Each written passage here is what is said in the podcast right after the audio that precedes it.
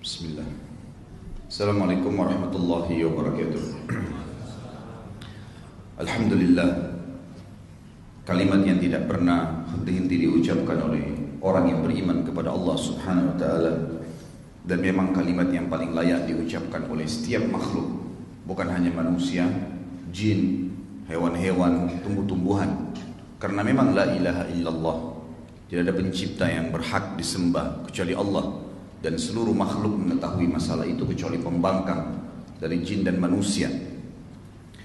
Juga kita senantiasa memanjatkan salawat dan taslim atas Nabi besar Muhammad sallallahu alaihi wasallam sebagai bentuk kepatuhan kepada Allah Subhanahu wa taala dan juga sebagai rasa terima kasih kita kepada beliau yang telah berjuang 23 tahun 13 tahun fase Mekah penuh dengan cobaan, cacian, hinaan, tuduhan bahwasanya beliau penyihir sallallahu alaihi wasallam.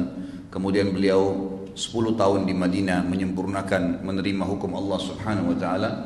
Fase Madinah di mana kita sudah tahu ayat-ayat madaniyah semuanya turun berhubungan dengan masalah hukum-hukum syariat. Sampai agama ini sempurna dan akhirnya sampailah agama yang mulia ini di saya dan anda semua.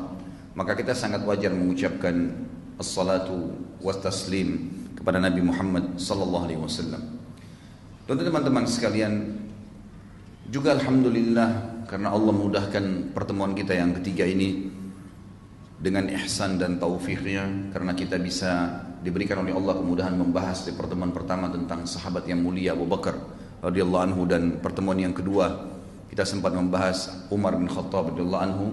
Dan kesempatan pagi ini semoga Allah memberkahi juga dan mengikhlaskan niat kita serta menjadikan ini tambahan ilmu yang akan menambah iman serta membuat atau mendongkrak amal soleh kita juga makin bertambah dan juga dijadikan sebagai tambahan amal di timbangan kita pada hari kiamat nanti membahas sahabat yang mulia Uthman bin Affan radhiyallahu anhu. Kita perlu tahu bahwasanya membahas orang-orang yang mulia seperti ini adalah membahas figur orang yang telah sempurna dari seluruh lini kehidupan. Sebagai seorang laki-laki yang menikah, Uthman bin Affan sebagaimana orang-orang yang sebelumnya Abu Umar dan Uthman dan Abu Bakar adalah orang-orang yang sempurna menjadi suami. Dalam rumah tangga mereka sangat luar biasa dalam memimpin rumah tangganya. Tegas dalam keputusan hukum-hukum Allah, tegas dalam melarang keluarganya dalam melanggar agama-agama Allah. Mereka juga melakukan kesempurnaan agama bukan hanya monogami tapi mereka berpoligami yang sempurna. Mereka juga memiliki keturunan-keturunan yang sangat luar biasa. Banyak di antara keturunan-keturunan mereka yang menjadi ulama dan juga menjadi orang-orang saleh serta keturunan yang tidak sedikit jumlahnya sehingga kaum muslimin bertambah. Kemudian mereka juga seorang pengusaha. Mereka orang-orang yang berhasil. Dari sisi bisnisnya lalu kenapa ada orang muslim yang masih berpatokan dengan orang-orang non-muslim. Sementara ada sejarah yang luar biasa dalam kehidupan kita yang sudah jelas-jelas melalui kita. Sebelumnya sukses dalam rumah tangganya menjadi seorang suami, sukses menjadi ayah, sukses menjadi seorang pedagang, saudagar yang luar biasa. Mungkin kalau sekarang pun saya bisa mengatakan tidak ada muslim yang sekaya para sahabat ini. Sebagaimana akan kita jelaskan bagaimana luar biasanya kekayaan yang dimiliki oleh Uthman bin Affan, Abdurrahman bin Auf dan banyak sahabat yang lain yang tidak terhitung kalau sekarang jumlahnya sangat luar biasa dan itu akan kita lihat juga bagaimana peran mereka dalam berinfak di jalan Allah Subhanahu wa taala sehingga harta tersebut makin banyak berkahnya. Juga kita lihat mereka sukses menjadi seorang pemimpin negara. Abu Bakar, Umar, Uthman radhiyallahu anhum ajma'in menjadi raja, khalifah. Dan kita lihat nanti di kehidupan Uthman bin Affan ekspansi Islam menyempurnakan apa yang telah Umar bin Khattab lakukan radhiyallahu anhuma sampai ke wilayah Persia disempurnakan semua sebagian wilayah Khurasan yang belum terbuka sampai ke perbatasan Cina dan juga seluruh Afrika takluk di tangan Uthman bin Affan radhiyallahu anhu. Jadi Islam menyebar di mana-mana. Seorang raja yang sukses menyebarkan agama Islam, seorang raja yang kaya raya dari hartanya pribadi, bukan dari harta yang diambil dari pemerintahan. Seorang suami yang sukses, seorang ayah yang sukses, gitu kan. Luar biasa. Dan yang tidak kalah pentingnya bahkan lebih penting daripada sebelumnya mereka telah menjapat jaminan dari Allah dan Rasulnya. Sallallahu Alaihi Wasallam masuk ke dalam surga ya tanpa hisab. Ini satu hal yang luar biasa. Kenapa masih banyak orang yang coba mengambil tauladan contoh masih mau menukil perkataan orang-orang selain mereka yang sudah sangat luar biasa dalam kehidupan sehari-hari Cukuplah sabda Nabi sallallahu alaihi wasallam untuk Uthman bin Affan yang masyhur, "Ala astahi min rajulin istaha minhul malaikah." Tidakkah saya malu dengan seseorang yang malaikat pun malu dengannya? Ini satu hal yang luar biasa sebagaimana yang kita jelaskan riwayatnya. Sebelum jauh masuk ke dalam Uthman bin Affan radhiyallahu anhum, saya ingin melempar sebuah pertanyaan kecil kepada jemaah sekalian, seluruh muslimin yang mendengarkan ceramah ini tentunya. Maka Anda boleh jawab di diri Anda masing-masing. Kalau anda belum tahu jawabannya saya akan berikan jawaban. Kalau anda sudah tahu Alhamdulillah kita saling berbagi, berbagi sehingga bisa menambah ilmu dan pengalaman. Judul kita adalah meraih surga dengan harta bersama Uthman bin Affan radhiyallahu anhu. Kalau kita lihat di sini meraih surga dengan harta, berarti ada hubungannya dengan harta. Pertanyaan saya adalah, nanti bisa jawab ke diri sendiri masing-masing. Apakah Islam menyuruh kita menjadi orang kaya? Ini pertanyaan yang sederhana, tapi butuh jawaban yang dipenuhi dengan ilmu, dengan bukti ilmiah, bukan hanya sekedar jawaban biasa.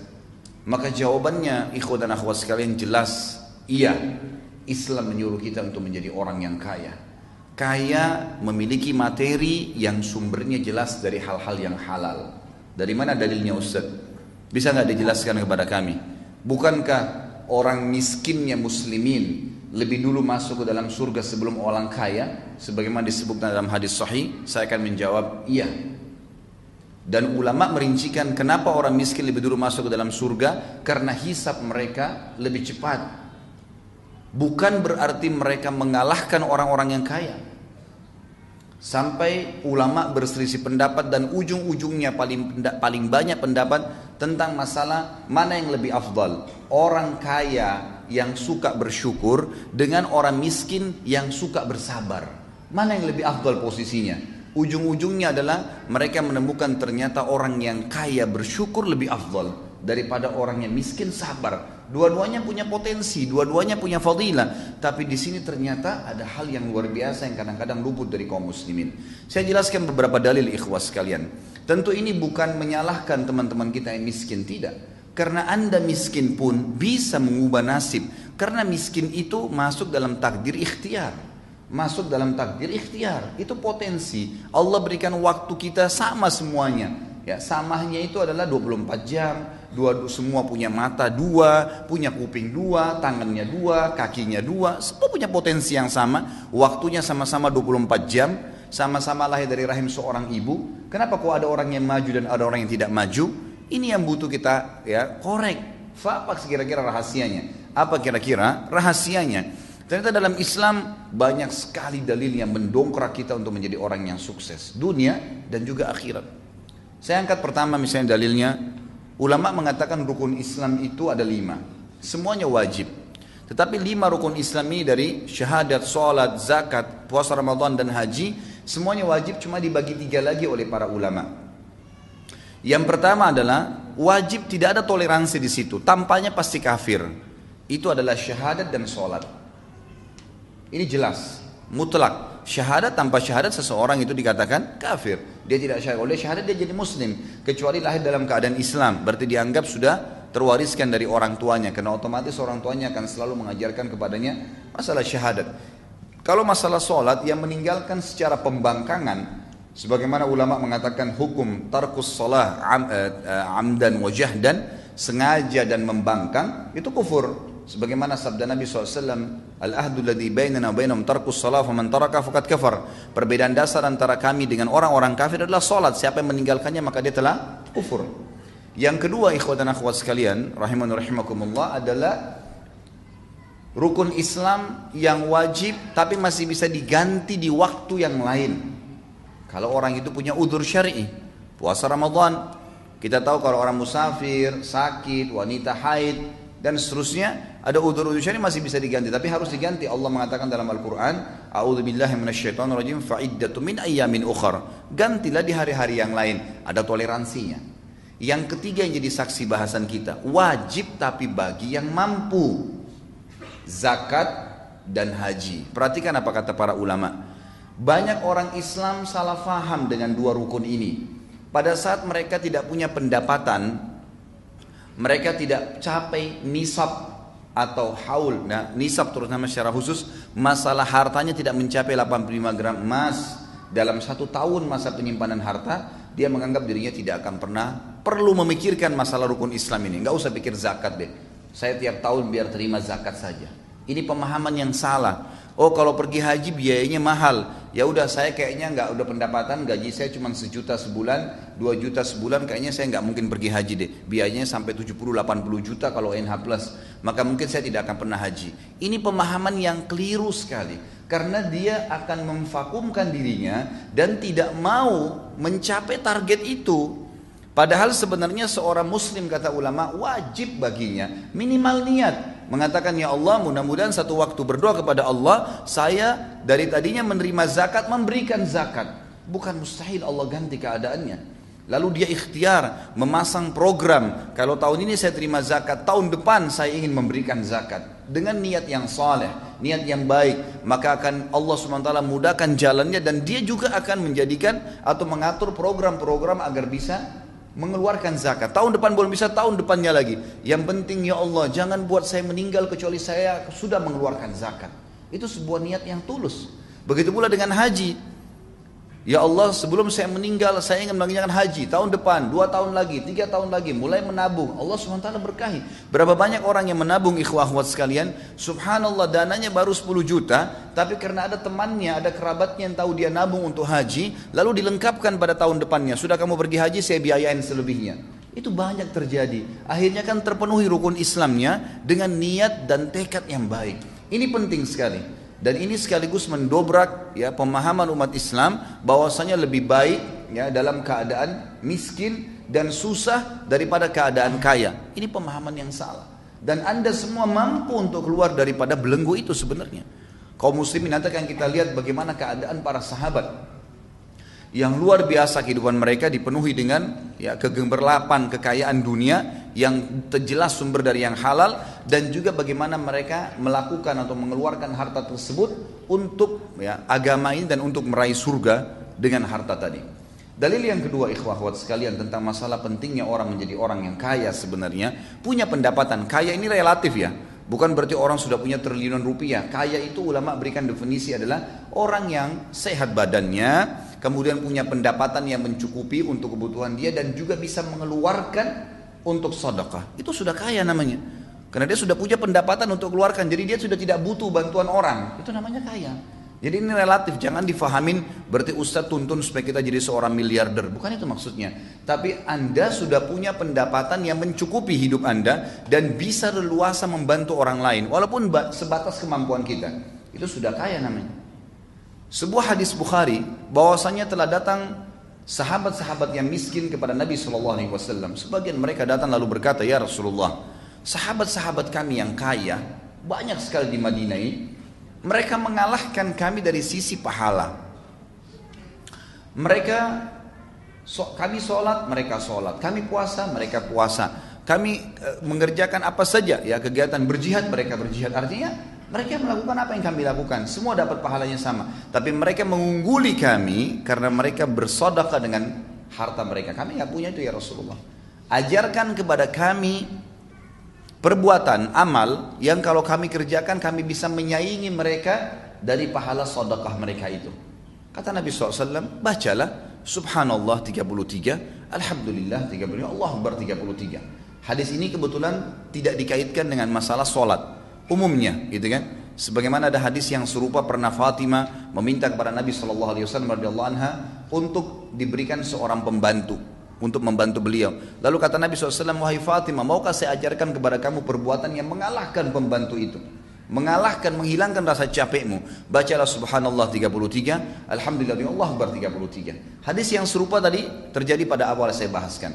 Maka sahabat-sahabat miskin ini pulang lalu mengamalkan. Tidak lama kemudian dalam hadis Bukhari dikatakan mereka datang kembali lalu berkata, Ya Rasulullah, sahabat-sahabat kami yang kaya mendengarkan sabda anda dan mengamalkan juga. Artinya apa? Mereka ngalahin kali. Mereka mengalahkan lagi kami dari sisi pahala. Karena zikir itu pun diamalin sama mereka. Apa jawaban Nabi SAW? Diberikan kakiat yang lain, ya diberikan ke jalan keluar yang lain seperti tadi diajarkan zikir itu, Jawaban Nabi SAW sederhana, memotivasi sahabat yang miskin, "Dzalika fadlullahi yu'tihi man yasha." Itu karunia Allah yang Allah kasih kepada siapa yang Dia mau. Maksudnya teman-teman sekalian, mintalah kalian kepada Allah agar bisa bersama-sama dengan orang-orang yang kaya itu. Coba cari karunianya Allah Subhanahu wa taala, jangan vakum, bergerak. Dalam pepatah bahasa Arab dikatakan fa inna haraka baraka fa inna fi harakatin baraka. Setiap gerak upaya Allah akan nilai dan Allah akan memberikan berkah. Yang salah kalau seorang muslim vakum, bahkan kadang-kadang subhanallah kerja di sebuah tempat yang haram, lalu mengatakan saya mau makan apa ya kalau saya keluar dari sini? Subhanal khaliq. Lalu anda waktu di rahim ibu anda selama 9 bulan pernah berpikir nggak makan dari mana? Ibu kita setengah mati ngunyah makanan lalu kita mengambil saripatinya. Dia setengah mati minum yang bergizi ya yang bernutrisi tinggi dan seterusnya. Kita cuma ambil saripatinya. Sembilan bulan kita nggak pernah pikir makan dari mana. Waktu kita masa anak-anak belasan tahun bahkan mungkin anda sampai SMP SMA itu anda tidak pernah berpikir dari mana orang tua kita dapat uang. Kita cuma tahu butuh bayar ini butuh beli ini dan seterusnya. Cuma mengeluh saja dan dibelikan dari mana anda pernah berpikir dari mana uangnya? Kita makan terus bertahun-tahun. Kenapa setelah dua tahun, tiga tahun kerja di sebuah instansi yang haram secara agama, konsekuensi tanggung jawabnya besar hari kiamat, lalu anda mengatakan kalau saya keluar saya mau kerja di mana? Subhanallah. Dulu masih bayi belum belum belum punya titel sarjana, tidak pernah takut. Sekarang sudah sarjana ketakutan. Mana iman dan amal soleh kita? Mana keyakinan kepada Allah Subhanahu Wa Taala? Maka ini harus difahami ikhwan dan akhwat sekalian bahwasanya Allah Azza wa Jal akan ya menentukan dan memastikan janjinya sebagaimana Allah berfirman A'udzu billahi minasyaitonir rajim innallaha la yughayyiru ma biqaumin hatta yughayyiru ma bi anfusihim Allah enggak akan ubah keadaan satu kaum sampai mereka sendiri mengubah diri mereka. Harus berupaya berusaha. Baru Allah keluarkan gitu kan? Orang sakit kata ulama lebih cepat sembuh dengan dia ikhtiar. Coba tanya, konsultasi sama dokter, minum obat, ikhtiar bertanya. Daripada orang yang vakum duduk tidur nanti sembuh sendiri gitu kan? Pasti berbeda. Maka harus seseorang itu bergerak di dalam agama Islam. Ini jelas sekali. Ini jelas sekali. Baik contoh yang ketiga. Secara rasional saja saya kasih. Masjid ini sekarang. Saya ceramah antum dengar. Kita semua insya Allah dapat pahala kalau ikhlas kepada Allah subhanahu wa ta'ala. Dan semoga Allah tanamkan dalam hati kita keikhlasan itu hadir di masjid, sholat tahiyat masjid, kita nunggu antara sholat dengan sholat, ini juga termasuk insya Allah sampai duhur nanti, kemudian hadir di majelis ilmu, banyak sekali fadilah yang kita dapatkan nih. Saya sering kasih contoh di pengajian saya teman-teman sekalian, kalau saya sholat, lalu teman saya juga di sebelah sholat, saya mengajak dia, tadi dia nggak sholat, saya panggil, ayo sholat ya, dia sholat. Saya dapat pahala, misal contoh saja dikasih pahala sama Allah 100, dia juga dapat pahala 100 karena dia sholat, gitu kan?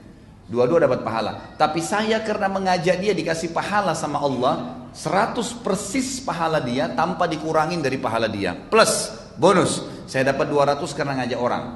Tapi pernah nggak kita berpikir bahwasanya orang yang bangun masjid ini panen pahala semua orang yang sholat.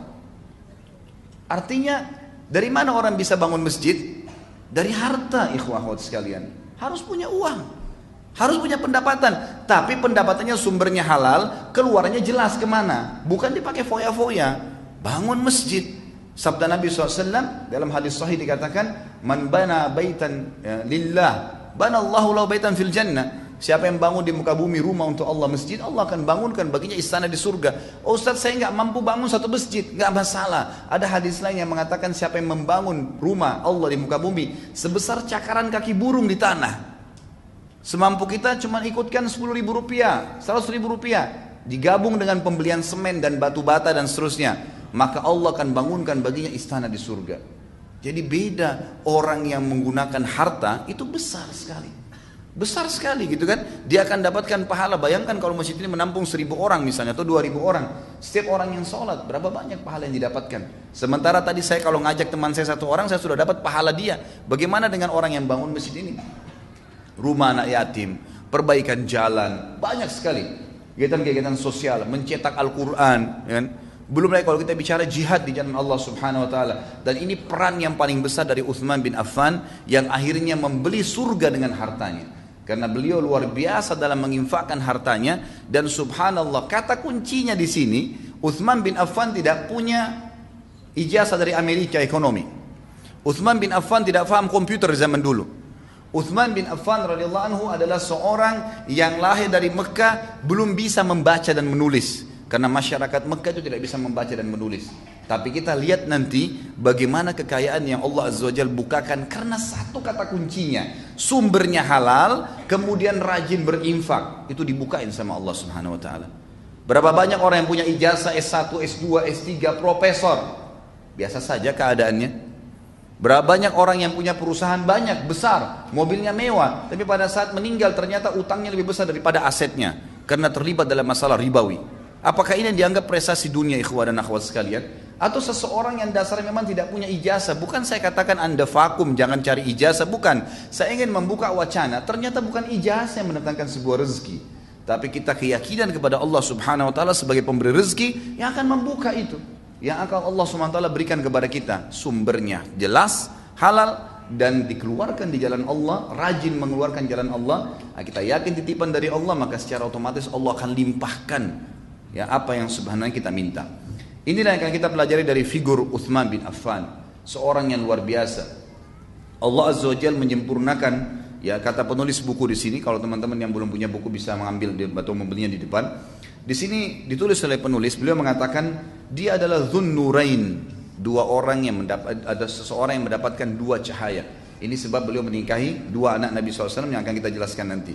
Beliau mengatakan seorang laki-laki apabila kita menelusuri jalan kehidupannya, niscaya kita akan menghirup semerbak wanginya sifat malu, tawadu merendah, kedermawanan, kemurahan hati, dan rasa takut kepada Allah Azza wa Jal.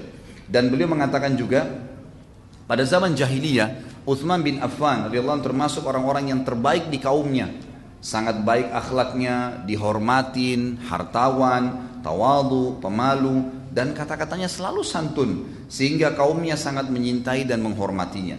Dia juga di zaman jahiliyah, subhanallah, tidak pernah sujud ya kepada berhala sama sekali dan tidak pernah melakukan perbuatan keji dan menzalimi orang lain.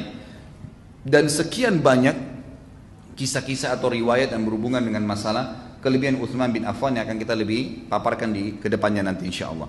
Uthman bin Affan adalah seorang sahabat yang lahir enam tahun setelah kejadian Ashabul Fil. Ashabul Fil. Nabi SAW lahir pada saat tahun Fil, tahun gajah itu. Ya, surah Fil. Uthman bin Affan lahir enam tahun setelah itu. Berarti perbedaan umurnya dengan Nabi SAW adalah enam tahun. Beliau bernama Uthman bin Affan bin Abil As bin Umayyah bin Abdus Syams Uthman bin Affan bin Abil As bin Umayyah bin Abdus Syam eh, bin Abdul Manaf jadi beliau bertemu dengan Nabi SAW di Abdul Manafnya ya di kakek Nabi SAW bin Abdul Manaf bin Qusay bin Kilab bin Murrah dan seterusnya nasabnya sama dengan Nabi SAW Beliau memiliki kunyah, julukan yang biasa dipanggil dan ini sunnah ya. Kalau seseorang memiliki anak laki-laki, maka dia memberikan namanya atau julukannya bernama Abu Fulan.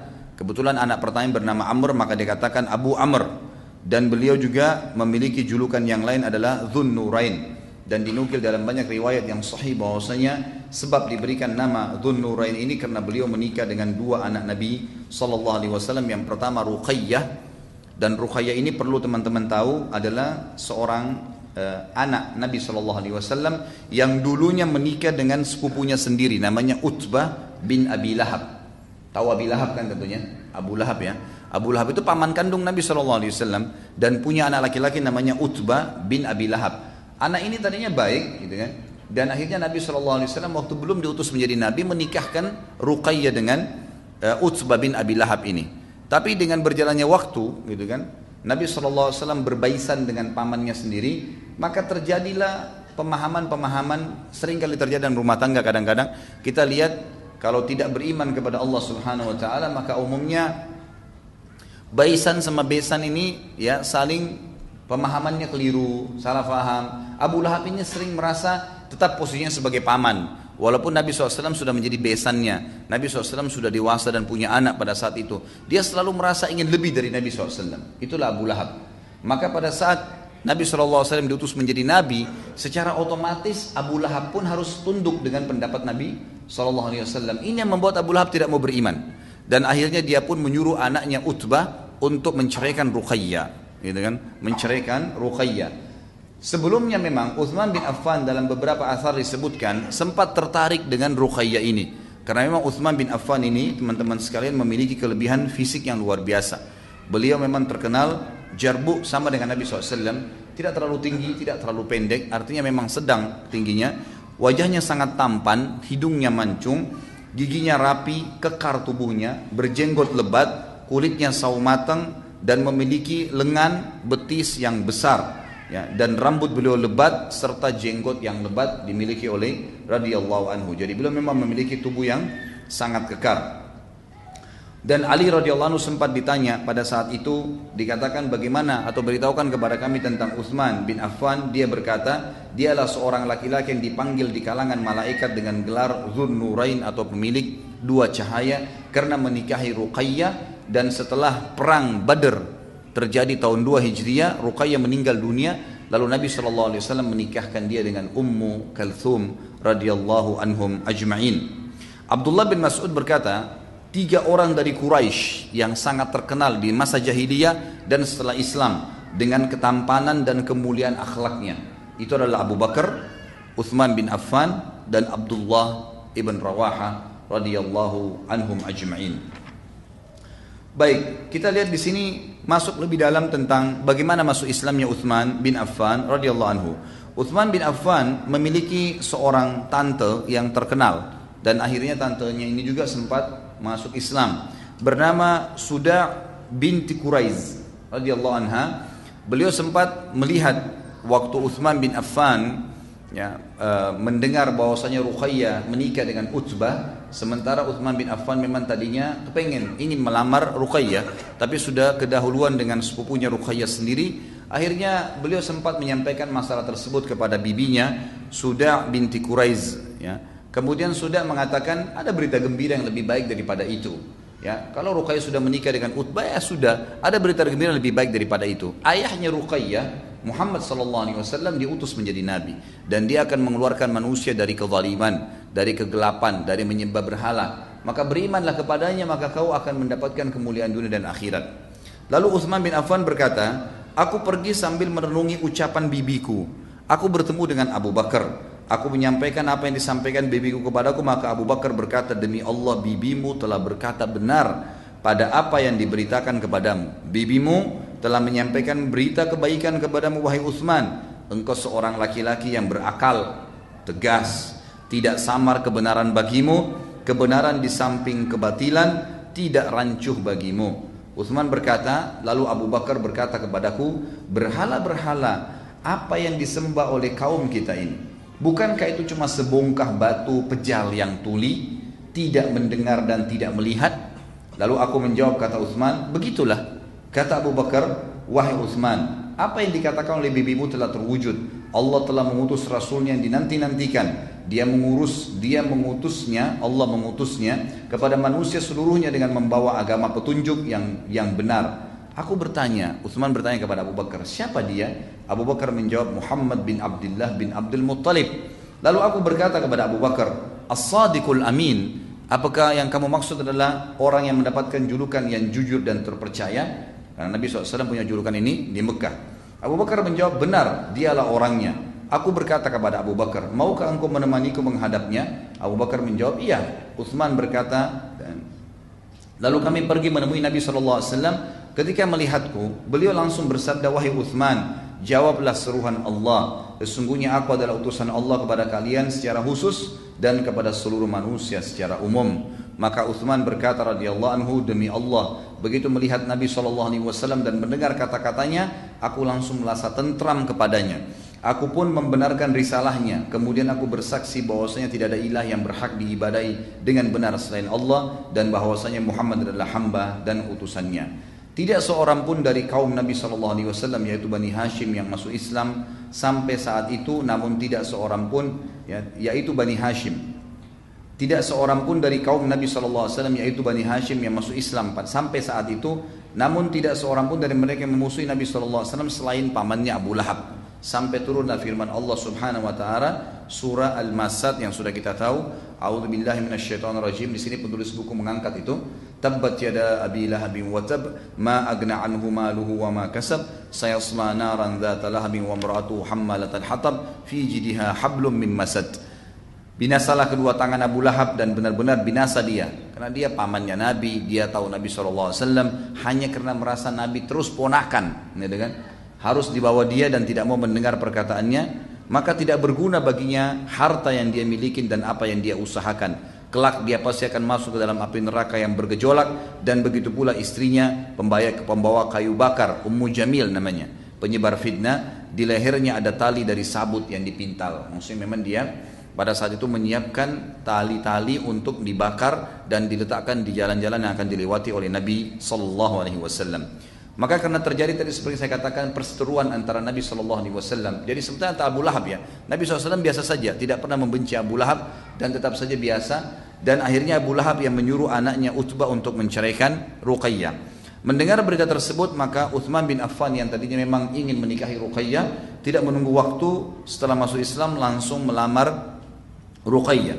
Kata penulis, Uthman termasuk pemuda Quraisy yang berwajah tampan, sebanding dengan Ruqayyah yang juga cantik, menawan dan mempesona, sehingga ketika Ruqayyah dipertemukan dengan Uthman, ada yang berkata, dan ini masyhur dalam pepatah bahasa Arab yang mengatakan, sepasang suami yang paling indah dilihat oleh manusia adalah Ruqayyah dan suaminya Uthman. Satu hari dalam riwayat disebutkan dan ini riwayat disebutkan oleh Al-Haythami berkata riwayat ini disebutkan oleh Tabaran dan rawi-rawinya semuanya thiqat. Nabi SAW setelah menikahkan Ruqayyah dengan Uthman bin Affan radhiyallahu anhu maka satu hari Nabi SAW masuk ke rumah mereka dan menemukan Ruqayyah sedang menyisir dan membasuh rambut Uthman. Dan ini sebuah tradisi yang sering dikerjakan oleh para sahabiat Nabi. Ini mungkin yang kadang-kadang tidak dilakukan oleh banyak muslimat sekarang. Mereka mengurus suami mereka sampai pada basuhan rambut, menyisir rambut. Dan kita tahu hadis Bukhari bagaimana Nabi Wasallam kalau menyisir rambut sering kali menyuruh Aisyah radhiyallahu anha. Pada saat beliau iktikaf pun beliau sering memasukkan kepalanya ya ke rumahnya lalu membiarkan Aisyah untuk menyisir rambut tersebut. Dan kita dengar juga Asma binti Abi Bakar radhiyallahu anha ya yang luar biasa. Beliau mengatakan aku mengurus seluruh yang berhubungan dengan Zubair suaminya Zubair bin Awam yang masuk surga. Dari apa pun yang berhubungan dengan badannya gitu kan sampai kepada mengganti sepatu kudanya. Dan ini saking luar biasanya mereka mengejar surga dari para suami mereka. Waktu Nabi SAW melihat Ruqayyah melakukan hal tersebut membasuh rambut Uthman lalu menyisirnya beliau bersabda ya bunayyah ahsini ila abi abdillah fa innahu ashbahu ashabi bi khuluqa. Wahai putriku berbuat baiklah kepada Abu Abdullah dan riwayat ini juga diangkat oleh para ulama dikatakan berarti lebih tepat julukan Uthman ada dua, ada Abu Amr dan ada Abu Abdullah. Tapi Nabi SAW memanggilnya dengan Abu Abdullah. Dan Abdullah ini sebenarnya adalah anak ya jadi uh, dari Uthman yang kedua. Tapi Nabi SAW memanggilnya dengan Abu Abdullah. Wahai putriku berbuat baiklah, selalulah melayani Abu Abdullah dengan baik. Karena dia adalah sahabatku yang paling mirip akhlaknya dengan aku. Paling mirip akhlaknya dengan aku. Berarti di sini jaminan dari Nabi Shallallahu Alaihi Wasallam menunjukkan akhlaknya Uthman bin Affan seperti Nabi Shallallahu Alaihi Wasallam. Di antara perilaku setelah menikah dengan Ruqayyah yang dilakukan oleh Uthman bin Affan radhiyallahu anhu adalah beliau banyak membantu Nabi Shallallahu Alaihi Wasallam dengan harta yang dimiliki karena beliau adalah seorang pengusaha. Dan perlu kita tahu dulu di Mekah itu ada semacam komplek perumahan ya di sekitar situ memang rata-rata pesaudagar Mekah yang tinggal di situ ada Khadijah kemudian ada Abu Bakar ada Uthman Kemudian ada juga Abdurrahman bin Auf. Jadi mereka berdekatan rumahnya semua. Dan kita sudah tahu juga pada saat saya membahas Abu Bakar bagaimana Abu Bakar mengenal Nabi Shallallahu Alaihi Wasallam justru setelah Nabi SAW menikah dengan Khadijah dan tinggal berdekatan rumahnya dengan Abu Bakar. Begitu pula dengan Utsman bin Affan yang akhirnya mudah dijangkau oleh Abu Bakar karena tetangganya dan diajak akhirnya beriman kepada Nabi Shallallahu Alaihi Wasallam. Pada saat telah beriman, maka Nabi SAW setelah melihat kaum muslimin di Mekah tersiksa, tidak ada bantuan, tidak ada pertolongan. Masih Allah SWT masih menguji mereka di awal-awal Islam. Dan kita perlu juga garis bawah ikhwan akhwat sekalian. Ini kita kalau mau membahas tentang sahabat, Demi Allah ikhwan akhwat sekalian, kita ini tidak ada apa-apanya sama sekali. Subhanallah, saya tidak bisa habis pikir, semoga Allah berikan hidayah. Bagaimana ada orang yang mencaci maki para sahabat, menghina para sahabat bahkan mengkafirkan mereka. Saya ingin tanya dari hati saya yang tulus, menanyakan kepada teman-teman yang belum mendapatkan petunjuk itu.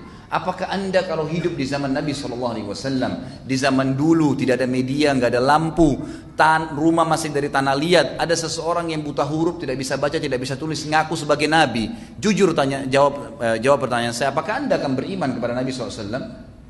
Di sini semua yang hadir di masjid ikhwan sekalian. Saya tanya diri saya sendiri, saya pun sempat meragukan diri saya sendiri. Kalau saya hidup di zaman Nabi SAW, apakah saya akan beriman pada beliau? Itu sulit sekali orang yang buta huruf, nggak bisa baca, nggak bisa nulis.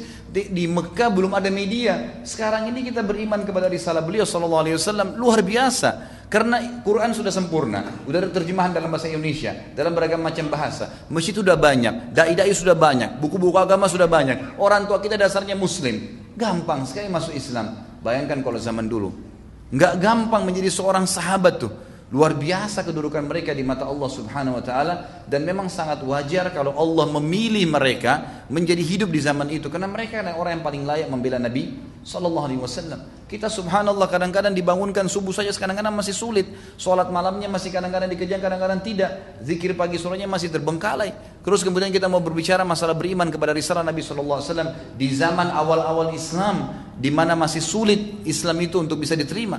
Itu enggak mudah gitu. Tapi bagaimana akal-akal sehat mereka membawa mereka dengan hati-hati mereka yang masih bersih, belum tercoreng dengan beragam macam pemahaman-pemahaman yang keliru. Hanya sekedar melihat kaumnya menyembah berhala, membuat akhirnya mereka beriman kepada risalah Nabi Sallallahu. Pada saat Nabi SAW melihat keadaan Mekah terdesak, maka beliau mendapat perintah dari Allah SWT untuk mengizinkan muslimin hijrah ke negeri Habasyah. Habasyah negeri yang sekarang disebutkan dengan Ethiopia di Afrika. Waktu itu ada seorang raja di sana yang diberi, berdapat julukan Najasyi. Najasyi ini rahimahullah akhirnya masuk Islam nantinya tapi tidak pernah bertemu dengan Nabi Sallallahu Alaihi Wasallam dan beliaulah pada saat sudah masuk Islam di tangan Ja'far bin Abi Thalib radhiyallahu anhu. Nanti mungkin akan ada bahasan tentang Ja'far bin Abi Thalib radhiyallahu anhu. Seorang sahabat mulia saudara kandungnya Ali bin Abi Thalib dan juga seorang pimpinan pada saat itu yang eh, hijrahnya para sahabat ke negeri Habasyah. Dan dialah akhirnya karena sering menyebutkan argumen-argumen Al-Qur'an kepada Najasyi hanya Najasyi masuk Islam dan meninggal dalam keadaan Islam tapi menyembunyikan Islamnya.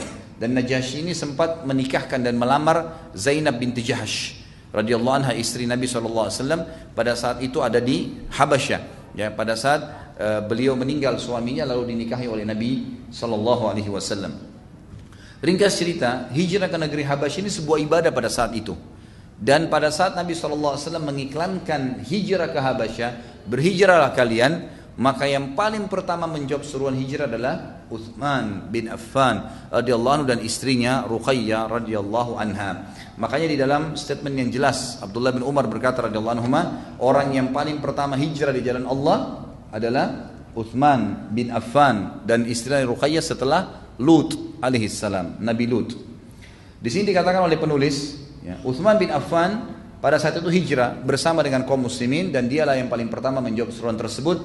Namun setelah berjalan beberapa waktu Utsman bin Affan dan Ruqayyah merindukan Nabi Shallallahu alaihi wasallam, maka mereka pun akhirnya kembali ke Mekah dan sepakat untuk menghadapi cobaan-cobaan yang ada bersama muslimin lalu kemudian mengikuti hijrah ke Madinah bersama Nabi Shallallahu alaihi wasallam.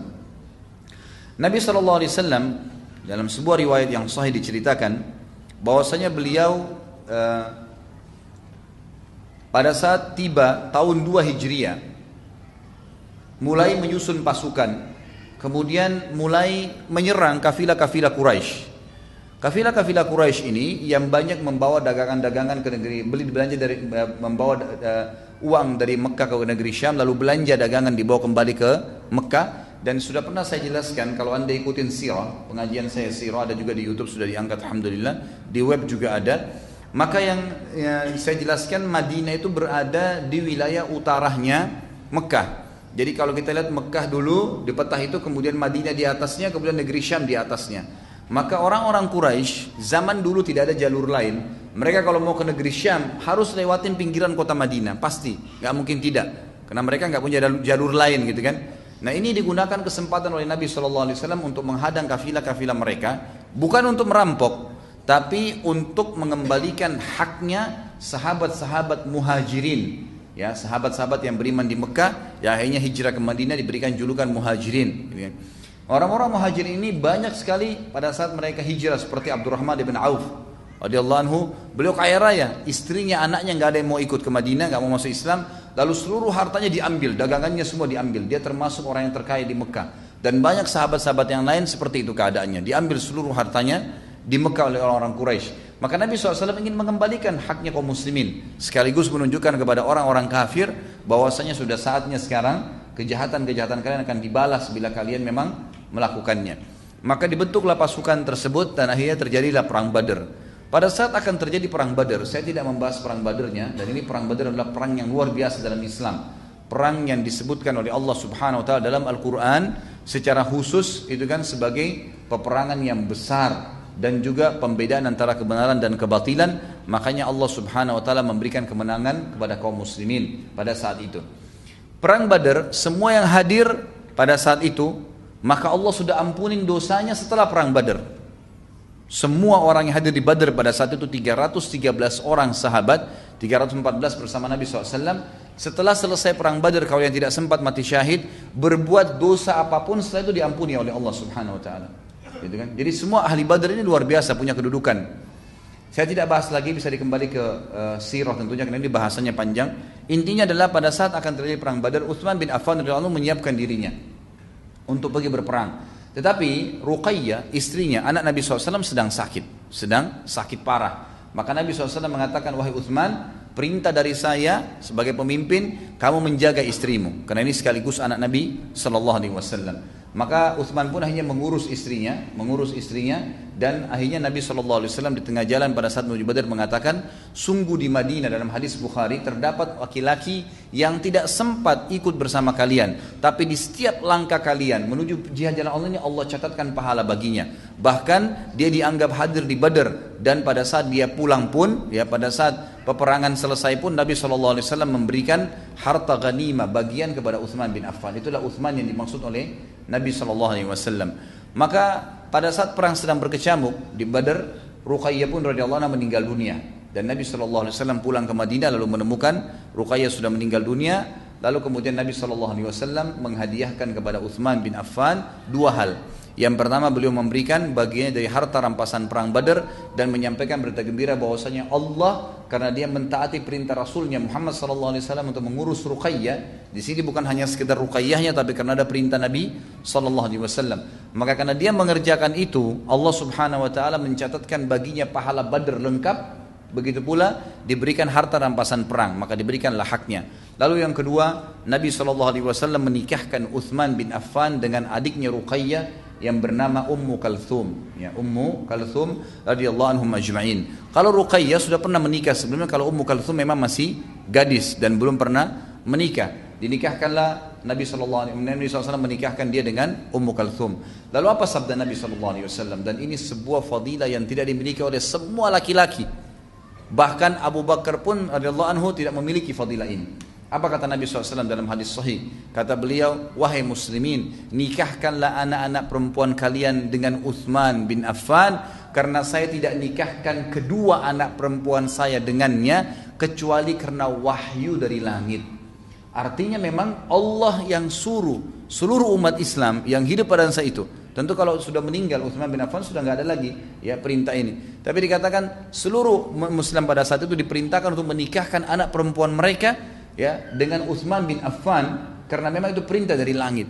Tidak ada laki-laki di muka bumi ini ya kecuali nabi-nabi tentunya yang Allah Subhanahu wa taala perintahkan menjadi sebuah bagian daripada syariat nabinya untuk menikahkan seorang laki-laki dengan anak perempuan muslimin kecuali Utsman bin Affan radhiyallahu anhu. Ini sebuah fadilah yang luar biasa gitu. Ini sebuah fadilah yang luar biasa. Bahkan beliau bersabda bahwasanya kalau seandainya saya masih punya putri yang lain pada saat Ummu Kalsum pun meninggal Beberapa waktu kemudian Ummu Kalsum yang dinikahi oleh Utsman bin Affan meninggal dunia.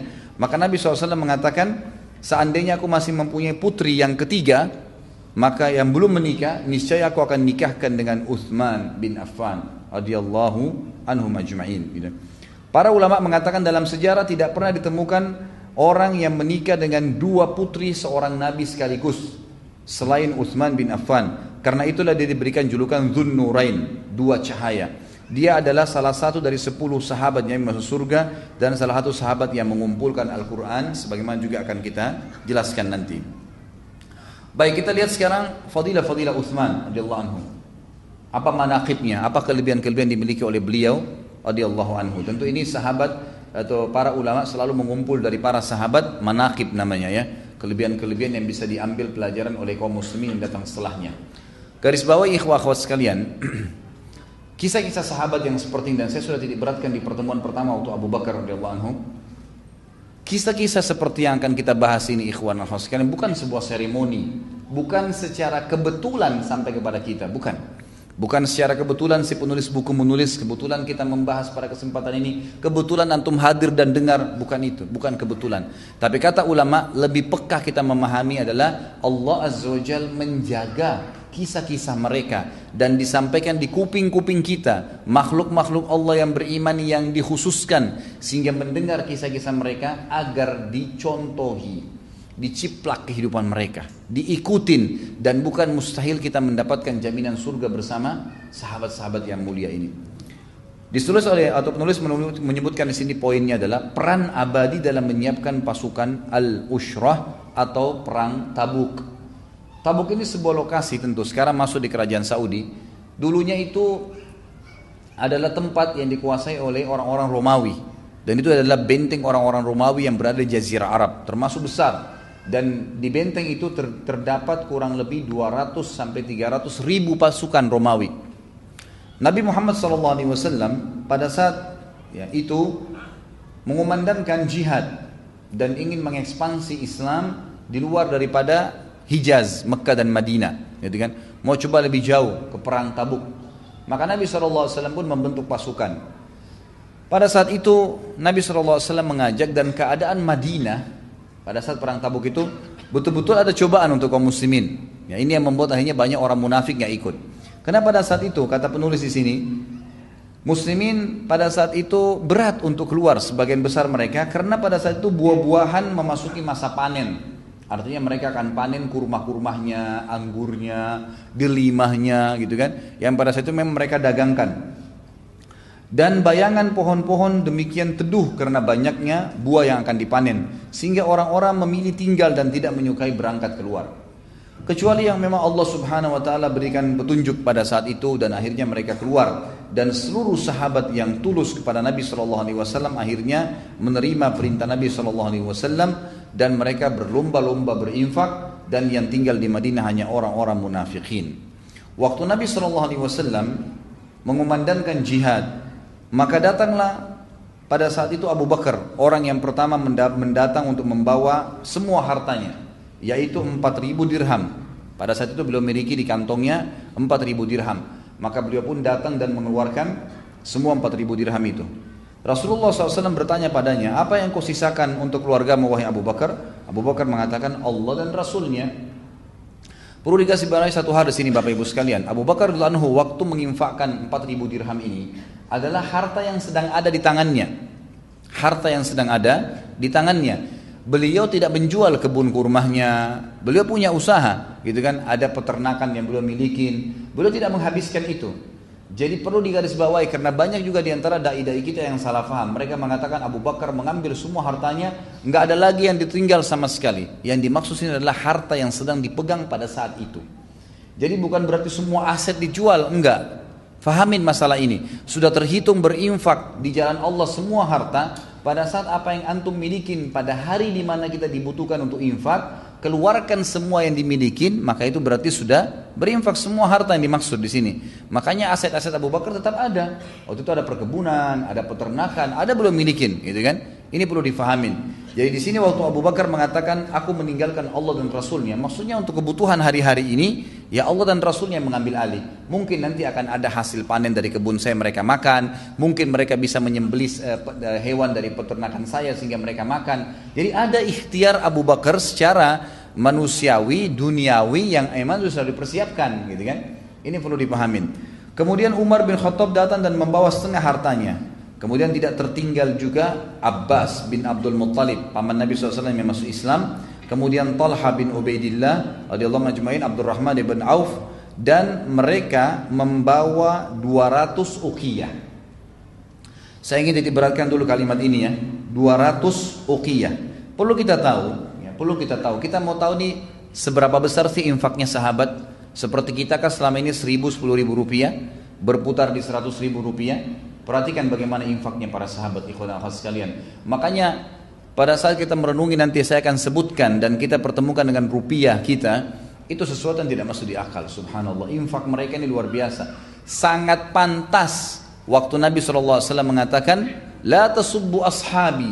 Jangan pernah caci maki sahabatku kata Nabi SAW Lau ka lau anna ahadum minkum anfaqa mithlu Uhudin zaban ma balaga muddi ahadihim. Kalau seandainya kalian ini semua berinfak seperti gunung Uhud, emas semua, belum bisa mendapatkan satu mud, satu genggaman infak mereka. Kok bisa? Seperti apa memahaminya? Perhatikan. Sahabat datang membawa dua di antara sahabat yang disebutkan Abbas, Talha, Abdurrahman bin Auf, mereka datang membawa itu juga dengan Sa'ad bin Ubadah, Muhammad bin Maslama, Asim bin Adi, mohon maaf, sampai di sini, sampai Muhammad bin Maslama, membawa 200 ukiyah. Satu ukiyah ini nilainya sama dengan kurang lebih 119 gram perak. Sama dengan 119 gram perak. Kalau kita lihat di sini mereka membawa 200 ukiyah.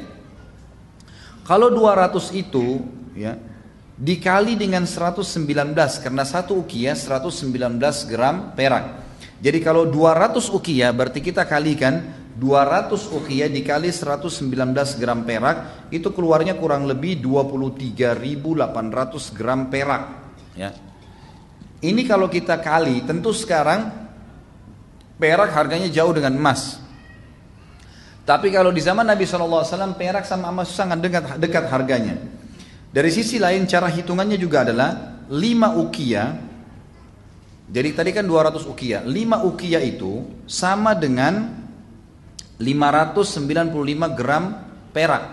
Jadi kalau antum pernah belajar bab zakat, kalau zakat itu nisabnya 85 gram emas atau 595 gram perak, gitu kan? Nah 595 gram perak ini untuk nisab zakat sama dengan 5 ukiyah. Sama dengan 5 ukiyah. Kadar kalau kita lihat di sini ya 5 ukiyah itu sama dengan 85 gram emas. 550, 595 gram perak sama dengan 85 gram emas. Kalau kita kali di sini 200 ukiyah itu kurang lebih keluarnya dalam emas 3.400 gram emas. Kalau kita kali dengan 500 ribu sekarang harga emas misalnya itu kurang lebih uangnya 1,7 miliar. Infaknya sahabat ini membawa 200 ukia perak itu 200 ukia itu itu sama dengan 1,7 M sekarang. Ada nggak orang begitu jihad infak begini? 100 juta aja syukur gitu kan tapi ini infak mereka yang mereka tunjukkan. Baik. Ini bertahap ya. Ini sahabat-sahabat yang infak pada saat itu. Uthman akan datang lebih daripada itu. Perhatikan baik-baik di sini. Kemudian dikatakan datang lagi sahabat yang lain bernama Asim bin Adi radhiyallahu anhu. Beliau menyerahkan 90 wasak kurma. 90 wasak kurma. Satu wasak itu, ikhwah, ini 90 wasak ya. Satu wasak itu ukurannya 60 sak satu sa itu sama dengan empat mud dan satu mud itu ukuran dua telapak tangan manusia. Artinya satu sa itu ukurannya sama dengan dua setengah kilo kali empat berarti sepuluh kilo. Satu sa itu sama dengan sepuluh kilo kurma. Ini satu wasak enam puluh sa, ya. Satu wasak enam puluh sa. Sementara sahabat ini bawa sembilan puluh wasak. Hitungannya begini, Berarti kurang lebih kalau saya hitung-hitung kemarin pakai kalkulator di tempat saya gitu. Ini luar biasa. Sama dengan kalau satu sak, satu sak itu 60 eh, eh, 10 kilo dikali 60 sak untuk mendapatkan satu ukiah saja sama dengan 600 kilo. Berarti satu wasak itu sama dengan 600 kilo kurma. Satu wasak. Sahabat ini radhiyallahu anhu Asim bin Adi membawa 90 wasak. Berarti 600 kilo kali 90 wasak sama dengan 54 ribu kilo kurma. Kalau kita hitung Kurma yang paling murah sekarang 30 ribu lah, anggap 3 ribu, 30 ribu rupiah. Itu keluarnya ikhwas sekalian dan akhwat 1,6 miliar, 1 miliar 620 ribu rupiah. Itu diinfakkan pada saat itu. 690 wasak kurma. Wasak itu ber, apa kalau kita sekarang gentong-gentong besar dibawa untuk diinfakkan jihad di jalan Allah Subhanahu wa taala. Ini satu hal yang luar biasa gitu. Kemudian kata penulis, beliau pun menyerahkan uh, Asim bin Abdi, bin Adi radhiyallahu menyerahkan 90 wasak kurma sebagai sedekah. Ibu-ibu juga tidak mau ketinggalan. Mereka membantu apa yang mereka berikan.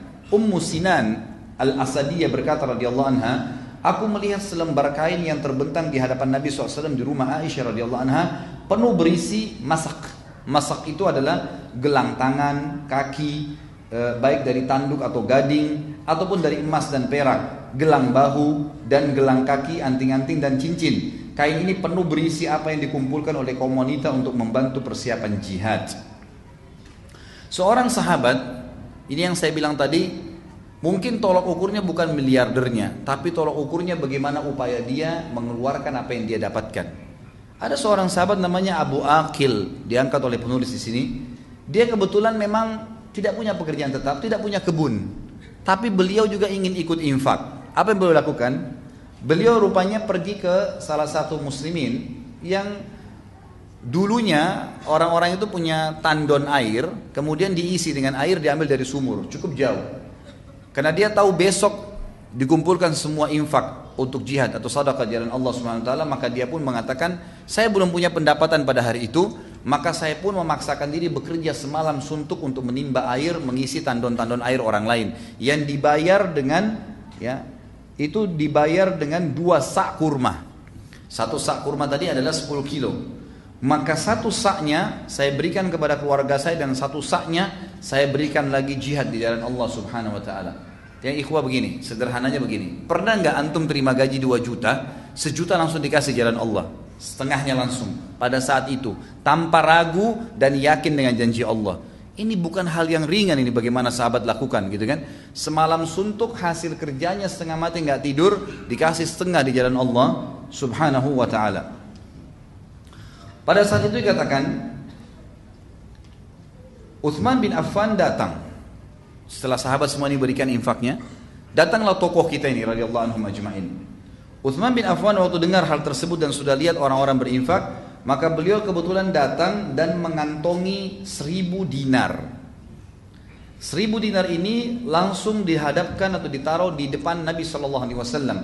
Ya, ada kain di depan Nabi ditaruh semua sampai kain itu penuh. Perlu kita tahu satu dinar ini hitungannya sama dengan 4.25 gram emas. 4.25 gram emas. Itu satu dinar. Utsman bawa 1000 dinar. Berarti 4,2 gram itu kalau dikali 1000 dan dikali nilai emas sekarang anggap 500 ribu jumlahnya itu 2 miliar 125 ribu gitu kan ini infaknya Utsman bin Affan pada saat itu ada di kantongnya gitu kan kita nggak tahu bagaimana berpikir, mungkin jangan dianggap dengan uang rupiah yang berat ya. Karena memang kalau 2 miliar di kantong ini bingung juga bagaimana. Tapi pada saat itu memang hitungan dinar, dinar emas. Dia mengeluarkan pada saat itu spontan 1000 dinar emas yang senilai dengan 2 miliar 125 ribu rupiah. Itu luar biasa gitu.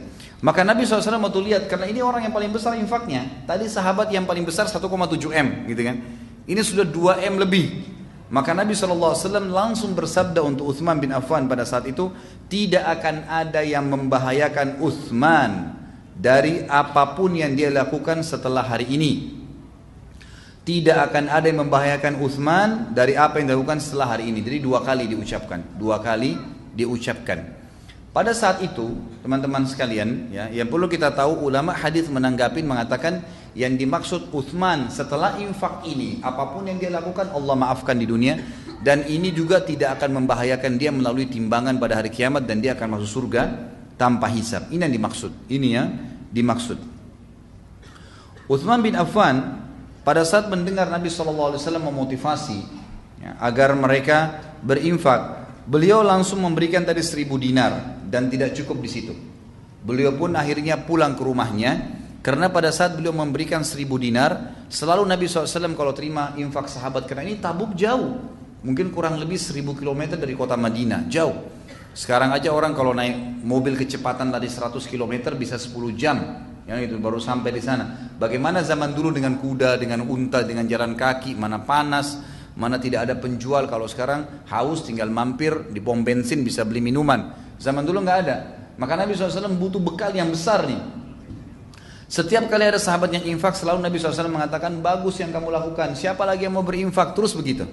Termasuk waktu Uthman bin Affan datang memberikan seribu dinar. Ternyata Nabi SAW mengatakan hadis dari hadis Fadilah Uthman lalu dikatakan siapa lagi yang mau berinfak? Kami masih membutuhkan. Lalu Nabi sebutkan kami membutuhkan kuda dan unta untuk tunggangan. Perhatikan di sini Ibnu Syihab Zuhri berkata dalam buku beliau rahimahullah dalam perang Tabuk, Uthman membantu pasukan pada saat itu ya, setelah memberikan 1000 dinar atau 2,1 miliar tadi itu, dia juga membawa 940 ekor kuda yang diikuti dengan 60 ekor, maaf, 940 ekor unta yang dilengkapkan dengan 60 ekor kuda sehingga jumlahnya mencapai 1000.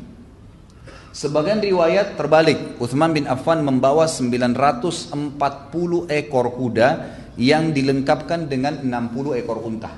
Perlu teman-teman tahu ya, kuda-kuda yang dipakai berperang ini di zaman dulu ini sama dengan kuda-kuda yang dipakai tanding sekarang.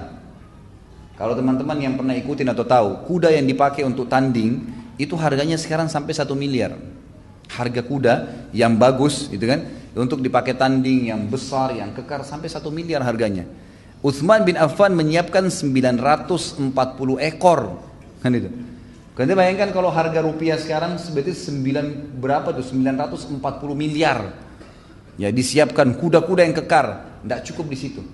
Waktu Uthman ceritanya membawa 10 ekor, ya Rasulullah, ini 10 ekor kuda saya bawakan dan tidak cukup kuda saja. Uthman bin Affan mengatakan ya Rasulullah sudah lengkap semua. Di kuda itu sudah siap ada baju besinya kuda. Jadi kuda kalau mau dipakai berperang itu juga dilapisin baju besi biasanya. Ada baju besi, pelanah-pelanahnya, kemudian mujahid yang mau naik di atasnya butuh perisai dan butuh pedang. Uthman sudah siapin. Kemudian di sebelah kiri kanannya kuda itu ada kantong yang siap membawa bekal dia. Sama Uthman dilengkapin semua. Jadi seperti kalau sekarang mobil tank sudah sama bensinnya, udah sama peluru-pelurunya, udah semua lengkap untuk pergi dan pulang.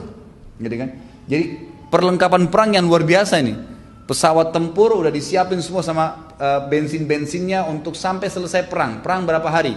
Waktu itu perjalanan kata sebagian ulama dari Madinah ke Tabuk itu kalau kita ambil patokan Madinah Mekah tiga hari tiga malam 400 kilo berarti ini akan dicapai kurang lebih dengan jumlah 8 hari 8 sampai 9 hari. Pergi, hadir di peperangan sana, butuh makanan dan minuman. Kemudian pulang lagi ke Madinah juga sama. Uthman bin Affan menyiapkan awalnya 10 ekor kuda lengkap dengan semua perlengkapan mujahid. Mujahid, mujahid tinggal naik, pakai baju pedang perangnya, pedangnya, perisainya, makanannya, minumannya semua lengkap sampai ke sana, gitu kan? Seperti itu. Ternyata waktu Nabi SAW waktu Uthman menyetor 10 ekor itu, kata Nabi SAW bagus wahai Uthman, tapi kita masih butuh, gitu kan? Utsman nggak tahu butuh berapa. Diambil lagi 10 ekor sama dia. Ini ya Rasulullah, 10 ekor lagi. Lengkap sama semua perlengkapannya. Jadi 20 ekor. Kata Nabi SAW, baik wahai Utsman. Siapa lagi yang mau berinfak? Sahabat yang lain sudah pada diam nih. Utsman mengatakan kalau begitu masih butuh. Ambil lagi 10 ekor, 30 ekor ini ya Rasulullah. Lengkap dengan semua perlengkapannya, tinggal perang. Kata Nabi SAW, bagus wahai Utsman. Masih perlu lagi. Dibawa lagi. Ya, gitu. Terus begitu. Dalam riwayat yang dikatakan Uthman bin Affan mendatangkan 100 ekor 100 ekor. 100 ekor kuda ini sama lengkap semua, gitu kan?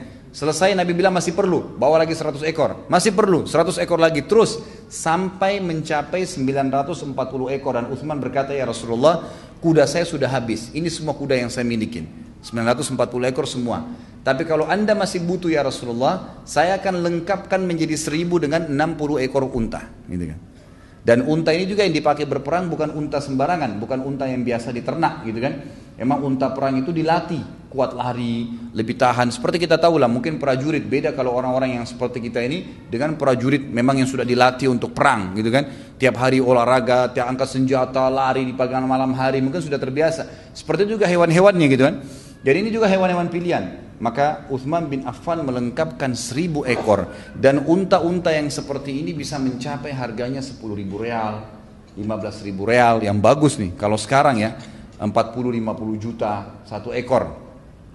Itu di antaranya. Maka Uthman bin Affan menyiapkan tersebut. Hudzaifah radhiyallahu anhu berkata Uthman datang kepada Rasulullah SAW pada saat beliau menyiapkan pasukan tabuk membawa 10 ribu dinar. Ya dan dia membeberkan di hadapan Nabi Shallallahu Alaihi Wasallam dan Nabi SAW membolak balikkan dengan tangannya sambil bersabda. Perhatikan di sini.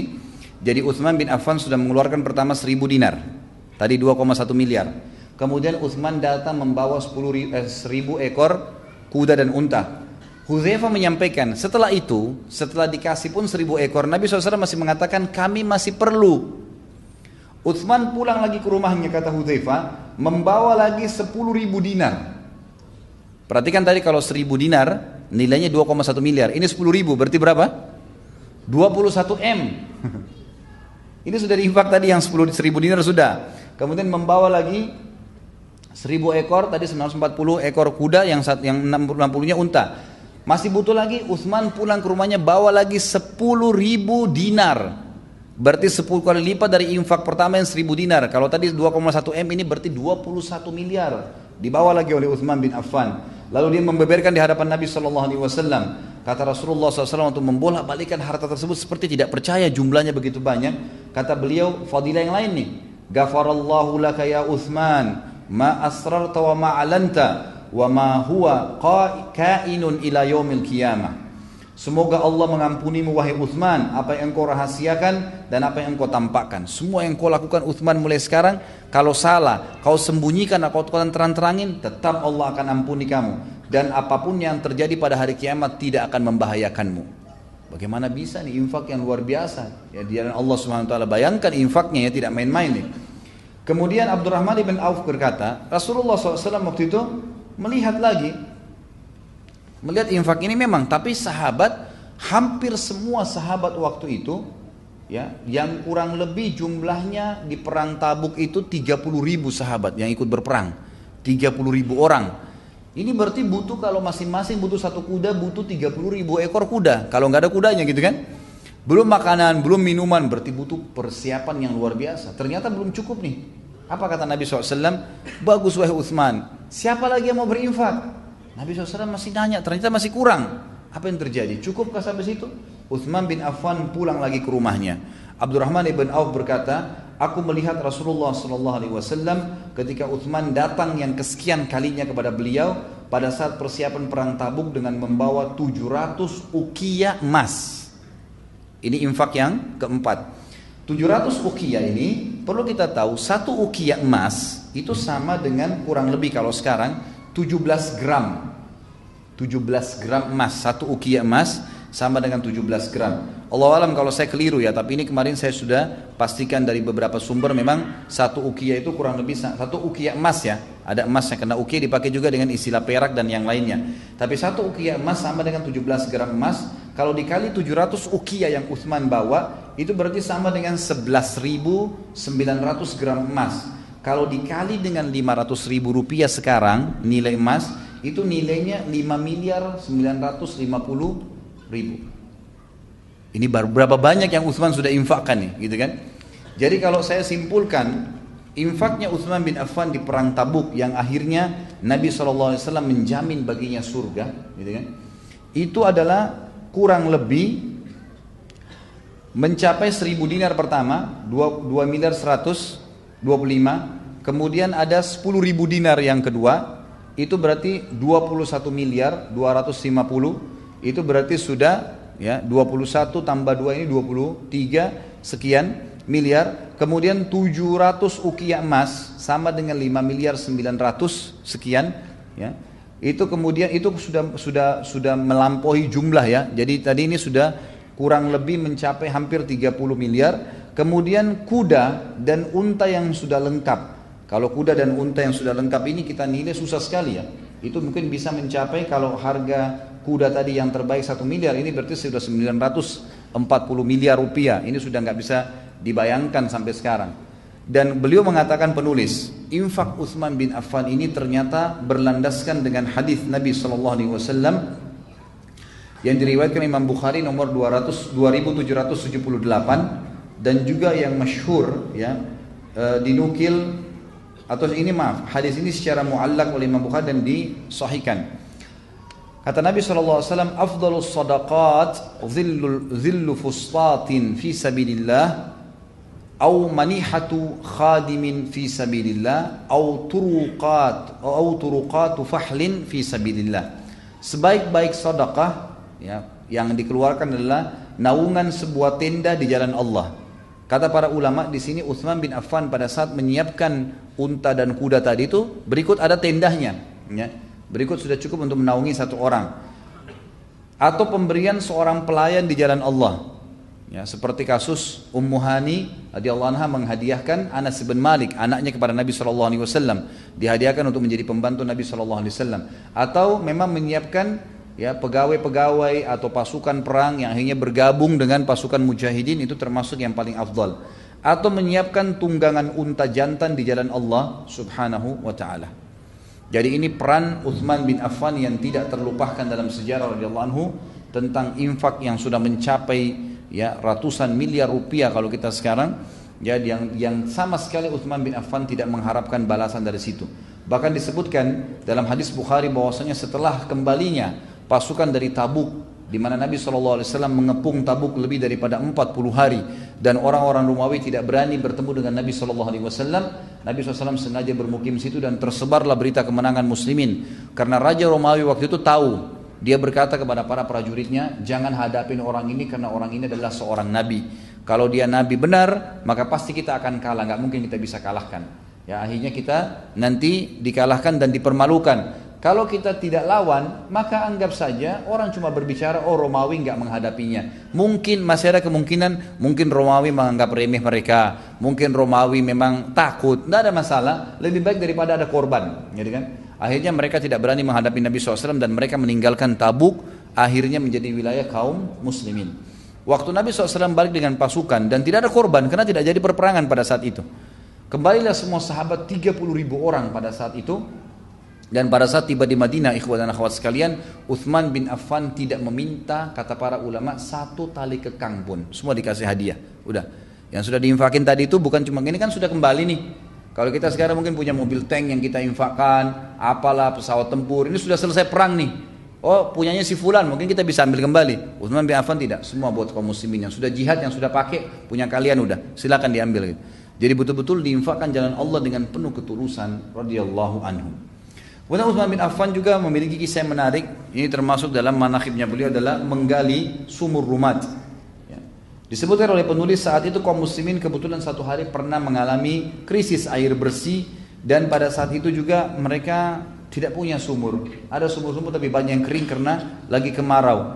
Maka Nabi SAW sempat bersabda kepada para sahabat, Man hafara rumata falahul jannah Siapa yang menggali sumur rumat, membeli sumur rumat, maka dia mendapatkan surga. Ya. Dalam dikatakan oleh beliau yang masyhur dalam riwayat-riwayat ialah Uthman bin Affan membelinya bukan menggalinya. Ibnu Battal menyatakan keliru ketika menyatakan bahwa Uthman bin Affan menggalinya. Dia berkata, yang ma'ruf adalah dia membelinya. Dan hal ini juga didukir oleh Al-Hafidh dalam Fathul Bari atau Ibnu Hajar dalam Fathul Bari. Kemudian Al-Hafidh menambahkan ada kemungkinan mata airnya sudah mengalir lalu Utsman bin Affan memperluas dan menutupnya sehingga penggalian sumur dinisbatkan kepada beliau sebagaimana disebutkan dalam Fathul Bari. Utsman bin Affan pun pada saat itu mengetahui bahwasanya sumur rumah ini dimiliki oleh seorang Yahudi dan Yahudi ini kalau kaum muslimin yang mau beli maka e, kalau mau ambil dijual mahal. Sementara kalau orang-orang Yahudi yang ambil maka diberikan cuma-cuma. Ya.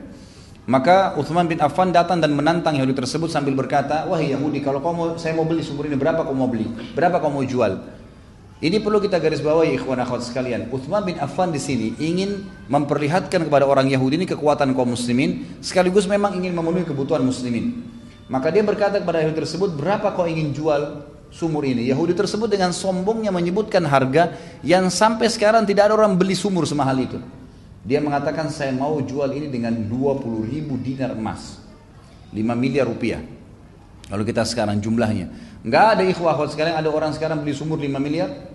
Ada proyek yayasan saya, sumur yang paling lux sudah, sudah dengan pakai pompa air segala, itu 12 juta setengah. Kalau yang biasa 4 juta setengah itu sudah bisa bangun, sudah bisa buat sumur dan sudah banyak di Jawa Tengah, di Sulawesi Tengah yang kami jalankan dengan yayasan. Alhamdulillah itu berjalan lancar. Itu sudah bisa hidupin satu kampung. Orang Yahudi di zaman itu jual sumur 20 ribu dinar, emas. Nggak masuk di akal, memang dia sengaja nggak mau jual gitu. Dia kaget waktu itu Utsman bin Affan mengatakan, saya beli. Saya beli 5 miliar itu saya beli.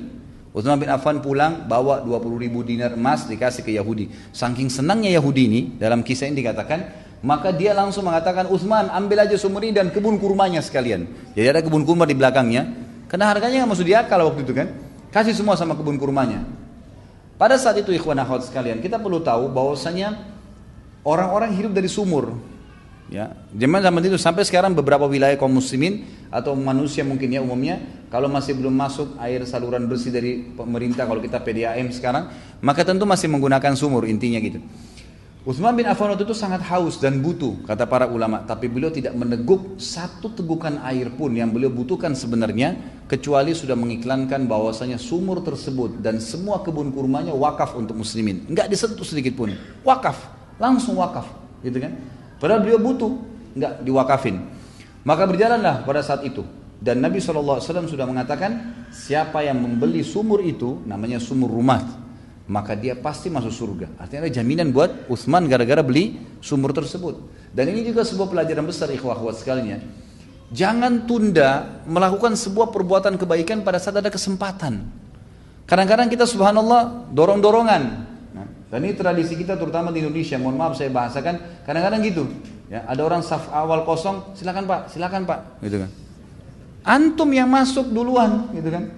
Kok orang lain yang didorong di saf awal? Antum lebih butuh. Kalau masih ada kosong, baru ajak orang lain. Ini enggak orang lain didorong untuk buat amal.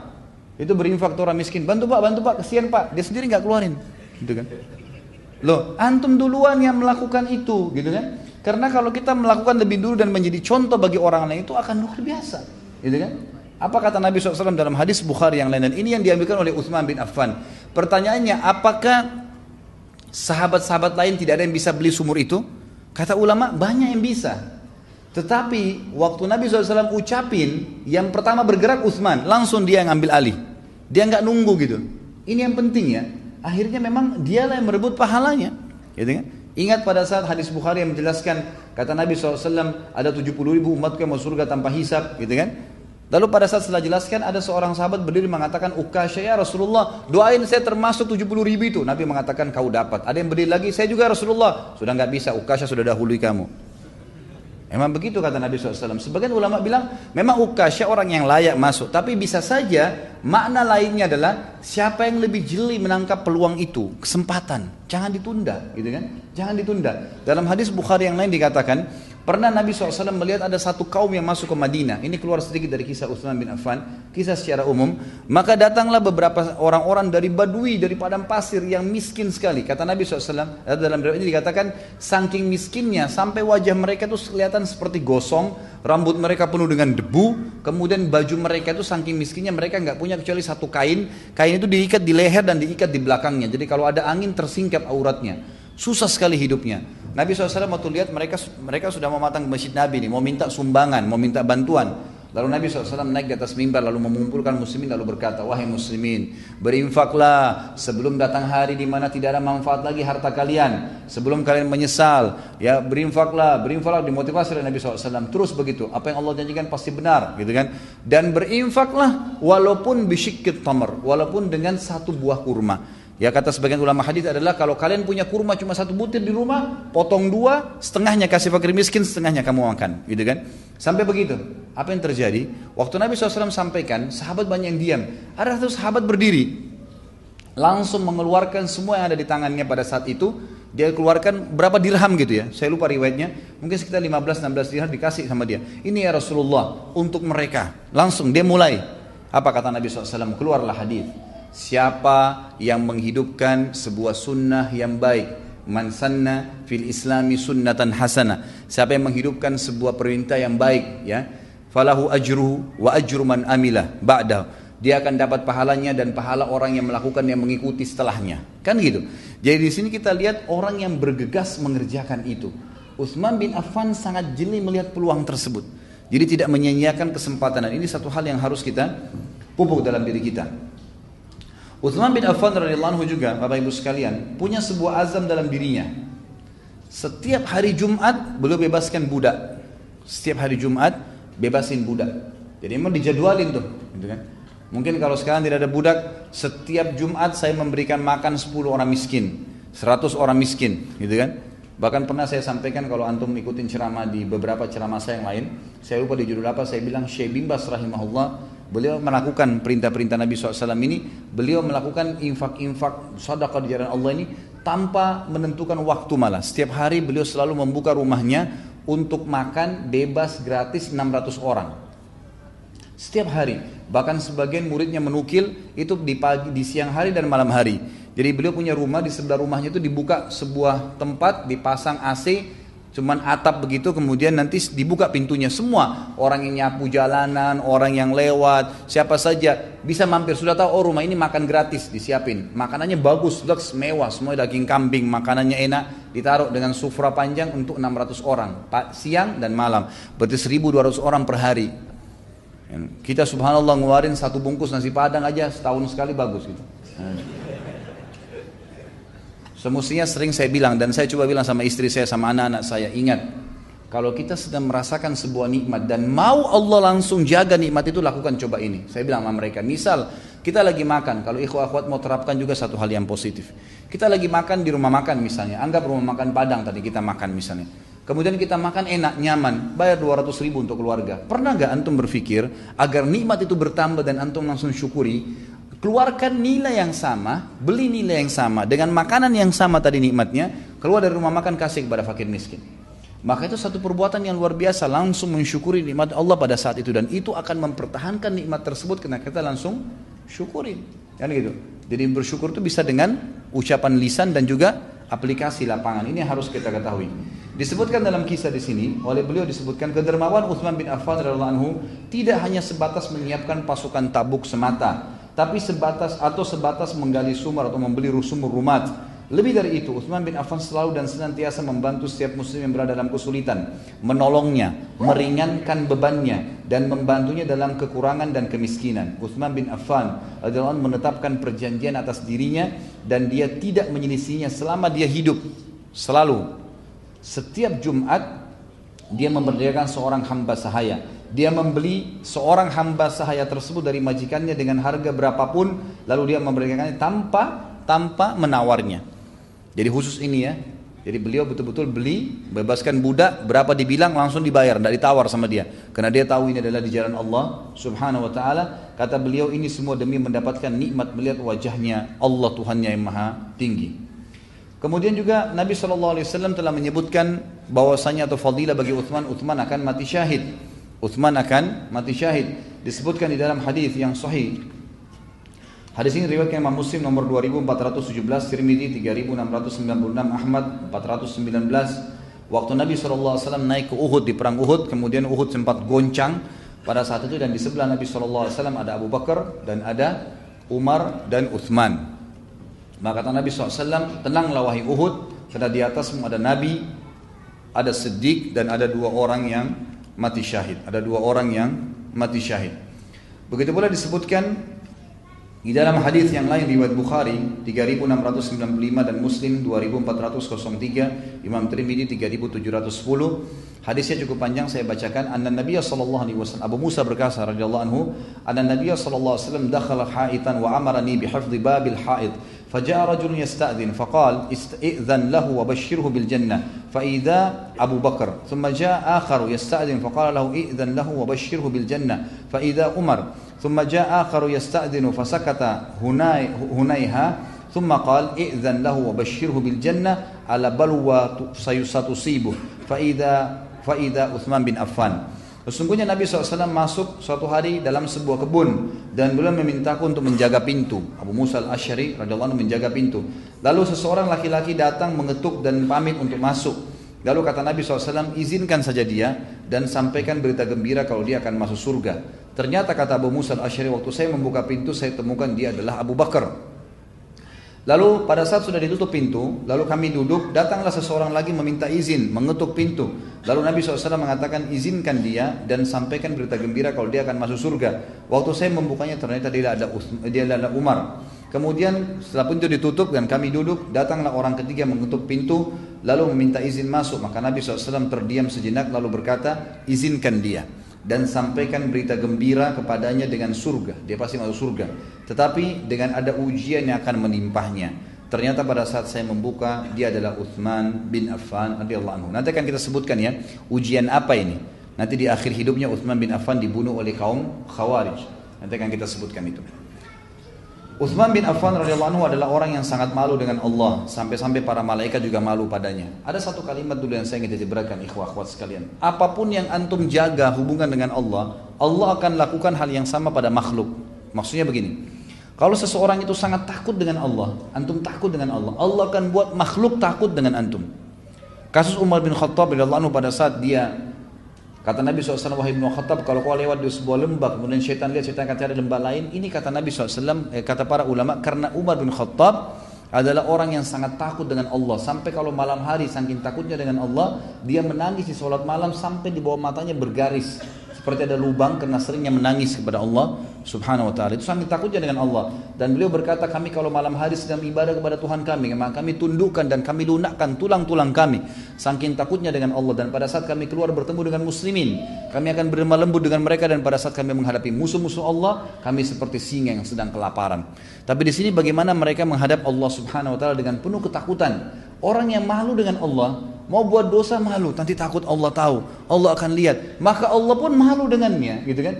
Dia baik berinfak tulus karena Allah, Allah akan infak juga dengan dia. Selalu unsur timbal balik sama, gitu kan?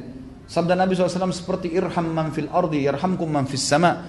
Kasihanilah yang di muka bumi, maka yang di langit akan kasihani kalian. Kan gitu. Jadi kita tahu dan hadis lain dikatakan al jaza min jinsil amal, balasan akan datang sesuai dengan kadar perbuatan. Sehari ini antum gibah, besok antum digibah, hari ini antum fitnah, besok antum difitnah. Hari ini antum menipu, besok antum ditipu. Tapi hari ini antum berbuat baik, besok antum akan dibaikin. Hari ini antum perhatian, besok antum akan diperhatian. Terus seperti itu. Allah Subhanahu wa taala akan mendatangkan sesuai dengan kadar perbuatan seseorang.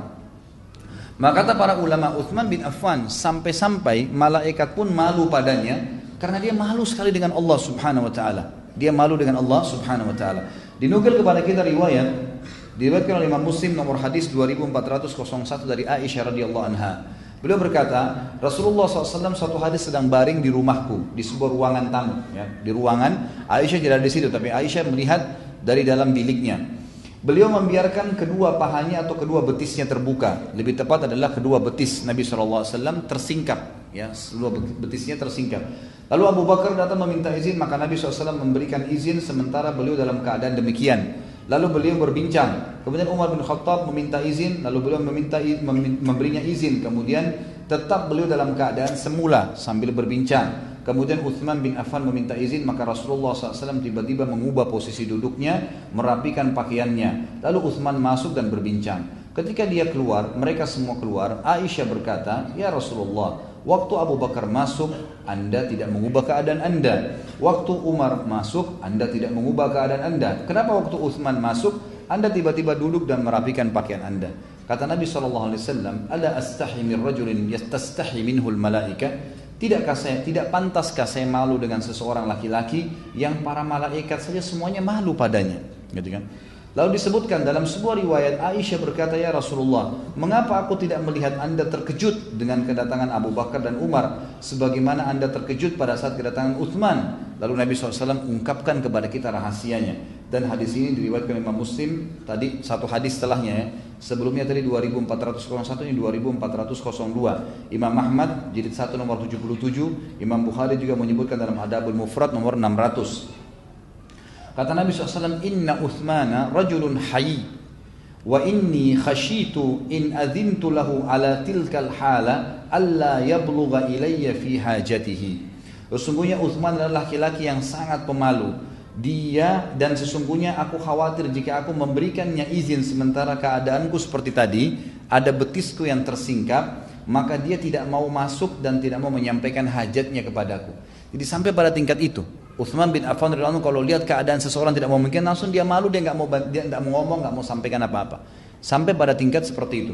Dan ini rahasia kata para ulama kenapa Uthman bin Affan para malaikat pun malu padanya. Uthman bin Affan pernah berkata tidak ada seseorang yang melakukan sebuah amalan kecuali Allah akan memberikannya pakaian dari jubah amalannya itu. Misal kalau kita malu, nanti Allah kasih hari kiamat baju dari malu itu sendiri. Artinya bagus, positif. Kalau dia suka sombong, dia ria, Allah akan kasih dia baju sombong dan ria dari api neraka hari kiamat. Seperti itu. Jadi Uthman bin Affan berpegang teguh pada hal tersebut. Yahya bin Mu'ad berkata, rahimahullah seorang tabi'in, barang siapa malu kepada Allah, sekalipun dia dalam keadaan taat kepada Allah, maka Allah juga akan malu padanya pada saat dia melakukan dosa. Artinya tidak mengampuni dosa-dosanya.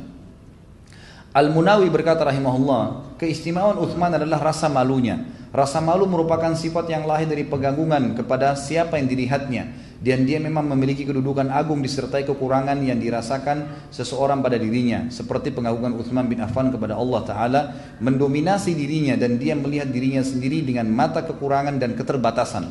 Keduanya termasuk sifat mulia hamba-hamba yang dekat dengan Allah sehingga kedudukan Uthman bin Affan meningkat karena itu. Selanjutnya makhluk Allah yang khusus pun merasa malu kepadanya seperti para malaikat. Kita lihat di sini sabda Nabi SAW yang lain dalam sebutkan dalam oleh Abu Nuaim dalam kitab Al-Ihya disahihkan oleh Syekh Albani di halaman 1 eh, nomor hadis 56 dan Syekh Albani menyebutkan di Sahih Jami nomor 3900 77. Kata Nabi SAW, Uthmanun ahya ummati. Uthman adalah umatku yang paling pemalu. Yakni paling besar rasa malunya, rasa malu merupakan sumber adab kesopanan. Ada yang mengatakan Uthman bin Affan tidak pernah meletakkan tangan kanannya pada kemaluannya semenjak membaiat Nabi Sallallahu Alaihi Wasallam. Tentu dalam menanggapi masalah ini, ikhwah sekalian, banyak orang subhanallah dia yakin ada syaitan yakin ada syaitan. Dia kadang-kadang takut, dia kadang-kadang merinding, dia kadang-kadang takut sama syaitan. Ada orang lebih parah manggil-manggil syaitan seperti pada dukun-dukun gitu kan.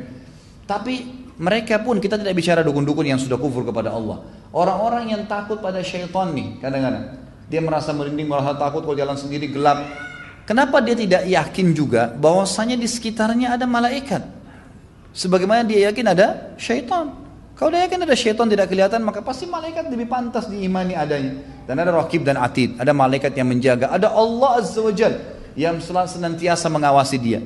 Bagaimana anda bisa takut dengan syaitan yang dia lebih hina daripada manusia? Apa kata Nabi SAW kepada para malaikat ini? Dalam bab imam kepada malaikat ada sendiri ya. Dalam hadis sahih riwayat Imam Ahmad kata Nabi SAW, marulah kalian kepada malaikat yang tidak berpisah dengan kalian kecuali kalian sedang di tempat buang hajat atau sedang berhubungan biologis gitu kan jadi kalau kita sedang di WC maaf a'azzakumullah ini a'azzakumullah artinya semoga Allah muliakan kalian gitu kan biasanya orang-orang Arab itu kalau menyebutkan tempat-tempat kayak WC itu sering menyebutkan doa seperti ini semoga kalian dimuliakan oleh Allah itu sangat positif ya jadi kalau kita lagi di WC azzakumullah kemudian kita lagi berhubungan biologis baru pada saat itu Rakib dan Atid ini pindah menjauh sedikit kalau enggak selalu ada sama kita maka bagaimana orang tidak malu?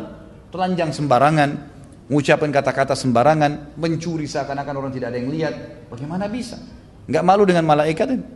Maka kata Nabi SAW juga hati-hatilah dan malulah dengan para malaikat Allah yang tidak ya, yang, yang juga terganggu apa yang mengganggu kalian.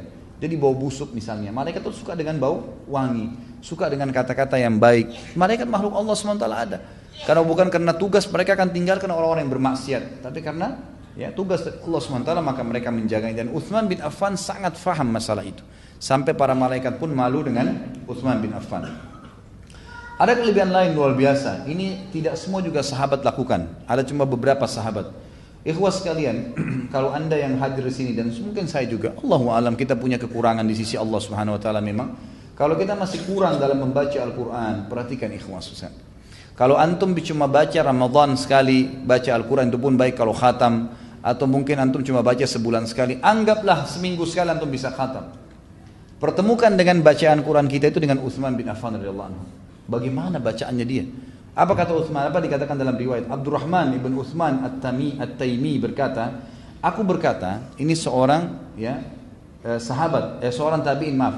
Dia lagi sholat di zaman khilafahnya Uthman bin Affan di masjid dan dia memang ingin menjadikan target tempat itu sebagai tempat sholatnya. Tempat ini kebetulan tepat di belakang posisi imam, gitu kan? Biasanya kalau khalifah datang atau pemimpin datang karena akan jadi imam dikasih tempat itu sampai iqamah sholat baru dia maju ke mihrabnya gitu kan. Maka dia pun dia bilang saya ingin mendapatkan posisi itu. Ya, karena posisi orang di belakang imam ini ada fadilah sendiri ya. Dia siap untuk menggantikan imam, harus orang yang paling benar bacaannya. Dia kebetulan hafal Quran. Maka dia bilang pada saat saya akan takbir, tiba-tiba saya merasa di pundak saya ada yang menepuk. Lalu kemudian saya balik, ternyata dia adalah Amir Mu'minin Uthman bin Affan. Maka saya pun minggir memberikan posisi itu padanya. Lalu kemudian dia sholat satu rakaat. Dan dalam satu rakaat dia membaca 30 juz. Satu rakaat nih, 30 juz, satu malam. Lalu kata Abdurrahman, ya Amir Mukminin, Anda tadi sholat cuma satu rakaat. Maksudnya sudah sampai azan subuh nih, satu rakaat. Kata Utsman apa? Iya, itu witir saya. Witirnya 30 juz baca Al-Quran. Bagaimana sholat malamnya itu? Ini betul-betul riwayat sahih disebutkan. Jadi dia mengatakan benar, itu adalah sholat witirku. Maksudnya adalah satu rakaat witir dikhatam dengan 30 juz Al-Quran. Ini luar biasa nih. Kata sebagian ulama, hikmah dari yang kita bisa ambil daripada perbuatan Uthman adalah Allah Azza wa Jalla memberkahi perilaku seorang mukmin. Kalau dia terbiasa dengan satu perbuatan rutin dikerjakan, maka akan jadi ringan bagi dia. Misal, seseorang biasa puasa Senin Kamis, maka jadi ringan buat dia. Bahkan mungkin kalau dia sudah rutin kerjakan, dia akan dibukakan oleh Allah merasa mampu untuk mengerjakan puasa-puasa yang lain, gitu kan? Beda dengan orang yang sama sekali tidak pernah mengerjakan puasa itu. Sama halnya dengan orang pada saat sering membaca Al-Quran. Berat kalau di awalnya dipikir. Tapi kalau kita rutin kerjakan nanti Allah akan berkahi. Yang tadinya sebulan sekali khatam nanti jadi seminggu sekali. Mungkin dua minggu sekali dulu, mungkin seminggu sekali. Bukan mustahil bersama dengan Uthman bin Affan. Bayangkan satu malam ikhwah. Bayangkan kalau kita sholat dari habis isya saja misalnya. Anggap 8 jam. 8 jam itu kalau dilihat juga 30 juz. Itu seberapa banyak kita harus baca dalam satu jam gitu kan. Banyak sekali. Tapi kata para ulama, Allah subhanahu wa ta'ala memberkahi hidupnya Uthman sehingga bukan cuma seluruh sholat malam 30 juz, dia baca witir satu rakaat dengan juz. Kalau kita 30 juz, kalau kita biasa baca cuma kulullah ahad saja, itu pun luar biasa cepatnya, gitu kan? Ya ini 30 juz dibaca dengan ya satu witir, satu rakaat witir terakhir. Sulaiman bin Yasar berkata, rahimahullah seorang ulama tabi'in yang lain, Uthman bin Affan berdiri sholat setelah Isya Lalu dia membaca Al-Quran seluruhnya dalam satu rakaat. Dia tidak sholat sebelumnya dan setelahnya. Artinya ini sudah sholat witirnya. Ini adalah sholat witirnya. Nanti ini dalam kisah Sulaiman ibn Yasar disebutkan. Ini disebutkan dalam riwayat sahih oleh Ibnu Mubarak, Ibnu Sa'ad dan Ibnu Asakir. Jadi Uthman bin Affan ini habis Isya selalu sholat witir. Beliau tutup sholat witir tersebut dengan tiga beliau lakukan. Nanti beliau bangun malam, beliau sholat tahajud lagi. Tapi tidak diukil kepada kita tentang sholat tahajudnya. Berarti dia menyelesaikan 30 juz bukan sampai subuh, bukan. Hanya habis isya sampai selesai 30 juz. Dia istirahat lalu nanti dia bangun lagi sholat tahajud. Ini riwayat yang luar biasa dari Sulaiman ibn Yasar rahimahullah. Uthman bin Affan radhiyallahu anhu membaca Al-Quran dalam satu rakaat kemudian dia mengerjakan sholat witir dengannya. Ibnu Sirin rahimahullah, ulama tabi'in yang masyhur, Muhammad bin Sirin, ahli takwilnya, tabi'in berkata, istri Uthman bin Affan berkata kepada ketika Uthman terbunuh, kalian telah membunuhnya, sesungguhnya dia benar-benar menghidupkan malamnya, setiap malamnya dengan seluruh Al-Quran dalam satu rakaat. Ini pengakuan daripada istrinya Uthman bin Affan. Al-Hafidh Ibnu Kathir rahimahullah berkata, pemilik tafsir Ibnu Kathir ya, telah diriwayatkan dari beberapa jalan bahwasanya Uthman bin Affan mengerjakan sholat dengan membaca Al-Quran seluruhnya dalam satu rakaat di sisi Hajar Aswad pada musim haji. Kebiasaan Uthman adalah membacanya dengan cepat. Oleh karena itu kami meriwayatkan dari Ibnu Umar bahwasanya dia berkata, Ibnu Umar radhiyallahu anhu berkata, firman Allah dalam surah Az-Zumar ayat 9 A'udzu billahi minasyaitonir rajim. Amman huwa qanitun ana al-laili sajidan wa qa'ima yahdharu al-akhirata wa yarju rahmat rabbi. Qul hal yastawi alladhina ya'lamuna wal ladhina la ya'lamun? Innama yatadhakkaru ulul albab Apakah kamu orang-orang musyrik yang lebih beruntung ataukah orang-orang yang beribadah pada waktu malam dengan sujud dan berdiri karena takut kepada azab akhirat dan mengharapkan rahmat Robnya? Katakanlah, apakah sama orang-orang yang mengetahui dengan orang yang tidak mengetahui? Sebenarnya hanya orang yang berakal saja, orang yang berakal sehat saja kata Allah yang dapat menerima pelajaran. Kata Abdullah bin Umar, ayat ini yang Allah tujukan adalah Uthman bin Affan radhiyallahu Jadi ayat ini turun kepada beliau. Menantang seluruh orang kafir Quraisy yang mem yang membenci muslimin dan mengatakan satu orang saja. Seperti itu Allah mengatakan. Satu orang dari muslimin Uthman bin Affan yang membaca Al-Qur'an semalam suntuk jauh lebih baik daripada kalian wahai orang-orang musyrik. Dan itu hanya akan difahami bagi orang-orang yang sehat akal fikirannya. Hasan ibn Thabit radhiyallahu anhu sahabat Nabi berkata tentang Uthman bin Affan, mereka membunuh orang yang beruban yang padanya terlihat tanda-tanda sujud. Dia menghabiskan malam dengan bertasbih dan membaca Al-Quran. Imam Nawawi rahimahullah berkata dalam kitab Tibyan halaman 55, di antara orang-orang yang menghatam Al-Quran dalam satu hari satu malam adalah Uthman bin Affan, Tamim Ad-Dari dan juga Sa'id bin Jubair, Mujahid dan Asy-Syafi'i serta yang lain-lain. Artinya ada orang-orang yang mengikuti jejak Uthman bin Affan, termasuk dari sahabat Tamim Ad-Dari, kemudian dari tabi'in Sa'id bin Jubair, Mujahid dan Imam Syafi'i dari tabi' tabi'in. Dengan ini juga mereka mengkhatam Al-Quran. Uthman bin Affan kalau ingin bangun malam, walaupun beliau jadi khalifah, tidak pernah membangunkan satupun dari keluarganya untuk membantu menyiapkan air wudhunya. Ya, jika dia bangun malam untuk sholat, kecuali jika uh, yang bersangkutan memang telah bangun. Dia berpuasa terus menerus sampai sampai dia disalahkan. Mengapa engkau tidak membangunkan sebagian pelayanmu agar bisa melayanimu pada saat sholat malam? Maka Uthman menjawab tidak. Malam adalah waktu mereka beristirahat. Dari Al Hasan rahimahullah, Hasan Basri maksudnya beliau berkata, Uthman bin Affan berkata, "Lau anna qulubana tahurat ma syabi'na min kalami rabbina wa inni la akrahu an ya'tiya alayya yawmun la anzaru fil mushaf ini kalimat luar biasa ikhwah sekalian. Saya ajak diri saya dan antum sekalian mulai sekarang bubar sebentar dari sini jangan pernah lewat sehari tidak baca Al-Qur'an. Lihat fisik Al-Qur'an. Apa kata Uthman? Seandainya hati kita bersih, niscaya kita tidak akan pernah kenyang dari firman Rob kita. Sungguh aku tidak suka melewati satu hari pun tanpa melihat mushaf, membaca Al-Quran dengan melihat mushaf. Padahal beliau hafal ya, beliau menghafalnya. Imam Syafi'i juga mengatakan rahimahullah kepada ulama-ulama yang ada belajar pada beliau waktu itu di Mesir sambil membawa Al-Quran beliau mengatakan sungguh masalah-masalah fikih telah menyibukkan kalian dari membaca kitab ini. Artinya ini lebih penting baca Al-Quran daripada kalian sibuk dengan ilmu saja dan lupa membaca Al-Quran. Berapa banyak ulama begitu? Ceramah sana sini tapi tidak pernah mengenal dirinya, mengenalkan diri dengan Al-Quran. Tidak pernah membacanya, tidak pernah mengambil kesempatan untuk membaca. Padahal dengan membaca pahalanya banyak dan menenangkan hati seseorang. Dikatakan dalam riwayat eh, di dalam kitab Bujaya wa Nihaya, bukunya eh, eh, Ibnu Hajar, beliau mengatakan tidaklah Utsman terbunuh kecuali mushaf Quran yang beliau punya sobek karena sering dilihat dan sering dipegang. Seperti itu. Uthman terbunuh juga sedangkan Mushaf berada di pangkuannya pada saat dibunuh oleh orang-orang Khawarij. Bagaimana akan kita jelaskan nanti.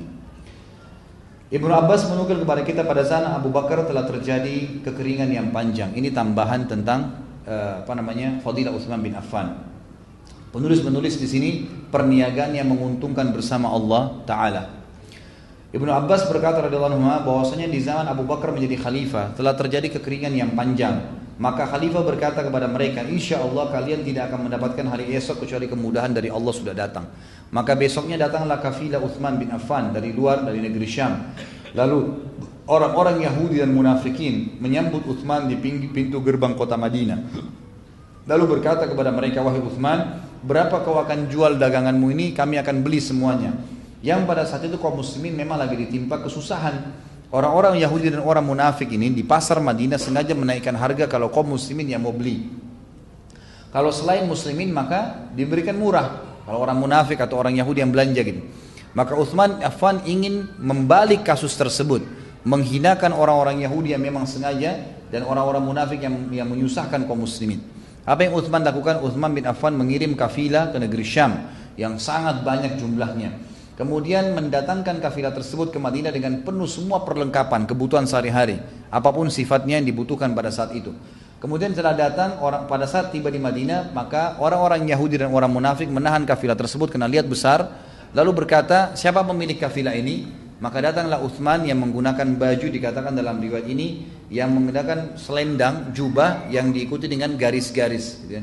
Kemudian Uthman pun berdiri mengatakan saya apa yang kalian inginkan? Mereka mengatakan kami ingin membeli darimu wahai Utsman. Berapa engkau menjual? Maka Utsman berkata, berapa kalian akan beri keuntungan untukku? Mereka menjawab setiap 10, 12. Maksudnya dua, dua, dua kali setiap 10 berarti dinaikkan jadi 12 nih, ini nilainya gitu kan.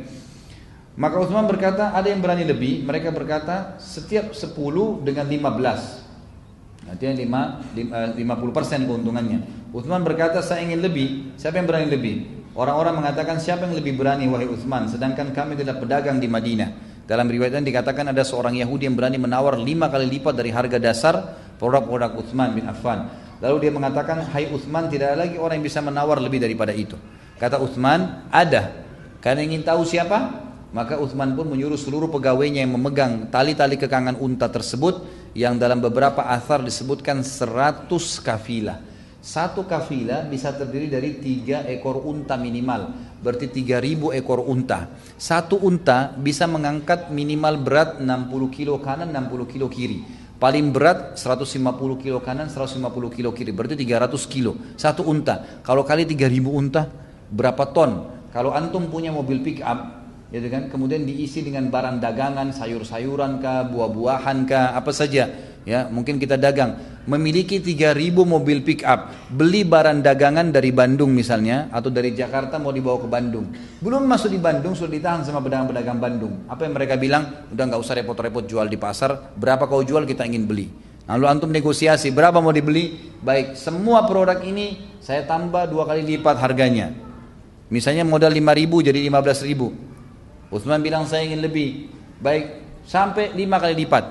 Jadi kalau modal lima ribu, jadi tiga puluh lima ribu, ya, jadi jadi tiga puluh ribu misalnya atau dua puluh lima ribu.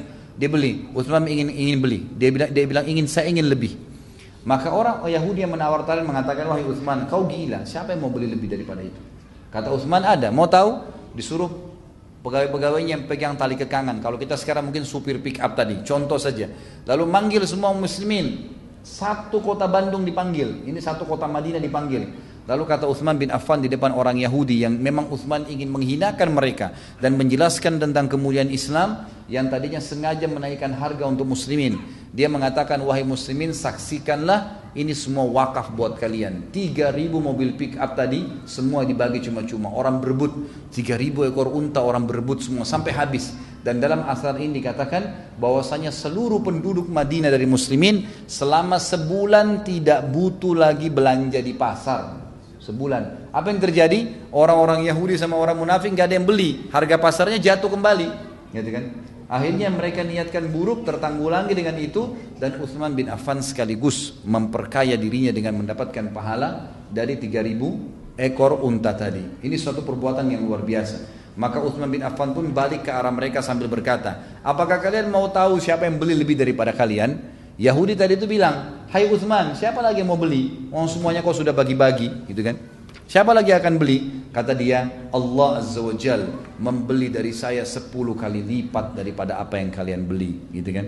Jadi ini Allah Subhanahu wa taala membayarnya. Bayangkan ya bagaimana cintanya Utsman bin Affan dengan infak itu dan ulama mengatakan ini rahasia kenapa Utsman bin Affan menjadi kaya raya karena rajin berinfak dan yang diinfakkan itu tidak setengah-setengah. Memang betul-betul diberikan di jalan Allah SWT semaksimal mungkin apa yang dia bisa berikan. Baik kita masuk sekarang ke khilafahnya Utsman bin Affan. Ya. Beliau menjadi khalifah tentu setelah meninggalnya Umar bin Khattab dan pada saat akhir kisah Utsman bin Umar bin Khattab sudah saya ceritakan bagaimana proses dia menjadi khalifah radhiyallahu anhu. Umar bin Khattab pada saat sudah ditusuk oleh Abu Lu'lu, beliau sempat merasa khawatir muslimin nanti kalau dia meninggal tidak punya pemimpin, maka beliau mengumpulkan enam orang sahabat yang tersisa dari yang hidup uh, dari yang dijamin masuk surga. Utsman bin Affan, Ali bin Abi Thalib, Talha, Zubair, Abdurrahman. Ali bin Abi Thalib nanti akan kita sebutkan dalam bahasan insyaallah kalau Allah mudahin di bulan depan lagi.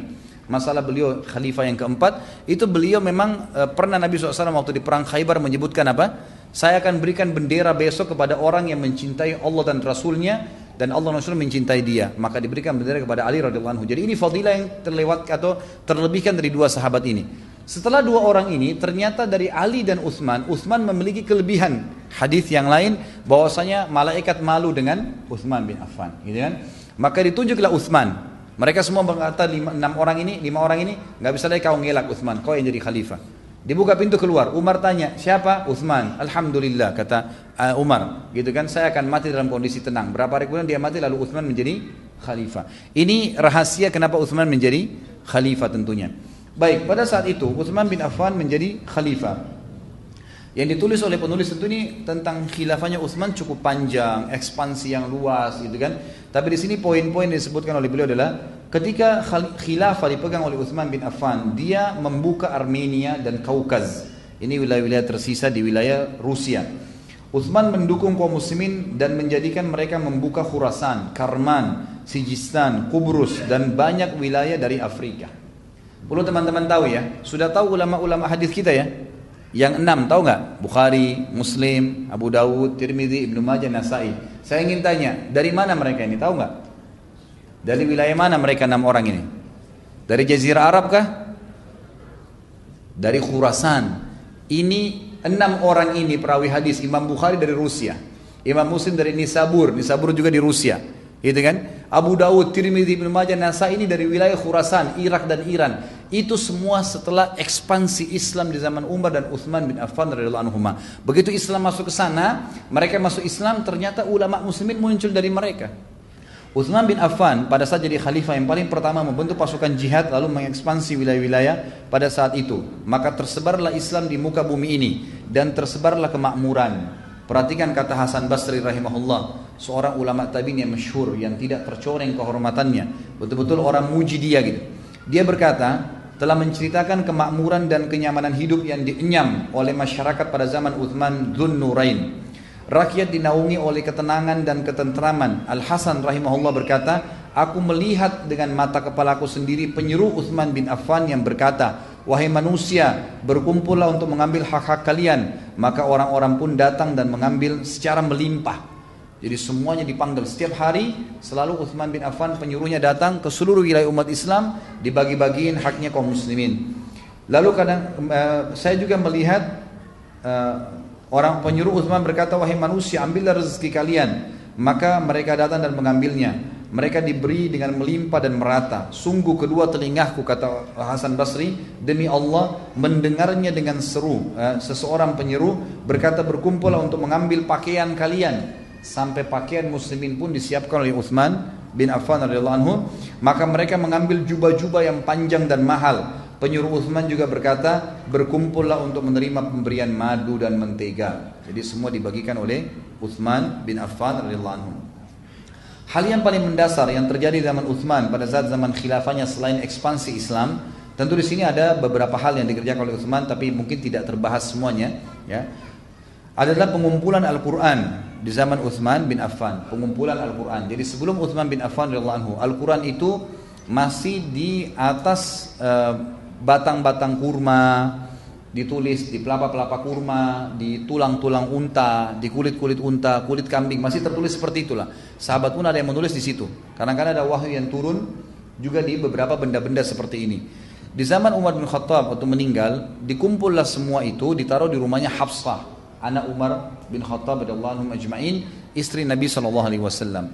Nah, sampai zaman Uthman pun masih sama. Tapi zaman Uthman ada yang terjadi. Setelah ekspansi Islam yang luas tadi, Ternyata dengan banyaknya dialek-dialek, ya seperti orang Persia punya dialek bahasa Persia, Afrika punya dialek bahasa Afrika, gitu kan? Dan perlu kita tahu juga beberapa teman-teman sejarawan Indonesia sempat mengangkat di zaman Uthman bin Affan ini Islam sudah sampai ke Aceh. Islam sudah sampai ke Aceh dan itu ada sejarahnya. Bagaimana ada utusan Uthman bin Affan dari tabi'in yang datang dan kalau tidak salah ada beberapa yang punya kuburan di Aceh. Saya pernah melihat beberapa gambar fotonya, itu memang ada faktanya dan itu dalam sejarah Islam Indonesia ada, sejarah Islam Indonesia. Kalau tidak salah pernah diangkat oleh majalah Sabini juga masalah itu beberapa tahun yang lalu ya. pada saat diceritakan tentang bagaimana Islam masuk Indonesia. Tapi yang saya tahunya memang Islam itu sudah sampai di Indonesia pada zaman Uthman bin Affan radhiyallahu anhu. Jadi ini keliru kalau sejarah mengatakan masuknya dulu baru-baru saja, baru berapa ratus tahun yang lalu. Tidak, Islam masuk di sini sudah dari Zulu. Dari zaman memang Uthman bin Affan berarti masih tahun 30-an Hijriah. Jadi ini memang dari awal-awal Islam masuk. Karena memang seluruh wilayah Persia, kata ulama Persia itu bisa masuk sampai mendekati Asia Tenggara. Jadi Asia Tenggara kan mulai dari Filipina, Thailand ke bawah ini dan itu juga sudah diekspansi oleh tangan-tangan kanan Uthman radhiyallahu anhu. Jadi kita bisa bayangkan Islam menyebar di tangan beliau karena ekspansi Islam, karena ekspansi Islam itu sendiri. Kemudian Al-Quran pada saat itu karena banyaknya orang-orang masuk Islam, dialek-dialek mereka berbeda. Kita dengarkan, ditulis oleh penulis ini beliau berkata dari Anas bin Malik bahwa Hudzaifah bin Yaman radhiyallahu anhu datang kepada Uthman radhiyallahu anhu, dia ikut dalam berperang bersama orang-orang ke negeri Syam. Jadi waktu itu Uthman bin Affan mengirim pasukan ke mana-mana dan salah satu yang ikut berperang adalah Hudzaifah bin Yaman radhiyallahu anhu. Dan dia sempat berperang sampai ke negeri Syam dan juga ikut ke pasukan yang ekspansi ke Irak untuk membuka Armenia dan Azerbaijan. Ya, ini wilayah di Rusia. Hudzaifah terkejut ya terhadap perbedaan mereka dalam kiraat atau membaca Al-Quran. Jadi pada saat baca Al-Quran dialeknya berbeda-beda gitu. Maka Hudzaifah berkata kepada Utsman, balik ke Madinah segera lalu berkata, "Wahai Amir Mukminin, selamatkan umat ini sebelum mereka berselisih dalam Al-Qur'an seperti orang-orang Yahudi dan Nasrani." Ya, kalau tidak diselamatkan ini bahaya, bisa berubah-ubah nanti Al-Qur'an.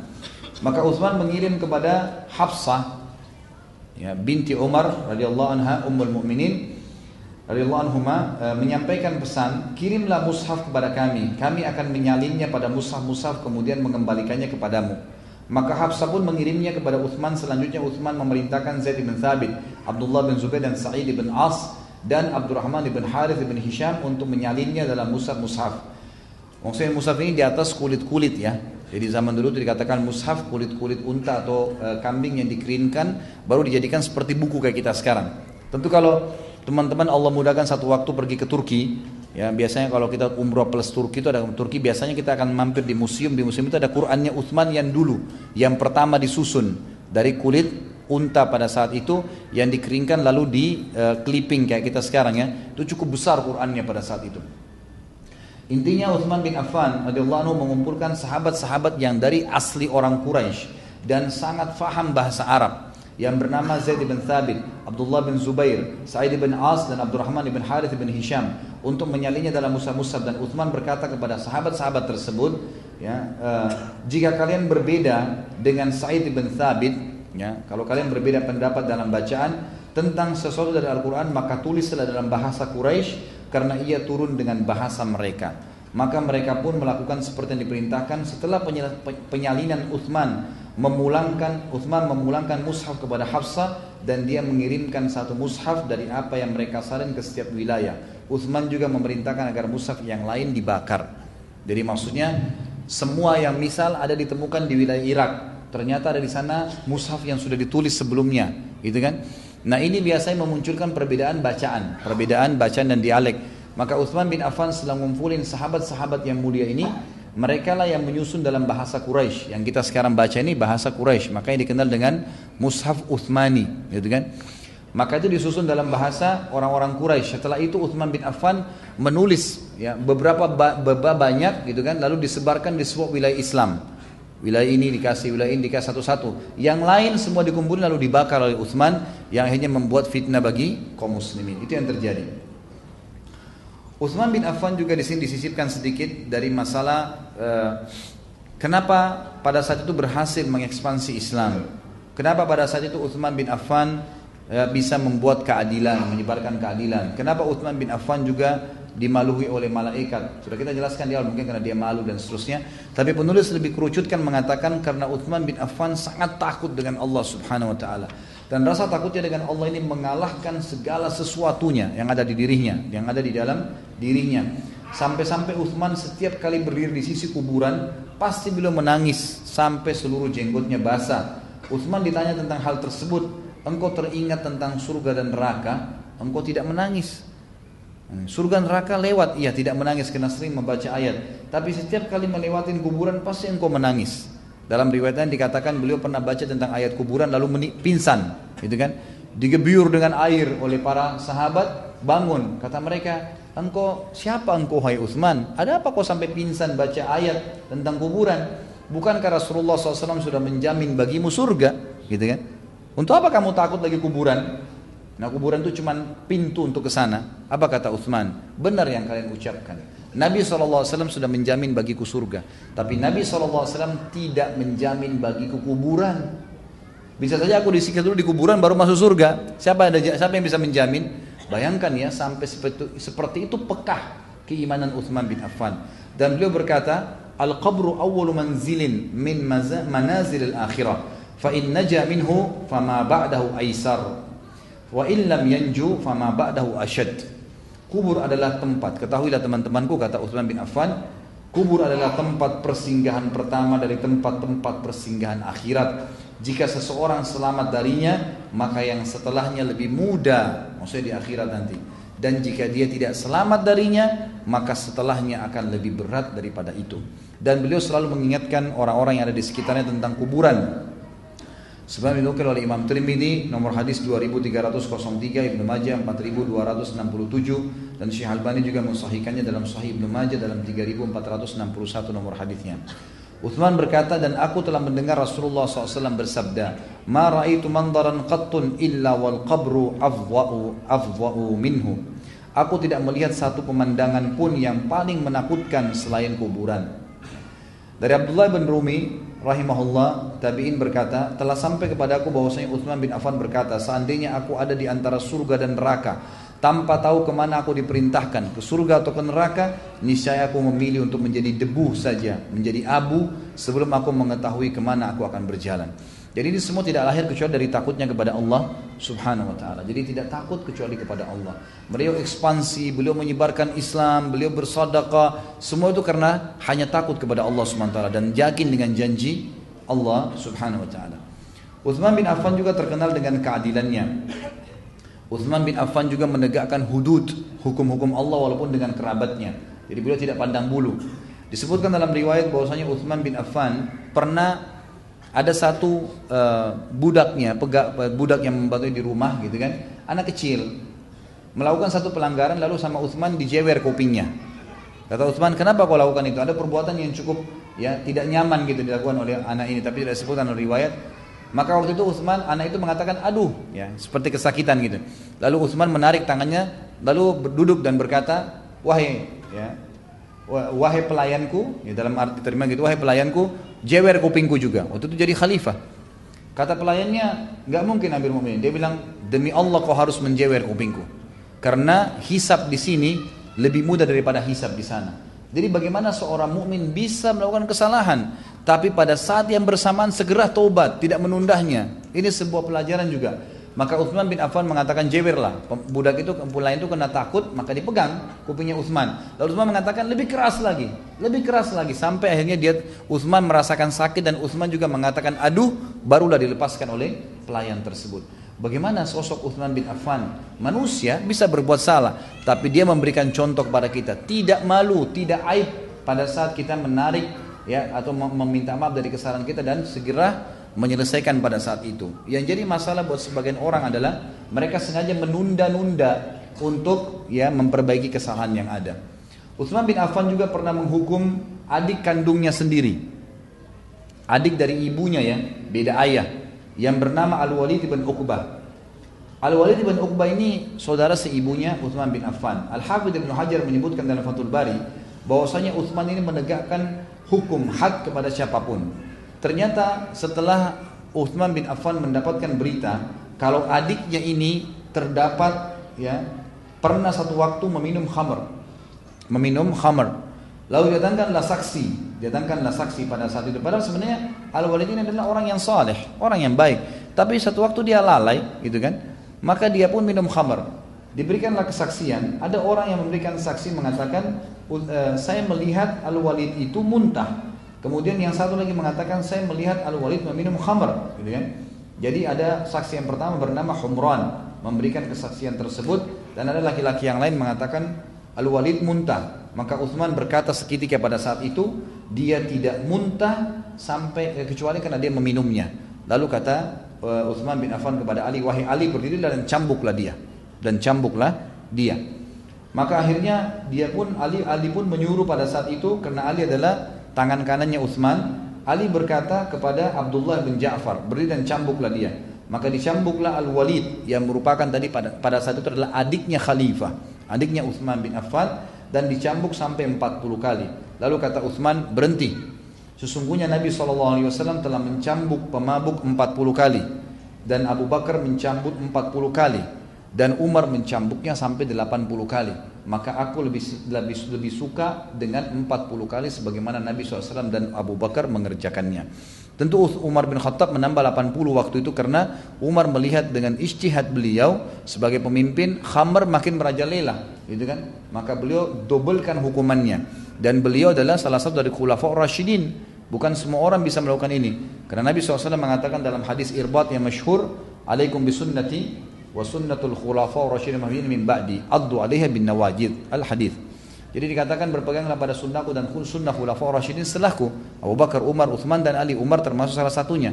Berpegang teguhlah pada keduanya sunnahku dan sunnah khulafa rasyidin walaupun dengan gigi geraham kalian. Dalam riwayat sahih dikatakan bahwasanya semuanya itu termasuk bagian daripada sunnah. Orang-orang mukmin membela Uthman kata beliau di sini Sungguh sangat heran banyak sekali orang yang mengatakan Uthman itu begini dan begitu. Karena kita lihat nanti salah satu penyebab Uthman dibunuh oleh kaum Khawarij karena banyaknya isu bohong. Isu-isu yang bohong dan nanti kita akan lihat ada mungkin 7 atau 8 isu yang akan dibantah oleh penulis dalam masalah ini. Intinya adalah beliau mengatakan, saya heran melihat ada orang yang mencela Uthman bin Affan setelah kemurahan hatinya, eh, keringanan tangannya, kasih sayangnya, keadilannya, dan kesolehannya kepada Allah SWT dan jaminan masuk surga. Padahal Hasan Basri sudah berikan kesaksian bahwasanya di zaman Uthman bin Affan dikatakan pemberian mengalir, rezeki dibagi-bagi, musuh sudah takluk, hubungan sesama muslim jadi baik, kebaikan merata, tidak ada mukmin yang takut kepada mukmin yang lain. Siapa yang dia temui adalah saudaranya, siapa pun dia, dia menyintainya, mengasihinya dan menasihatinya. Mereka telah diwanti-wanti bahwasanya akan muncul sikap egois. Jika itu terjadi maka hendaklah mereka bersabar. Jadi Utsman bin Affan terus motivasi mereka, gitu kan. Lalu kata Hasan Basri, saya tidak melihat pada saat kaum Khawarij itu datang kemudian membunuh Utsman bin Affan kecuali pedang akan terhunus sampai hari kiamat. Padahal sebelumnya telah dilarang oleh Nabi sallallahu alaihi wasallam. Kemudian Urwa bin Zubair berkata rahimah radhiyallahu anhu seorang sahabat Nabi berkata, aku mendapati zaman Uthman bin Affan, aku sempat hidup sampai Uthman menjadi khalifah. Tidak ada jiwa yang muslim kecuali dia mempunyai hak yang sama pada harta Allah. Semuanya dengan keadilan. Jadi ini kesaksian kok aneh ada orang yang berusaha untuk membunuh Uthman bin Affan. Ibnu Umar juga berkata, sungguh ada beberapa perilaku Uthman nih, seperti nanti kita akan sebutkan syubhat-syubhatnya. Uthman bin Affan Eh, apa namanya eh, menunjuk beberapa orang ya menjadi uh, gubernurnya seperti Muawiyah misalnya dan ada yang lainnya akan kita sebutkan syubhatnya maka ada beberapa sahabat pun dan tabiin. Ada tabiin dari kalangan uh, dari kalangan khawarij. Dari sahabat ini orang-orang yang terakhir-terakhir masuk Islam yang belum paham agama Islam secara mutlak. Tapi karena ketemu Nabi jadi sahabat. Mereka bergabung dengan orang-orang khawarij ini. Lalu Ibnu Umar berkata pada saat mereka nyalah-nyalakan Uthman. Uthman begini Uthman begitu. Harus turun dari khilafah. Nggak boleh jadi khalifah lagi. Mau diganti dengan yang lainnya. Ibnu Umar berkata sungguh kalian telah menyalahkan Uthman dalam beberapa perkara seandainya melakukannya adalah Umar niscaya kalian tidak akan berani menyalahkannya kalau Umar nih pasti kalian tidak berani karena Umar bin Khattab nggak main-main salah kafir ditebas lahirnya gitu kan tapi Uthman bin Affan tidak, masih dimaafin, dikeluarin dari Madinah, kan gitu. Jadi seperti itu. Al Hasan Basri berkata, Amir Mukminin Uthman bin Affan bekerja selama 12 tahun jadi khalifah. Orang-orang yang tidak mengingkari, orang-orang yang tidak mengingkari sedikit pun tidak ada orang-orang yang mengingkari sedikit pun kepemimpinannya. Sampai akhirnya datang orang-orang fasik itu, orang-orang khawarij. Demi Allah, mereka mulai menghasut penduduk Madinah untuk memusuhinya. Sebagaimana dinukil dalam banyak riwayat, sanadnya Hasan diriwayatkan Ibnu Ibnu Asakir dan At-Tabarani tentang kisah ini. Di antara bukti kasih sayang Utsman bin Affan kepada rakyatnya yang sangat jelas adalah yang diriwayatkan oleh Musa bin Talha rahimahullah seorang ulama tabi dia berkata, aku mendengarkan Utsman bin Affan yang berada di atas mimbar sementara muadzin mengumandangkan iqamah ya untuk Jumat nih ya. Jadi waktu turun dari mimbar Utsman bin Affan waktu turun biasanya muadzinnya tunggu dulu. Ya ini sunnah begitu ya. Jadi ditunggu dulu pada saat sudah berdiri di depan tempat sholat, baru muadzinnya iqamah. Ini yang kadang-kadang kita tinggalkan di masjid-masjid. Masih di atas khatibnya di atas mimbar, maka sudah tidak dapat tempat nantinya. Ya, saya pernah khutbah subhanallah di salah satu masjid di Bekasi, itu kan. Saya pas mimbarnya tinggi, sudah iqamah, saya pas tutup dengan salam, saya turun, itu iqamah, saya turun tidak dapat tempat, gitu kan. Tidak khatibnya ada di tempat, mestinya ada tempat. Jadi imam paling tidak atau di tempat di depan gitu kan. Ini nggak boleh, mesti ditunggu khatibnya turun sampai dalam sab baru dikomahkan sholat. Nah Utsman bin Affan waktu itu waktu turun, tunggu setelah beliau kasih isyarat baru muadzinnya iqamah. Nah sementara menunggu iqamah itu, kesaksian daripada Hasan Basri berkata yang hadir di masjid, saya melihat Utsman bin Affan masih bertanya, eh maaf, Musa bin Talha berkata, saya masih melihat Utsman bertanya kepada muslimin, ya saking adilnya, bagaimana hidup kalian, bagaimana kebutuhan kalian? Sambil nunggu iqamah tuh ya. Masih sempat menanyakan tentang kabar mereka. Ada yang perlu? Mana si fulan tidak hadir? Siapa yang meninggal hari ini? Sambil nunggu iqamah sejenak saja. Sempat bicara masalah itu dan dia bilang dan dia mengatakan kalau ada yang punya masalah setelah sholat bisa bertemu dengan saya. Jadi di sini kesaksian para ulama tabi'in dan antaranya Musa bin Talha rahimahullah bagaimana Uthman bin Affan luar biasa sangat peduli dengan kaum muslimin dan dia tahu itu adalah tanggung jawab pada hari kiamat. Baik ikhwas sekalian kita masuk ke tuduhan-tuduhan dan kedustaan atas Utsman bin Affan sebagai bantahan ya dan seterusnya juga bantahannya. Sekaligus kita tutup dengan wafatnya Utsman radhiyallahu anhu. Pertama adalah orang-orang Khawarij menyebarkan berita bahwasanya Utsman bin Affan tidak menegakkan kisos atas Ubaidillah bin Umar yang telah membunuh Hurmuzan. Padahal kewajiban kisos dalam masalah tersebut sangat jelas. Jadi Hurmuzan ini itu uh, salah satu orang dari Persia yang merupakan pasukan perang, pimpinan perang. Ya pada saat dia tahu dia akan dibunuh, dia sempat syahadat, gitu kan? Tapi syahadatnya ini samar, ada yang dengar, ada yang enggak. Ya. Pada saat itu ada ada seseorang yang bernama Ubaidillah ibn Umar. Ya. Sebagian ulama mengatakannya adanya anaknya Umar bin Khattab mengambil pedang membunuh Hurmuzan. Nah tersebarlah isu, ya, gitu. waktu itu Uthman bin Affan Eh, jadi khalifah dan akhirnya Utsman bin Affan tidak menghakimi karena masih samar. Benar nggak orang ini sudah masuk Islam? Tapi Utsman bin Affan akhirnya mengambil keputusan, anggap dia sudah muslim, agar Ubaidillah yang terkenal orang soleh ini tidak dihukum, caranya adalah membayar dia, membayar denda, kan gitu. Maka Utsman bin Affan mengambil dari hartanya pribadi, lalu kemudian memberikan kepada walinya Hurmuzan, gitu kan? Diberikan kepada wali sebagai pembayaran terhadap Ubaidillah. Itu pun katanya, ya dikatakan oleh Ibnu Arabi rahimahullah dalam kitab Al-Awasim wal Qawasim, beliau mengatakan sebenarnya kisah yang diukil kepada kita tentang masalah terbunuhnya Hurmuzan ini pun oleh Ubaidillah ya adalah sanatnya rancuh atau muttarib. Jadi tidak bisa diterima. Ibnu Abdul Bar rahimahullah seorang ulama itu mengatakan kisah tentang pembunuhan Hurmuzan, Jufainah dan juga perempuan anak anak perempuannya Abu Lu'lu adalah sebuah yang rancu. Jadi Utsman tidak lakukan itu. Abu Lu'lu ini yang yang membunuh Umar bin Khattab radhiyallahu gitu kan. Jadi pada saat terbunuh Umar bin Khattab, waktu Utsman jadi khalifah, tersebar berita Utsman membunuh anaknya Abu Lu'lu karena ayahnya membunuh Umar bin Khattab dan ini tidak benar.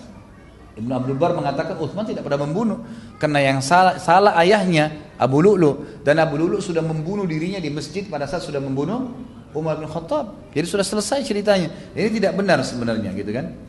Jadi Umar Utsman bin Affan tidak melakukan ini syubhat yang pertama. Ini syubhat yang kedua, ini tersebar nih sehingga terbentuklah kelompok-kelompok orang-orang yang bodoh, yaitu orang-orang yang berfaham khawarij. Siapa tuh khawarij?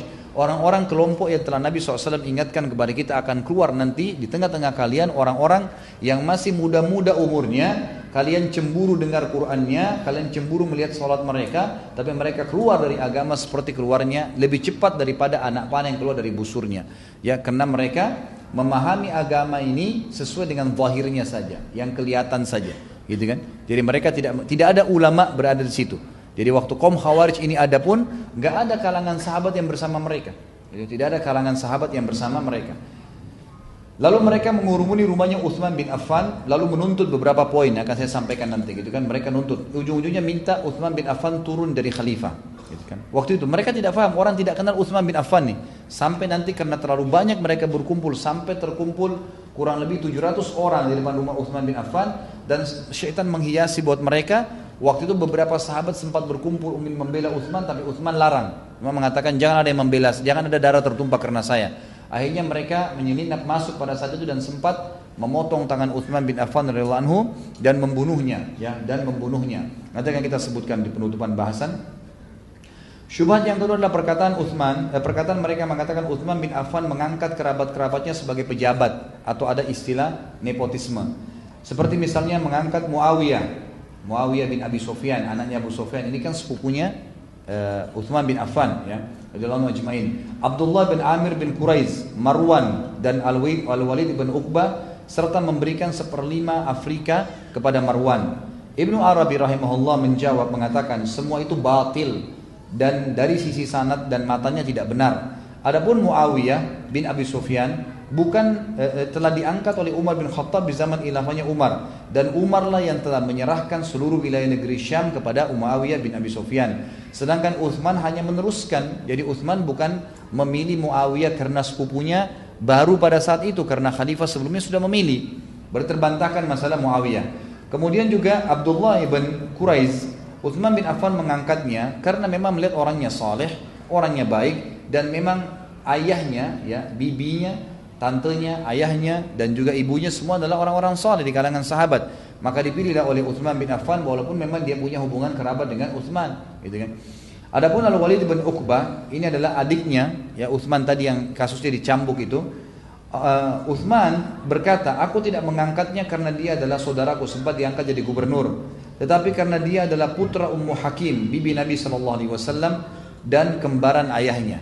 Jadi Ummu Hakim adalah tante Nabi SAW ya dan ini adalah anaknya. Maka Uthman bin Affan mengangkat Al Walid bin Uqbah ya sebagai gubernur karena melihat ya keturunannya dan juga kesolehannya. Tentu pada saat dia dicambuk oleh Uthman karena dia mabuk maka dikatakan oleh penulis di sini diangkat perkataan Ibnu Arabi Umar bin Khattab juga pernah memberhentikan saat bin Abi Waqqas dia masuk surga zaman khilafah padahal ada orang yang lebih baik apa dan digantikan dengan orang yang uh, lebih rendah secara sisi fadilah agamanya tapi dilakukan oleh Umar bin Khattab.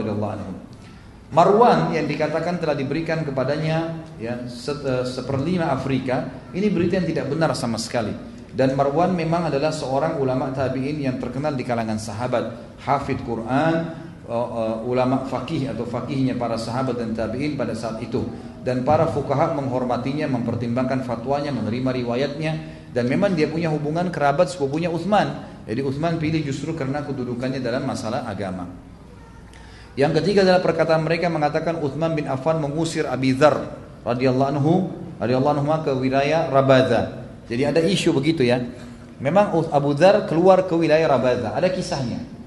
Sebuah ayat Al-Quran dalam surah At-Taubah yang berbunyi A'udzubillahi minasyaitonirrajim والذين يكنزون الذهب والفضة ولا ينفقون في سبيل الله بشرهم بعذاب عليم Abi Dzar radhiyallahu anhu punya pendapat sendiri dalam ayat ini yang artinya orang-orang yang menyimpan emas dan perak dan tidak menginfakkan jalan Allah maka sampaikan berita azab kepada mereka. Kata Abi Dzar, ayat ini satu waktu dia pernah ke negeri Syam, ketemu sama Muawiyah bin Abi Sufyan, lalu dia berkata, ayat ini turun kepada ahli kitab Yahudi dan Nasrani dan turun kepada kita muslimin. Kata Muawiyah, ayat ini hanya turun kepada ahli kitab, gitu kan? Selisih pendapatlah antara Muawiyah dengan Abi Dzar radhiyallahu anhu. Lalu Muawiyah sebagai gubernur Syam nulis surat kepada Utsman bin Affan khalifah. Begini pendapat Abi Dzar. Lalu uh, Utsman menulis surat kepada Abi Dzar untuk datang ke Madinah. Datanglah ke Madinah. Lalu Utsman bin Affan tidak bicara sampai Abi Dzar yang berbicara. Abi Dzar mengatakan, "Wahai Amir Mukminin, apakah Anda mengira saya sama dengan orang-orang Khawarij itu? Tidak faham tentang ayat Allah?" Tidak demi Allah. Saya tetap saya, gitu kan.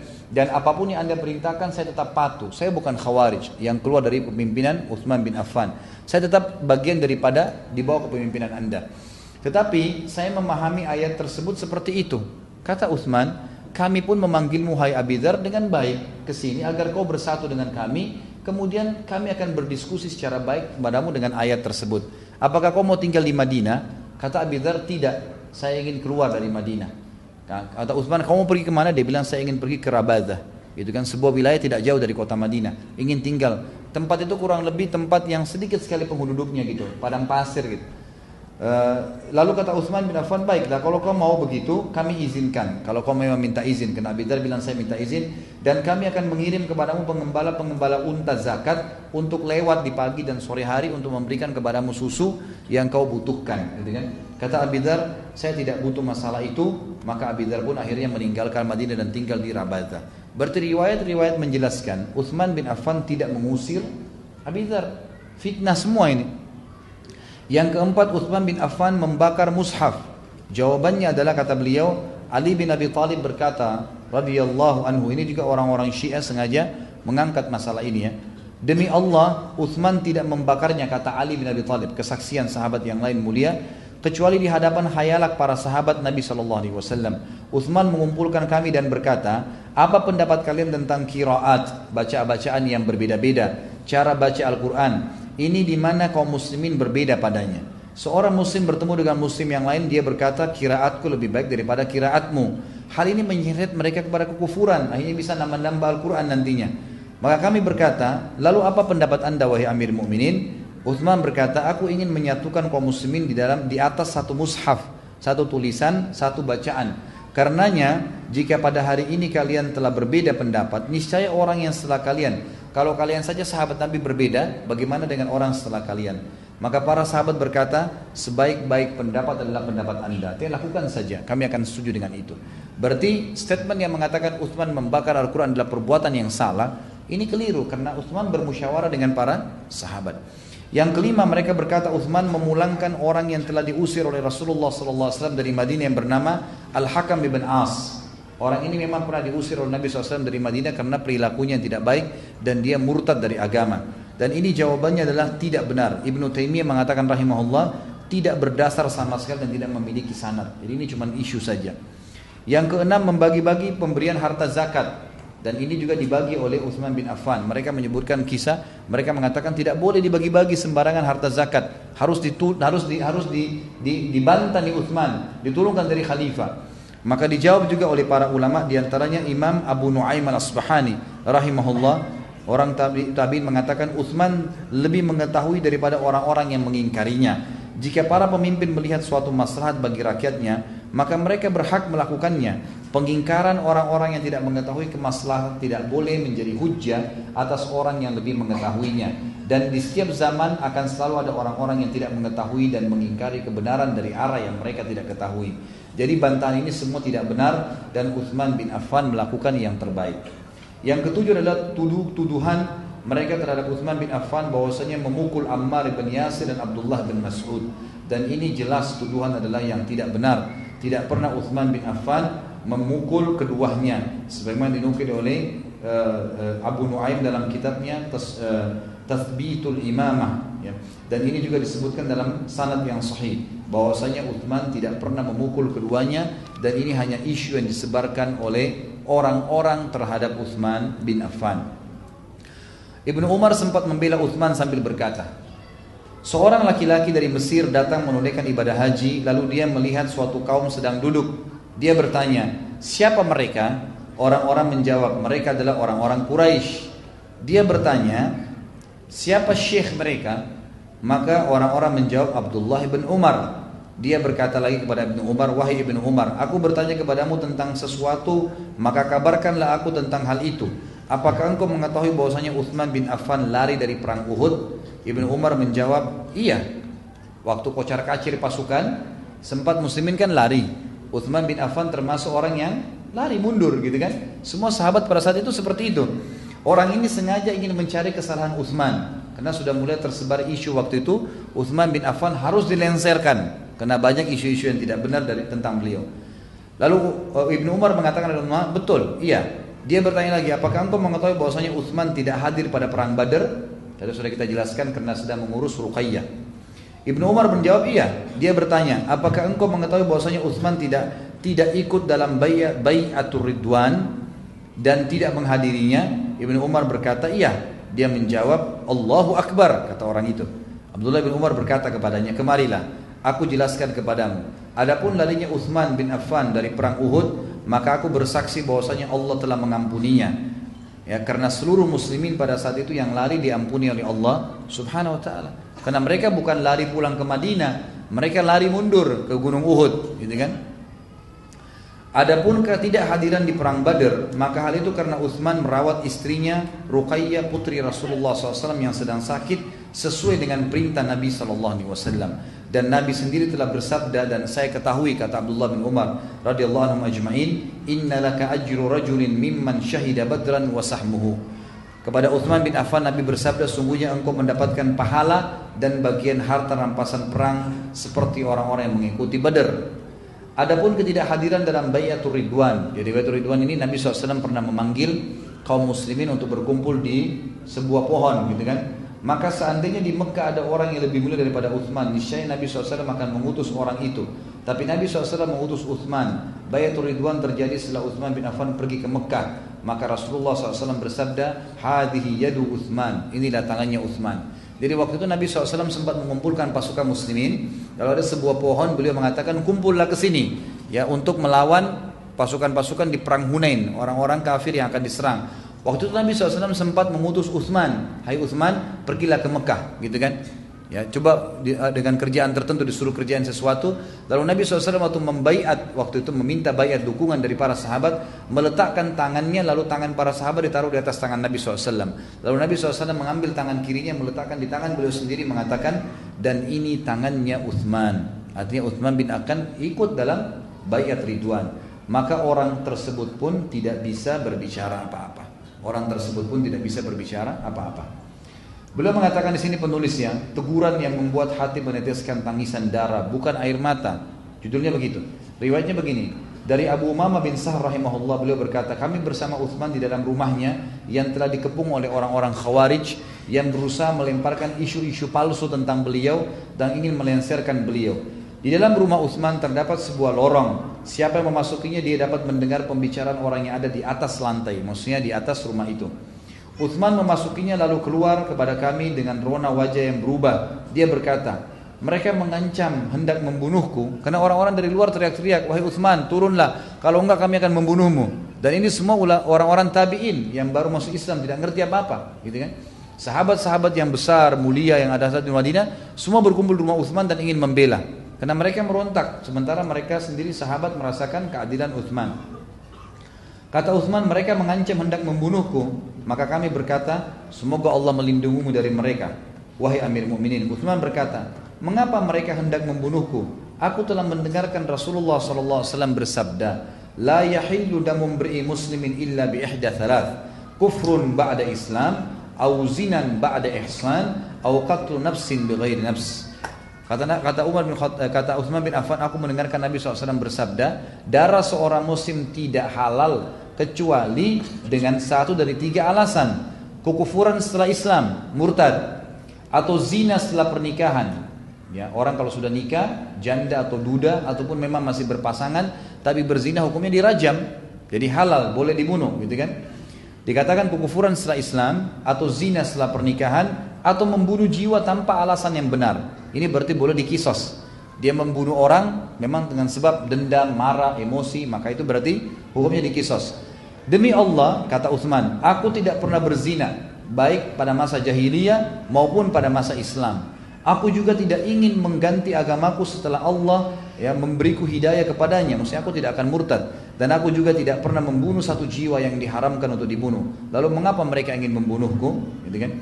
Lalu Abdurrahman, eh, lalu Uthman pernah melihat dari atas jendelanya kepada orang-orang di luar berkata, Bukankah kalian mengetahui hadis Nabi SAW ingin membubarkan orang-orang yang demo nih? Ya.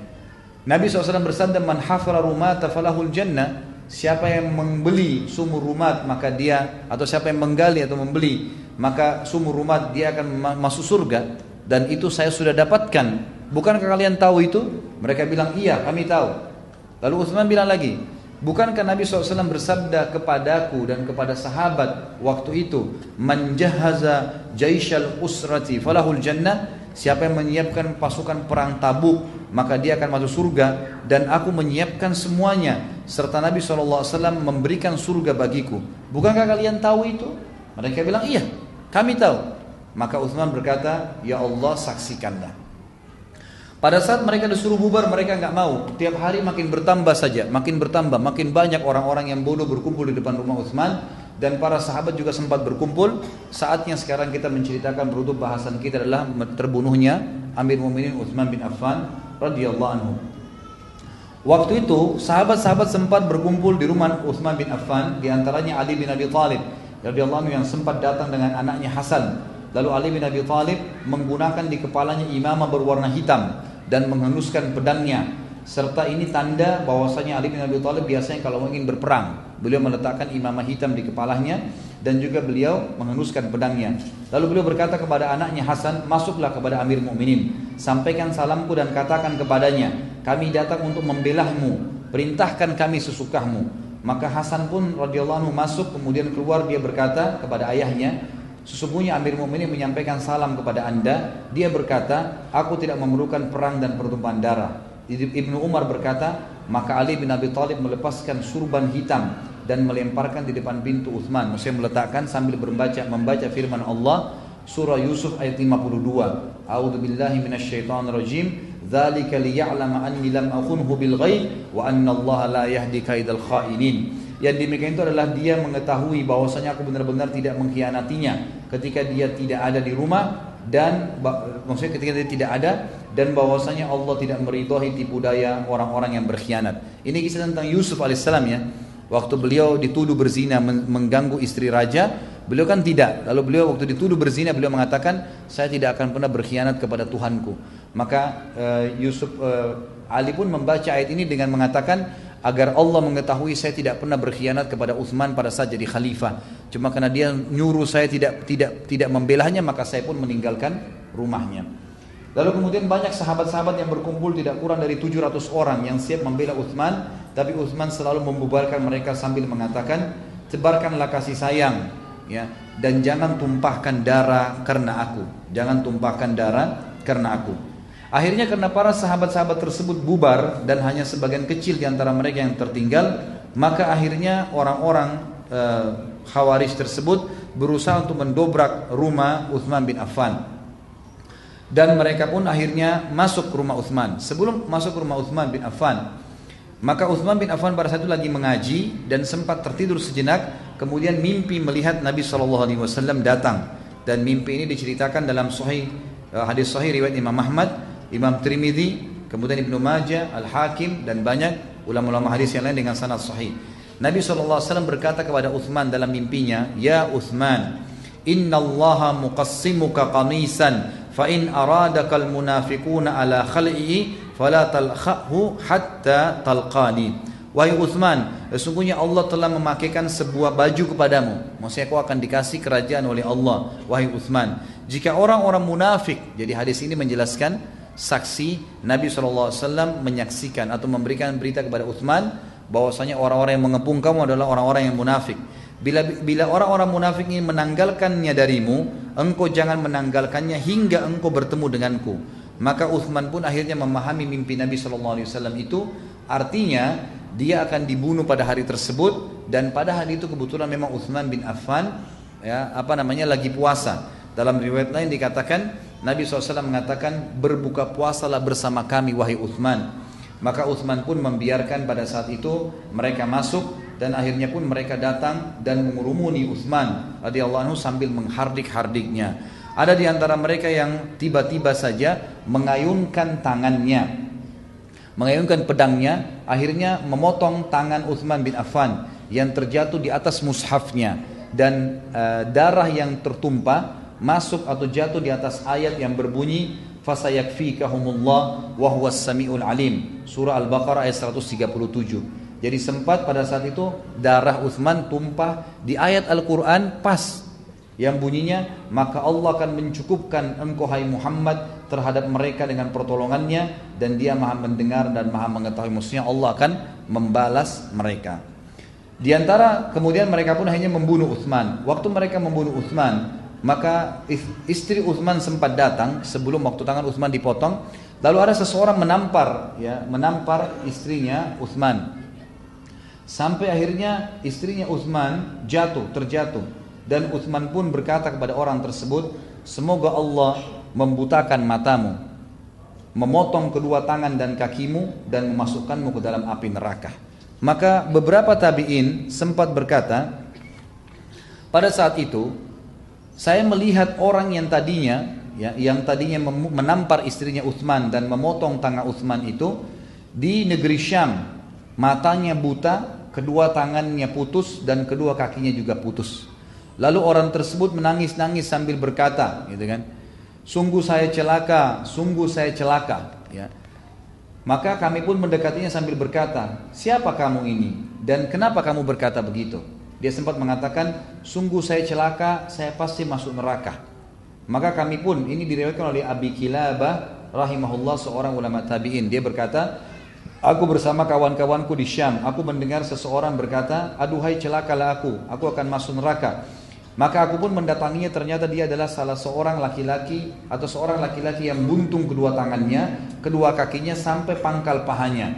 Kedua matanya buta dan dia terselungkup di atas wajahnya. Aku bertanya kepadanya tentang keadaannya. Dia berkata, aku termasuk orang-orang yang menyerang rumahnya Uthman. Ketika aku mendekati Uthman, istrinya berteriak, maka aku menamparnya.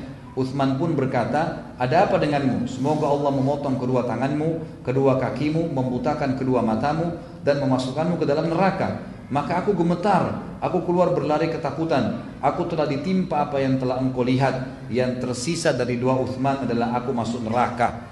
Maka Abu Kilaba mengatakan rahimahullah, maka uh, maka aku berkata kepadanya kecelakaan dan kebinasan memang pantas untukmu. Jadi sebelum uh, sebelum pun orang-orang yang membunuh Uthman bin Affan ini masuk dan membunuh mereka atau sebelum mereka meninggal dunia, Allah Subhanahu wa taala telah membuktikan kebesarannya dengan menghukum satu persatu orang-orang yang terbunuh. Sampai Yazid ibn Hubayb berkata rahimahullah kebanyakan orang-orang yang menyerang Uthman semuanya menjadi gila. Ya, subhanallah, semua yang masuk ke rumah Uthman kalau bukan mati, parah, kena penyakit berat, maka mereka gila dan meninggal dalam keadaan gila tersebut. Dan ini tidak tertinggal satu pun kecuali mereka semua begitu. Dan akhirnya kita tutup bahwasanya Allah Subhanahu wa taala menutup hidupnya Khalifah Ar-Rashid yang ketiga, Uthman bin Affan radhiyallahu anhu dengan hal-hal yang mulia. Pertama, Allah muliakan dengan masuk Islam. Yang kedua, menikah dengan kedua anak Nabi Shallallahu Alaihi Wasallam. Yang ketiga, berinfak dengan banyak sekali hartanya di jalan Allah Subhanahu wa taala dan mendapat jaminan surga. Yang keempat, menjadi orang kayanya sahabat ya dan mulia hidup di dunia. Yang kelima, menjadi khalifah dan akhirnya memimpin dunia. Yang keenam, mengekspansi Islam ke seluruh wilayah-wilayah dan banyaknya orang manusia masuk Islam berarti Uthman bin Affan yang panen pahalanya. Dan yang ketujuh adalah Allah Subhanahu wa taala menutup hidupnya dengan mati syahid dari penyebab saja orang-orang itu datang tapi Allah memang ingin mendatangkan mati syahid untuk Uthman bin Affan radhiyallahu anhu. Insya Allah sampai sini bahasan kita. Semoga Allah SWT memberkahi majelis kita ini. Dan seperti biasa insya Allah di bulan-bulan sebelumnya kita akan lanjutkan dengan tanda jawab setelah sholat duhur nantinya. Kalau benar dari Allah, pada saat saya mohon dimaafkan. Subhanakallah wa bihamdika asyhadu an la Wassalamualaikum warahmatullahi wabarakatuh. Assalamualaikum warahmatullahi wabarakatuh. Alhamdulillah wassalatu wassalamu rasulillah. Segala puji bagi Allah subhanahu wa ta'ala Juga salawat dan taslim Nabi Muhammad sallallahu alaihi wasallam. Melanjutkan tanya jawab insyaAllah Pada duhur ini. Dan teman-teman insyaAllah Sabar sedikit Dalam menghadapi majlis ilmu Tetap dicatat pahala oleh Allah subhanahu wa ta'ala. Dan kalau seandainya kita mengetahui Kadar besarnya pahala yang kita panen pada hari kiamat Mungkin jelas kita akan menunda laparnya sampai selesai pertanyaan gitu kan. Cuma memang ini butuh keimanan dalam masalah itu. Baik, pertanyaan pertama, bagaimana cara melakukan ekspansi dakwah? Sedangkan di tempat kami para ustadz sulit untuk diundang ke masjid atau musola-musola kecil. Bedakan dengan masalah ekspansi dakwah dengan ekspansi jihad tadi ya. Kalau ekspansi dakwah itu bisa dengan cara banyak sekali. Dakwah itu kan kan sekarang macam media. Jadi jangan anda terikat dengan ustadz. Kalau terikat dengan ustadz yang harus dipanggil itu nggak bisa, otomatis ya. Saya sering kali terpaksa harus menolak beberapa jadwal karena emang nggak bisa, nggak mungkin, tidak memungkinkan. Jadi kami punya batas-batas waktu, ya kan gitu. Punya juga keluarga, punya pekerjaan, nggak bisa. Itu pun kadang-kadang subhanallah dalam satu hari saya punya jadwal empat kali. Di sini dua jam, sana dua jam itu sudah 8 jam. Perjalanannya masing-masing dari satu tempat ke tempat lain sejam. Itu berarti 12 jam. setengah dari umur sehari itu sudah dipakai. Kira-kira kalau ditambah lagi kapan istirahatnya, kapan waktu untuk keluarga, kapan untuk untuk kerja gitu kan. Kadang-kadang subhanallah saya tiba di rumah ikhwan akhwat sekalian, itu saya tinggal turunkan, jatuhkan badan saya di ranjang tidur karena capeknya gitu. Jadi memang dan mungkin saya rasa teman-teman dai sama gitu.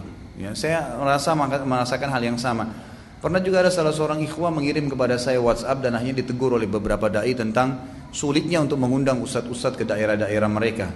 Memang dan mereka kecewa gitu karena tidak bisa datang. Subhanallah. Kita kadang-kadang melupakan bahwasanya ilmu itu didatangin, bukan mendatangkan sebenarnya. Kita lihat kalau ulama salaf kita dulu dari tabi'in, mereka mendatangi para ulama untuk belajar. Bukan ulama yang didatangkan. Bayangkan kalau setiap alim harus dikirim ke mana-mana, itu kan berapa banyak waktu mereka yang habis. Nabi SAW memang kalau satu kota membutuhkan dikirim satu orang. Muadz bin Jabal dikirim ke Yaman, untuk satu negeri Yaman, gitu kan? Nanti dia duduk di satu tempat, yang lainnya pada datang belajar. Murid-muridnya nanti nyebar. Seperti itu semestinya sistemnya. Di Indonesia enggak, kita mau balik.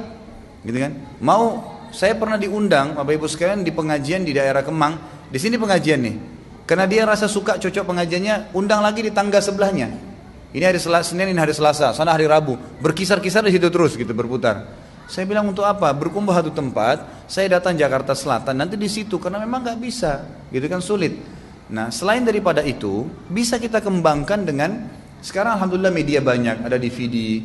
Ini seperti ceramah kita selalu diangkat, diupload. Jazakumullah khair sama teman-teman tim selalu mengedit kemudian menaikkan di YouTube. Anda bisa download gratis. Bahkan banyak sekali di antara muslimah kita yang menyampaikan pada saya bahkan di luar negeri subhanallah. Saya dihubungi dari Jerman, dihubungi dari Prancis, dihubungi dari Australia. Orang-orang Indonesia yang mendengarkan ceramah-ceramah, yang ceramah saya banyak di-download sama mereka, bahkan mereka bilang kadang-kadang lagi masak dengerin Ustaz, lagi ngurus anak dengerin ceramahnya. Karena mereka kadang-kadang kalau suaminya kerja nggak ada aktivitas. Mereka bisa lakukan itu, gitu kan? Bahkan saya pernah di Kalibata dipeluk oleh seorang bapak, tiba-tiba datang lalu mengatakan Ustaz Khalid ya dipeluk, saya nggak tahu siapa. Iya pak, dia bilang saya ini mungkin Ustaz tidak kenal. Saya punya musola di Kalimantan di kampung Ustaz. Tiap subuh saya putar ceramahnya Ustaz. Nggak mungkin kalau ngundang saya ke sana, di download sama dia, diputarin jemaahnya semua pada ngumpul nonton. Sama saja sebenarnya dengan hadir kan. Jadi mudahkan cara itu. Jadi jangan memahami ekspansi dakwah itu harus dai-dai pada nyebar ke sana sini. Kesian mereka juga nggak punya waktu untuk itu kan. Tapi kita lihat kembali kepada konsep awal, itu para sahabat didatangin, para tabiin didatangin. Memang ilmu itu didatangin, ilmu itu didatangin sehingga nanti menyebarlah ilmu itu setelah insya Allah dipelajari oleh banyak orang-orang. Siapa pembunuh Uthman bin Affan dan apa ada keterkaitan pembunuhan Uthman dengan fitnah di masa Ali radhiyallahu majma'in? Tidak disebutkan, ya, tidak tersebutkan dalam semua buku sejarah siapa yang langsung membunuh Uthman bin Affan, gitu kan? Karena pada saat itu memang yang masuk ke rumah Utsman rame-rame semuanya kaum Khawarij ini. Maka sebagian ulama mengatakan semua yang masuk hadir tertuduh pada saat itu. Tapi memang tidak tahu siapa yang menusuk Utsman dengan pedangnya tidak tahu karena ramehnya orang. Jadi diibaratkan saya pernah belajar e, sejarah di tingkat tiga kuliah di Fakultas Dakwah di waktu itu masih di Madinah Dosen saya menjelaskan masalah fitnah terbunuhnya Utsman sampai beliau menangis meneteskan air mata di kelas. Gitu. Luar biasa orangnya gitu. Sampai dia bilang ibaratnya pembunuhan Utsman ini radhiyallahu anhu seperti ada seseorang baik lagi jalan tiba-tiba dikeroyokin oleh orang gitu kan. Tidak tahu siapa ini kelompok datang ngeroyokin semuanya rame-rame mukul. Lalu matilah orang tersebut. Siapa yang akan dituduh? Enggak ada, enggak jelas karena semuanya partisipasi. Pada saat satu mukul yang lain pada mukul semua. Siapa yang pukulannya mematikan itu nggak tahu. Karena memang waktu itu semuanya rame-rame masuk meroyokin sudah dinasehatin nggak mau gitu kan. Nah salah satunya ya tadi yang sempat kena ya doanya Utsman bin Affan gitu kan. Itu pun dalam riwayatnya tidak disebutkan namanya, tidak disebutkan karena para ulama menganggap tidak penting untuk mengetahui nama pembunuh itu. Yang penting adalah mengetahui bagaimana pengorbanan Utsman radhiyallahu anhu. Kalau masalah fitnah yang datang setelah Ali memang benar jadi pada saat Uthman bin Affan terbunuh radhiyallahu anhu, maka masyarakat Madinah spontan memilih Ali bin Abi Thalib sebagai khalifah.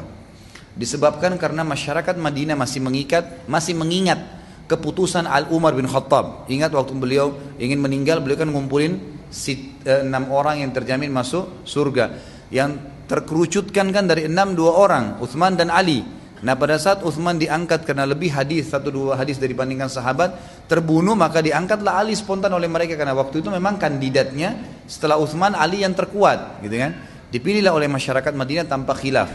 Pada saat itu Muawiyah bin Abi Sufyan memang uh, sepupu Uthman bin Affan yang sudah kita jelaskan ya, gubernur tapi bukan dari zaman Uthman saja dari zaman Umar bin Khattab anhu ajma'in salah satu penulis wahyunya Nabi jadi Muawiyah bin Abi Sufyan adalah penulis wahyunya Nabi Sallallahu Alaihi Wasallam. Beliau tidak setuju dengan pengangkatan Ali bin Abi Thalib pada saat itu.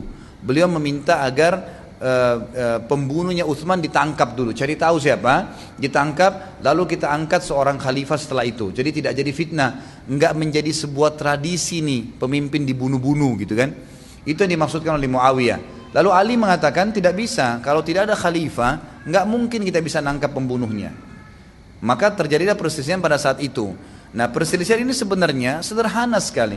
Hanya perselisihan pendapat. Maka Muawiyah pun keluar dengan kurang lebih 3.000 atau 4.000 orang dari negeri Syam. Niatnya mau pergi ke Madinah. Untuk bermusyawarah dengan Ali bagaimana nih jalan keluarnya. Jangan dibiarin pembunuhnya Utsman gak ditangkap. Cari tahu hukum semuanya. Gitu kan. Baru kami bayat anda. Ternyata waktu Muawiyah keluar, ada kaum khawarij yang tadinya menjadi penyebab terbunuhnya Utsman. Mereka takut kebongkar, maka mereka sebarin fitnah. Apa yang mereka sebarin fitnah? Mereka bilang ya pada Ali dikirim surat Muawiyah sudah keluar dengan pasukannya dari negeri Syam. Maka Ali tangkapnya Muawiyah ini mau memberontak gitu kan.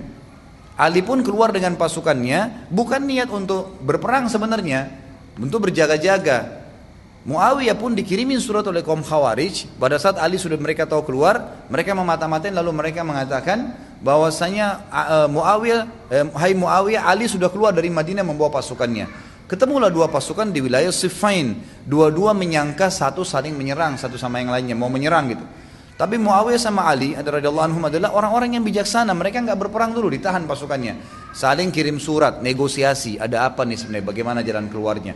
Setelah Muawiyah tahu maksud Ali keluar karena dapat surat, tidak tahu dari mana jelasnya bahwa saya Muawiyah keluar mau menyerang. Muawiyah pun tahu ternyata yang mau keluar Ali mau keluar uh, dari Madinah karena mau menyerang dia. Maka itu terputuskan karena dua-duanya ketemu dan bermusyawarah. Orang Khawarij tidak terima karena sudah mau pisah nih maka orang Khawarij ini membagi dua kelompoknya dan mereka tidak ditahu siapa memang dalam sejarah tidak disebutkan. Ada ciri-ciri umum saja kan. Nanti di zamannya Ali bin Abi Thalib pada saat kita bahas insya Allah di bulan depan nanti kita akan bahas banyak tentang kaum Khawarij karena Ali akan memerangi mereka. Gitu kan? Intinya mereka waktu itu lempar anak panah dari kemahnya Muawiyah ke kemahnya Ali di malam hari. Besok sudah mau bubar nih, udah sepakat gitu kan? lempar anak panah dari kemahnya Ali ada juga yang lempar anak panah dari mereka maka dua, dua, dua kelompok kira saling menyerang kita tahu sendiri ya rasionalnya gini kalau saya kita lagi jalan rame-rame sana juga ada kelompok jalan rame-rame nggak saling kenal pun. Lalu ada satu orang dari kelompok A ini ngelempar batu ke situ. Apa yang terjadi kira-kira? Pasti berantem iya kan? Walaupun tidak ditahu siapa maksudnya apa tujuannya nggak ditahu. Jadi bisa berantem dan itu sulit untuk dibendung Nanti mungkin sudah ada yang parah, ada yang ini, ada yang itu, baru mungkin berhenti. Itu terjadi. Maka setelah terjadi peperangan pun, Ali bin Abi Thalib menegaskan kepada Muawiyah mengirim orang mengatakan berhentikan peperangan. Muawiyah pun mengatakan berhentikan peperangan. Berhenti peperangan. Nah, kelihatanlah kelompok Khawarij ini. Dari mana kelihatannya waktu itu Ali memberhentikan peperangan, Muawiyah juga berhentikan peperangan dan Muawiyah mengikrarkan saya menganggap Anda sebagai khalifah, selesaikan aja tugas Anda. Saya akan pulang ke Syam. Dan sudah banyak darahnya umat Islam yang terbunuh, gitu kan? Nah keluarlah kelompok khawarij nih keluar mereka sekelompok orang gitu lalu mereka mengatakan kepada Ali wahai Ali dianggap Quran kau tidak berhukum dengan hukum Allah. Mestinya Muawiyah ini nggak boleh dimaafin udah keluar mau melawan khalifah bunuh aja. Mereka paling hobi begitu buat keributan. Gitu kan? Nah sama Ali dikatakan tidak mungkin saya membunuh muslimin. Gak mungkin ini nanti terjadi fitnah. Maka Muawiyah pun disuruh pulang. Pulanglah Muawiyah. Ternyata kelompok khawarij ini buat masalah nih. Nanti akan kita bahas zamannya Ali radhiyallahu anhu itu, dia buat mereka buat masalah, mereka keluar dari pasukannya Ali, kemudian mereka membunuh di tengah jalan. Banyak orang yang dibunuh muslimin. Siapa pun yang temuin yang tidak sefaham, yang tidak mengatakan Ali kafir, maka dikatakan apa namanya? Dia uh, boleh dibunuh, halal darahnya, gitu kan? Sampai pembunuhnya Ali bin Abi Thalib nanti Ali dibunuh oleh salah satu dari orang Khawarij ini, dia menganggap ya itu pendekatan diri dengan Allah Subhanahu wa taala, membunuh khalifah. Jadi bagi mereka itu biasa membunuh khalifah, membunuh, memberontak, Makanya kan dalam pemahaman ahli sunnah wal jamaah nggak boleh mengkafirkan pemerintah tertentu kalau dia muslim selama memang tidak ada indikasi jelas kekufuran padanya. Dan wajib patuh selama memang dia mereka masih membiarkan kita sholat gitu kan? Itu jelas konsep dasar pemimpin dalam Islam.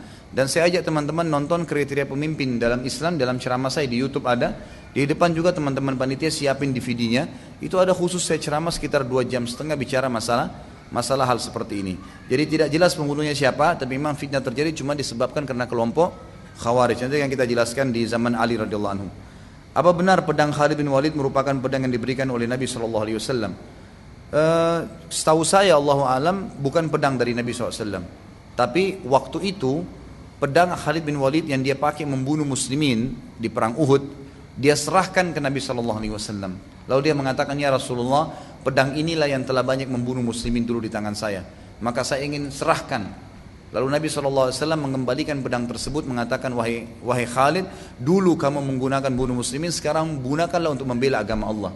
Maka Khalid bin Walid pun bersumpah atas nama Allah akan menggunakan pedang tersebut di jalan Allah dan betul sampai dia meninggal menggunakan pedang tersebut. Dan kata Nabi Shallallahu Alaihi Wasallam untuk melihat perannya Khalid bin Walid dalam peperangan banyak sekali bagaimana di perang. Dan kita tahu kisah-kisah nanti yang kita bahas pada saat insya Allah pada saat membahas kisah beliau bagaimana peperangan yang dipimpin. Bahkan bisa dikatakan semua peperangan dipimpin Khalid bin Walid pasti menang gitu kan?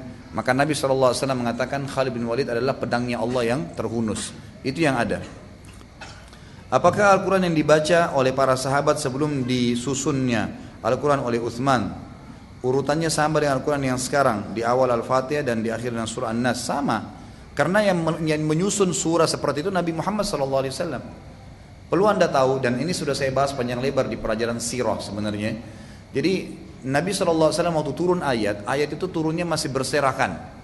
Turun tiga ayat, turun lima ayat, turun sepuluh ayat Ada turun satu surah Lalu Nabi SAW yang mengatakan letakkan ayat ini di surah ini ayat sekian letakkan ayat ini di surah ini. Jadi Nabi SAW yang susun tuh.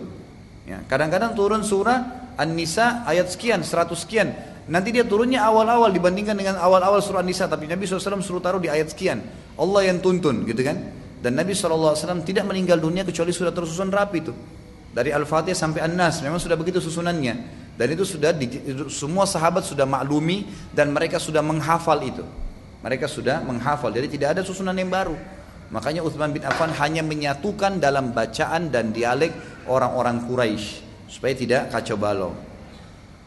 Di zaman Nabi Shallallahu Alaihi Wasallam Al-Quran belum ada tanda bacanya.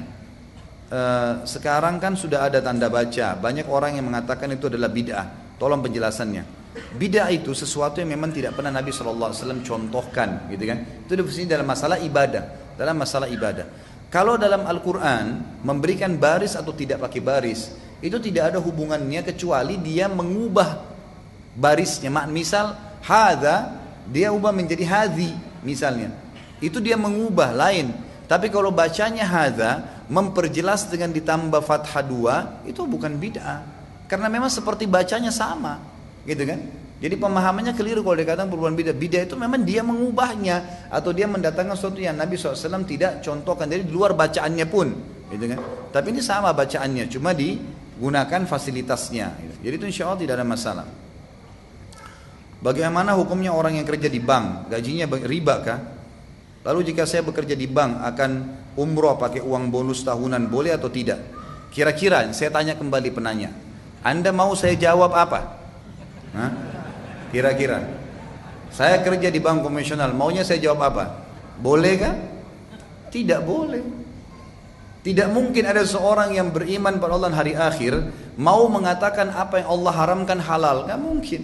Karena bertanggung jawab saya depan Allah Subhanahu wa taala. Kerja di bank konvensional riba, haram dan itu berdosa. Kalau Anda tetap bekerja di situ berarti Anda siap menanggung konsekuensinya, gitu kan? Dalam Islam, kata para ulama, kalau ada orang berbuat dosa dan dia akui itu kedosa, kemudian dia berusaha keluar bertobat, itu lebih baik. Dibandingkan orang buat dosa dia mencari jalan untuk membenarkannya. Apa kata Nabi SAW dalam hadis sahih riwayat Imam Ahmad? Dosa itu adalah yang berkecamuk di dalam hidupmu dalam hatimu. Walaupun kau sudah tanya ke sana sini fatwanya. Subhanallah ya. Ingat teman-teman yang masih bekerja ya. Saya sudah jelaskan tadi rezeki di tangan Allah belasan tahun anda hidup tanpa bekerja Kenapa sekarang dengan 2, 3 tahun, 5 tahun, 10 tahun kerja di bank lalu ketakutan untuk keluar? Subhanallah. Mana kita yang belasan tahun yang lalu hidup tanpa berusaha pun sudah datang rezekinya, gitu kan? Artinya tetap kita ikhtiar. Tapi saya pernah jelaskan, ada juga ceramah saya kalau diikuti itu judulnya saudaraku ini rahasia rezekimu. Dua jam setengah saya bicara masalah itu. Rezeki sudah sering saya jelaskan seperti sebuah pohon. Ada yang buahnya bergeletakan, ada yang bergantungan. Yang bergeletakan itu semua orang bisa dapat. Seperti cahaya yang dia tangkap oleh mata bisa melihat, suara yang kita dengar, air yang tiba-tiba kita bisa minum dapat atau orang memberikan hadiah, itu kan anggota tubuh bisa bergerak semua itu rezeki dari Allah SWT itu kan kita bisa menunggangi dan mendapatkannya ada rezeki di atas pohon buahnya bergelantungan butuh tangga butuh naik butuh upaya memilih itu ada bekerja namanya jadi kalau ada orang S1 mau S2 deh supaya saya lebih tinggi gajinya di kampus. Itu namanya ikhtiar, naik. Dan ini semua orang kafir, orang beriman akan mendapatkannya, gitu kan? Hanya saja orang beriman disuruh, disuruh pakai tangga naik itu tangganya yang bagus, yang kuat, halal. Jangan tangga-tangga yang keropos. Buah yang diambil buah-buah yang masih bagus, segar. Jangan buah yang sudah busuk. Itu buah-buah yang haram. Ambil yang baik. Seperti itulah pemahamannya gitu kan. Jadi jangan pernah takut dengan rezeki. Rezeki itu di tangan Allah SWT. Ingat, pegangi ini. Hadis Nabi SAW yang berbunyi. Riwayat dengan hasanat hasan ya. Riwayat Al-Hakim. Kata Nabi SAW. Kalau seseorang itu lari dari rezekinya. Lari dari rezeki. Sebagaimana dia lari dari mati. Orang kan banyak lari dari mati ya. Maka rezeki itu akan mengejarnya. Sebagaimana mati mengejarnya. Dalam hadisnya dikatakan apa? Tidak ada seseorang akan meninggal dunia kecuali seluruh rezekinya akan dikasih. Tidak ada orang kalau memang dia mati sudah begitu ya sudah begitu rezeki dari Allah Subhanahu wa taala. Tapi itu semua akan diberikan oleh Allah Subhanahu wa taala. Cuma saja ada yang sifatnya tadi orang ber, cuma minta berharap yang berjatuhan, ada yang memang bergelantungan dia berusaha ikhtiar lebih banyak dan itu Allah taala akan kasih. Kalau Anda ingin umroh dengan hasil riba, setahu saya tidak boleh. Inna Allah tayyibun la yakbalu illa tayyiba. Allah suci tidak terima kecuali yang suci. Nggak bisa. Uang korupsi, uang riba, uang curi dipakai untuk umrah atau haji nggak boleh. Nggak diterima oleh Allah Subhanahu Wa Taala, gitu kan? Bagaimana cara menghilangkan penyakit was-was dengan ilmu dan beribadah kepada Allah Subhanahu Wa Taala? Was-was dari syaitan. Allah mengatakan alladhi yuwaswisu fi sudurin nas. Jadi was-was itu dari bahasa Arab sebenarnya. Yuwaswis artinya mengganggu, mengacaukan pikiran. Itu dari syaitan. Di sini penanya berkata kalau saya bisa udu dan sholat berkali, saya ulang-ulang terus. Sudah sholat kadang sholat lagi karena was-was disebabkan tidak khusyuk, perasaan kentut, lupa rakaat, terlintas pikiran kotor. Apakah saya harus dirukyah? Mengingat penyakit was-was ini sudah cukup lama yang menyiksa serta menyita waktu saya.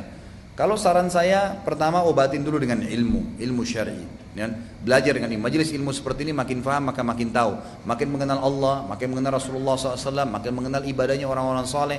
Kita akan lebih yakin, ya, muncul keyakinan. Keyakinan ini akan menghilangkan was-was, gitu kan? Nah, kalau anda sudah coba menjalankan itu dan ternyata masih ada gangguan, bisa saja dari syaitan. Boleh dirukyah, nggak ada masalah. Rukyah syariah dibolehkan, gitu kan?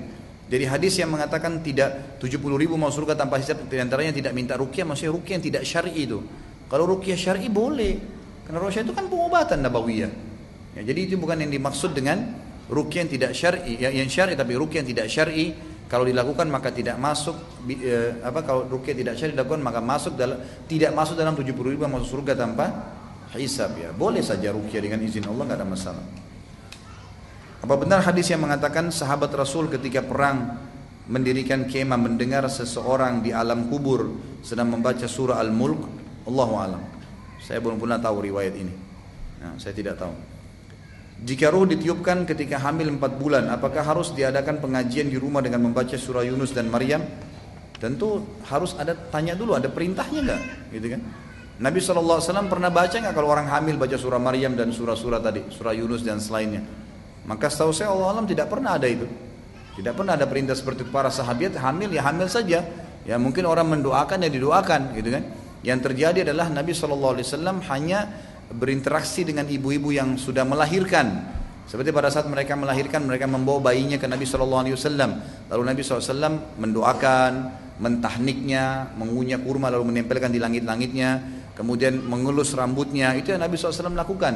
Gitu kan? Tapi selama hamil belum pernah ada hadis Nabi SAW yang uh, tersebutkan berinteraksi atau memerintahkan melakukan perbuatan tertentu termasuk membaca Al-Quran.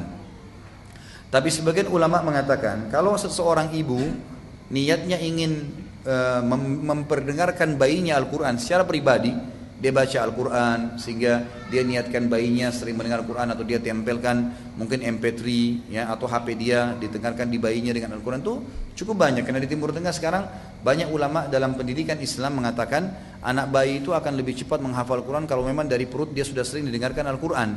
Itu memang mungkin bisa tapi secara individual ya. Ini kan tadi yang dimaksud mendatangkan buat acara di rumah. Membaca surah tertentu ini tidak pernah ada contoh dari Nabi Sallallahu Alaihi Wasallam. Bolehkah bersedekah dengan harapan Allah akan mengganti dengan kebaikan di dunia? Boleh, nggak ada masalah. Bolehkah saya beribadah berharap balasan dari Allah? Boleh. Kenapa tidak? Namanya bertawassul dengan amal soleh. Boleh saja. Ya kita sudah tahu kisah tiga orang di gua kan, yang terkurung kemudian akhirnya mereka menyebutkan masing-masing amal solehnya. Berharap keluar dari gua, boleh saja, nggak ada masalah. Gitu kan? Dan juga boleh kita menyembah eh, beribadah kepada Allah. Justru itu poinnya kita berharap mendapatkan apa yang Allah janji. Misal kita sholat berjamaah berharap dapat 25 kali lipat. Berharap berharap dapat 27 derajat. Gitu kan? Yang kata Ibnu Abbas satu derajat dengan derajat yang selebihnya di atasnya adalah jaraknya 500 tahun. Bolehkah saya sholat untuk mendapatkan itu? Boleh. Justru itu targetnya. Bolehkah saya bersedekah karena niat agar Allah ganti? Boleh. Karena memang begitu Allah mengatakan dalam Al-Quran, "Wa ma anfaqtum min syai'in fahuwa yukhlifu." Apa yang kalian infakkan pasti Allah akan ganti, janji Allah. Boleh kita buktikan janji Allah, nggak ada masalah. Gitu kan? Salat malam berharap doa saya diterima, boleh. Karena itu janji Allah Subhanahu wa taala. Jadi nggak ada masalah. Apakah itu apakah itu benar pada masa pemerintahan Uthman e, juga banyak terjadi korupsi dan nepotisme. Ini sudah kita sebutkan tadi kan di akhir pertemuan. Semua syubhat tadi itu panjang lebar semua berhubungan dengan isu itu dan itu tidak benar semuanya. Itu semua tidak benar. Ya. Saya membaca atau mendengarkan kajian sirah seperti ini, saya hanya bisa terheran-heran, ingin rasanya bisa berinfak seperti salafus soleh, tapi apa bisa? Bagaimana seorang istri menginfakkan harta, apa harus selalu seizin suami dan bila kita mengorbankan baik harta tenaga untuk Islam ini, bagaimana cara menjaga keikhlasan seperti Uthman bin Affan menjaga keikhlasannya radhiyallahu anhu. Baik, jazakallah khair. Ini saya berharap ya, ikhwat dan akhwat kalau bertanya, menyebutkan nama Nabi SAW, salawat pada Nabi SAW, menyebutkan nama sahabat, bilang radhiyallahu anhu, ya, atau anhum ajma'in. Ini penting. Baik, di sini dikatakan, kalau anda tanya apa bisa, saya jawab sangat bisa, gitu kan. Dan caranya mulai dulu. Oh saya Ustaz pendapatan jual kue tiap hari cuma dapat 50 ribu. Bisakah saya berinfak? Bisa kalau mau, infak saja. Coba infakkan, gitu kan. Kata para ulama, hadis Bukhari yang menjelaskan uh, ada dua orang di zaman Bani Israel yang pernah masing-masing punya kebun dan musim peceklik, lagi panas, nunggu hujan dari langit. Kemudian temannya yang satu lagi nunggu hujan tiba-tiba melihat ada awan lewat, kemudian dia dengar suara. Dari awan itu ada suara mengatakan e, turunkanlah hujan di kebunnya fulan, kebun temannya dia di sebelah. Lalu kemudian dia ikutin ternyata hujan tersebut ada di atas kebun temannya lalu turun hujan lebat. Lalu kemudian dia pun tanya temannya, apa yang kau lakukan? Tadi saya dengar ada suara di awan mengatakan turunkan hujan di kebunnya fulan, kebunmu. Dan hujan ini turun. Kata temannya apa? Ini rahasianya. Dia bilang hasil kebun ini saya bagi tiga. Hasil kebun ini saya bagi tiga. Jadi keuntungannya dibagi tiga sama dia. Sepertiga saya infakkan langsung di jalan Allah. Ada keuntungan 100 ribu, 35 ribu, 33 ribu sudah dikeluarin jalan Allah. Sepertiganya saya kembalikan sebagai modal, sepertiganya saya pakai untuk kebutuhan rumah tangga saya. Jadi iman dibagi semua karena untuk keluarga pun itu adalah sedekah, adalah ibadah kepada Allah SWT. Jadi mulai saja, saya punya punya 20 ribu, baik infakkan berapa yang anda mampu. Tapi mulai berinfak, ya, mulai berinfak, mulai memberi. Dan kalau perlu target setiap hari ada yang dijadikan sebagai orang atau dicari orang yang bisa menerima infak itu. Abdullah bin Umar radhiyallahu anhu itu adalah salah satu ciri beliau. Kalau beliau tidak menemukan ada satu orang yang datang minta kepada beliau, beliau keluar mencari untuk memberi kepada orang fakir miskin. Jadi memang harus begitu. Coba mulai dan mulailah dengan sesuatu yang yang baik gitu. Manakah yang didahulukan? Apakah membantu orang tua atau berinfak untuk tetangga yang kurang mampu? Tentu tergantung. Kalau orang tua kita lagi butuh, ya orang tua didahulukan. Karena ada seorang sahabat pernah dalam hadis Bukhari mempunyai dirham. Dan dia keluarkan di depan Nabi di depan Nabi SAW berkata ya Rasulullah ini dirham. Ada fakir miskin muslimin. Dan ada fakir miskin ya kerabat saya. Mana yang saya dahulukan? Kata Nabi SAW kalau kau bantu kerabatmu kau akan mendapatkan dua pahala. Pahala silaturahim dan pahala sodakahnya jadi kalau ada orang terdekat lebih butuh kita kasih orang terdekat tentunya, gitu kan? Orang terdekat tentunya. Tapi kalau memang orang tua kita tidak ada hajat, kita hanya sekedar mau belikan hadiah, ada tetangga lagi miskin, ya tetangga didahulukan, gitu kan? Tergantung keadaannya. Bolehkah bersedekah untuk membangun pembangunan masjid tapi diniatkan untuk ayah yang sedang sakit? Maksudnya di atas namakan kepada ayah. Dan bagaimana cara berbakti kepada ayah yang sedang sakit? Boleh saja gitu kan? Bolehkah saya bersedekah untuk atas nama kerabat saya yang masih hidup atau sudah mati? Boleh. Karena itu memang dibolehkan dalam agama Islam, gitu kan? Jadi saya bersedekah untuk kerabat, untuk siapa saja, gitu kan?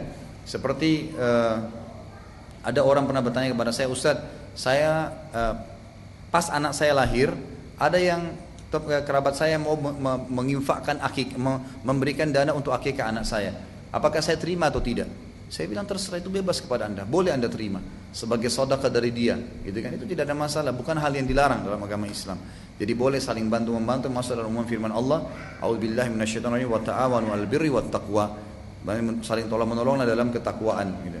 Kalau cara berbakti dengan orang tua ayah yang sedang sakit ya berusaha maksimal, jenguk, bantu, layanin, berikan obat, bawa ke rumah sakit, ya maksimal yang kita bisa lakukan, doakan, ya semua itu kita lakukan ya.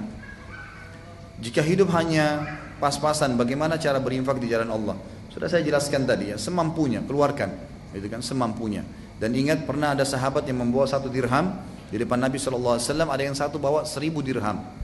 Itu kan bedanya 999 dirham. Lalu kata Nabi SAW, satu dirham mengalahkan seribu dirham. Para sahabat berkata, ya Rasulullah, gimana caranya? Gimana cara hitung-hitungannya tuh?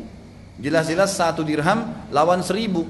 Kata Nabi SAW, yang satu dirham ini, yang beri satu dirham, tidak punya kecuali itu.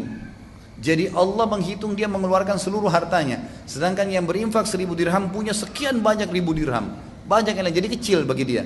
Jadi kalau antum punya cuma seratus ribu rupiah, antum infakkan seratus ribu itu sangat berharga buat antum. Itu Allah nilai besar sekali. Dibandingkan ada orang yang mengeluarkan seratus ribu, tapi dia punya uang ratusan juta. Kecil bagi dia itu. Maka Allah juga maha adil menghitung ya kadar uh, keikhlasan keikhlasan seseorang. Bagaimana infak bagi wanita yang hanya ibu rumah tangga? Apakah nafkah hanya terbatas pada materi? Tentu saja tidak, infak saja. Tapi memang ada tadi pertanyaan yang belum saya jawab. Kalau ibu-ibu diberikan nafkah oleh suaminya, harta itu dari suami. Kemudian misalnya tiap bulan 3 juta ya buat belanja di rumah. Ya. Kemudian ibu ada lebih, lalu ibu nabung. Itu berarti masih terhitung uangnya suami walaupun dikasih. Kalau mau infak, izin saja. Ya, adabnya begitu. Tapi kalau uang ibu pribadi, misal memang uh, uang warisan, uang tabungan, uang bisnis yang memang tidak ada hubungannya sama suami, maka itu boleh ibu infakkan walaupun tidak pamit dengan suami. Karena itu hak ada. Tidak ada masalah itu. Gitu. Jadi berinfaklah dan berinfak semampunya. Kalau tidak bisa dengan uang, dengan materi, bisa dengan yang lain. Tidak ada masalah. Pakaian, bukankah tadi ada riwayat sahabiat ya gitu yang bagaimana mereka mengumpulkan uh, ada cincin, ada kalung, ada ini, ada itu macam-macam. Ya. Ada yang pernah berinfak dengan kain-kain, apa saja. Mereka berinfak. Ada yang tadi membawa makanan, kurma. Ya itu juga semua, termasuk infak di Allah Subhanahu Wa Taala. Infak sedekah yang ideal itu berapa persen dari kekayaan dimiliki? Ya tadi saya kasih contoh, kalau anda mau maksimal bisa sepertiganya, seperti hadis tadi, orang Bani Israel yang dua kebunnya bersebelahan. Kalau para ulama mengatakan kalau mau infak lebih besar maka itu lebih baik, nggak ada masalah. Tapi memang Allah SWT mengatakan wala tusrifu, gitu kan? Wa kana baina qawama. Allah mengatakan dalam ayat yang lain. Jadi orang-orang yang berinfak itu tidak tidak berlebih-lebihan. Ya, tidak berlebih-lebihan. Artinya memang dia berinfak dan dia tahu juga ada sesuatu yang dia bisa gunakan untuk kebutuhannya. Jadi Allah mengatakan dan wa kana baina dzalika qawama. Ada di antara berinfak dan di antara juga menahan diri mereka tengah-tengah di situ ya. Berada di tengah-tengah. Itu yang dimaksud. Apakah boleh merasa cukup dengan infak sodokah yang sudah kita keluarkan? Bisa saja ya. Tidak ada masalah. Kalau anda memang menganggap itu sudah cukup maka boleh-boleh saja nggak ada masalah. Ya kita memilih hutang atau tagihan Apakah kita mendahulukan membayar utang dan menunda sedekah atau membayar utang dan bersedekah secara bersamaan? Tentu kalau bertemu antara utang sama sedekah, maka utang dulu. Utang itu wajib soalnya untuk dibayar, gitu kan? Bahkan dalam hadis sahih dikatakan matlul ghani zulm. Menunda pembayaran utang bagi orang mampu kezaliman, nggak boleh, gitu kan? Haram hukumnya. Maka antum tidak boleh menunda itu, tidak boleh menunda. Nah, tapi kalau bertemu misalnya bayar utang, ada lebihnya, memang kita bisa bersedekah, tidak ada masalah bersedekah. Karena utang itu adalah kewajiban. Jadi kalau ketemu kewajiban sementara sedekah itu hukumnya sunnah, maka harus didahulukan kewajiban. Ustadz apakah ada zakat profesi? Bagaimana hukumnya? Kemudian untuk orang yang bekerja mengelola zakat tersebut bagaimana hukumnya? Apakah dia termasuk amil zakat yang menerima gaji dari pekerjaan tersebut? Kalau yang saya tahu Allah alam semua ulama di Timur Tengah, gitu kan? Mengatakan tidak ada zakat profesi kecuali sebagian kecil dari ulama-ulama Azhar yang mengatakan ada zakat profesi. Jadi zakat profesi ini sebenarnya keluar daripada syarat zakat yang sebenarnya. Ada haul dan ada nisab. Haul masa setahun, nisab juga kadar daripada zakat ini. ini juga sudah saya panjang lebar jelaskan di YouTube ada bahasan masalah zakat tuh. Jadi iman tidak tidak ada zakat profesi karena zakat profesi itu masuk dalam atau melanggar syarat mutlak daripada zakat. Seorang pegawai gajinya 5 juta per bulan. Langsung diakumulasi setahun 60 juta kena 12 bulan. 60 juta dihitung sampai nggak nisab 85 gram emas.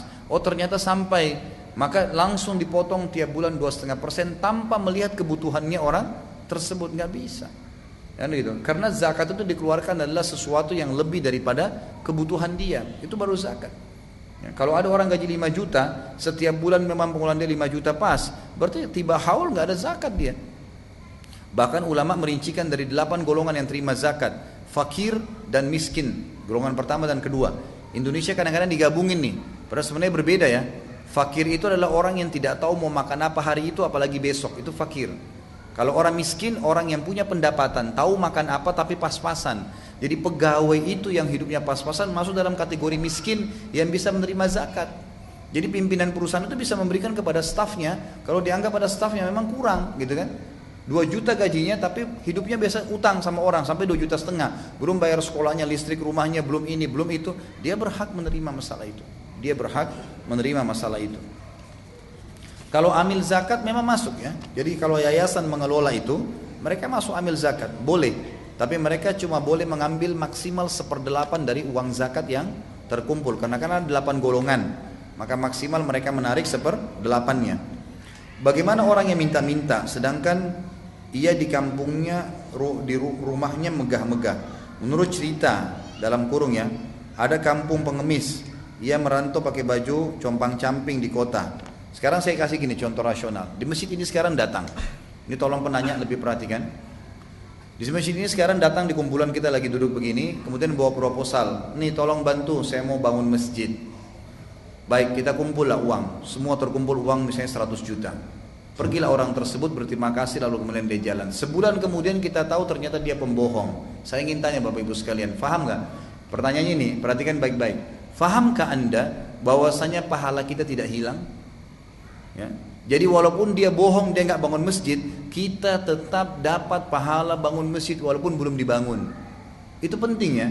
Makanya dalam Islam hukum sesuatu itu secara zahir yang kelihatan. Yang kelihatan orang ini sholat, oh ya saya tahu dia sholat. Yang saya tahu dia muslim ya sudah dia muslim. Kecuali lagi ada indikasi lain, dia murtad, nah itu lain lagi. Tapi kita disuruh hukum secara zahir. Ingkar mungkar pun meluruskan orang yang salah secara zahir. Kita tidak punya kewajiban dalam Islam keluar dari masjid habis sholat duhur, pegang tangan orang, kamu udah sholat belum? Nggak ada dalam Islam tuh. Tapi kalau kita lagi jalan dengan seseorang, sudah azan duhur dia nggak sholat, nah ini wajib ingkar mungkar. Secara zahir kelihatan tidak sholat gitu kan? Nah ini wajib seperti itu. Jadi kalau ada orang minta sumbangan kita dengar isu kadang-kadang syaitan membisikkan begitu. Oh itu anak pinjaman oh dia masih kuat. Jangankan orang masih kuat fisiknya sarjana sekarang belum tentu bisa kerja. Apalagi orang itu mana kita tahu kesian mungkin memang dia butuh bantuan gitu kan? Mungkin dia memang butuh bantuan.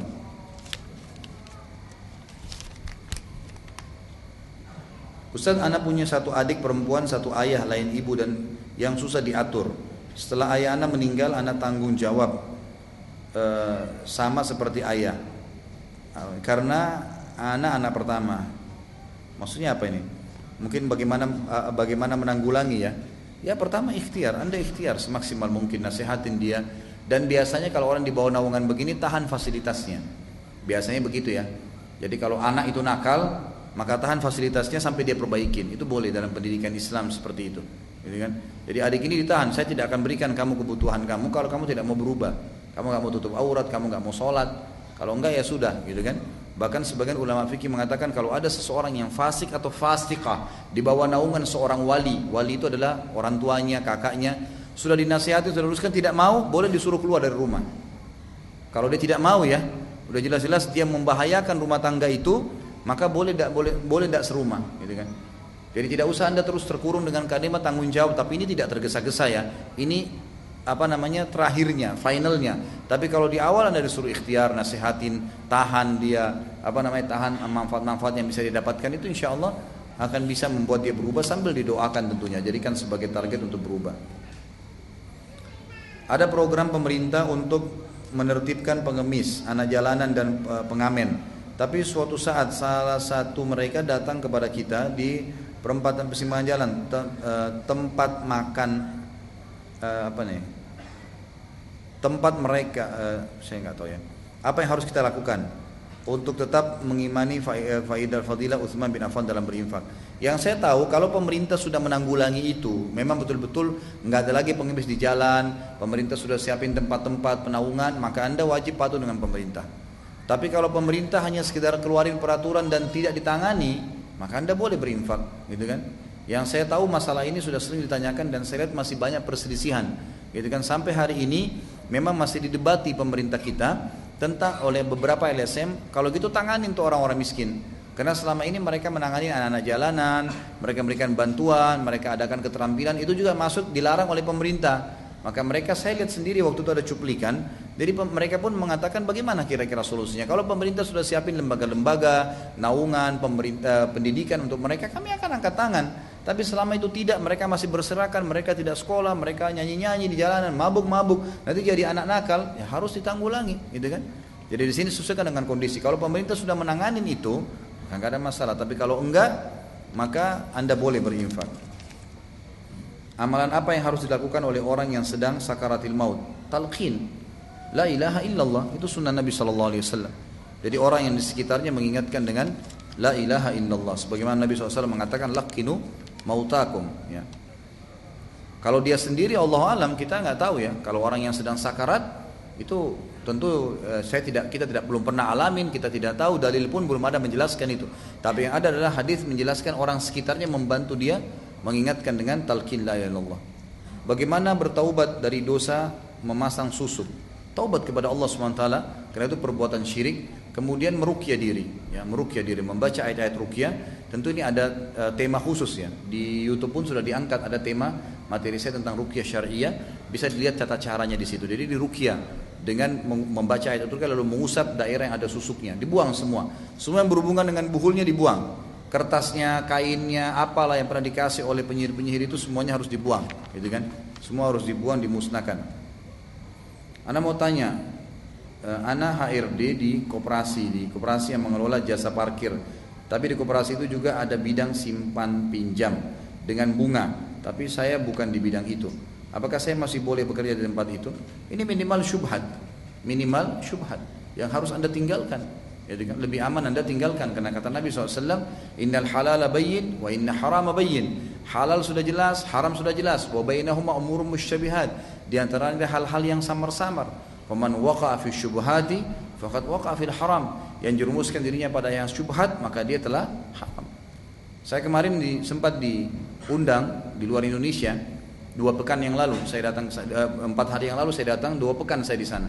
Kemudian ada salah satu muslim yang bertanya, dia bilang, Ustadz saya kerja di satu supermarket, orang non muslim yang punya. Kemudian eh, di, di lemari rak dia itu jual minuman keras. Dan saya kadang-kadang disuruh bersihin tuh minuman keras gitu kan. Kira-kira bagaimana hukumnya? Saya jawab kembali, kira-kira menurut antum bagaimana? Coba perasaan secara hati bagaimana? Membersihin minuman keras, nggak enak Ustaz. Ya iya, itu dosa, nggak boleh.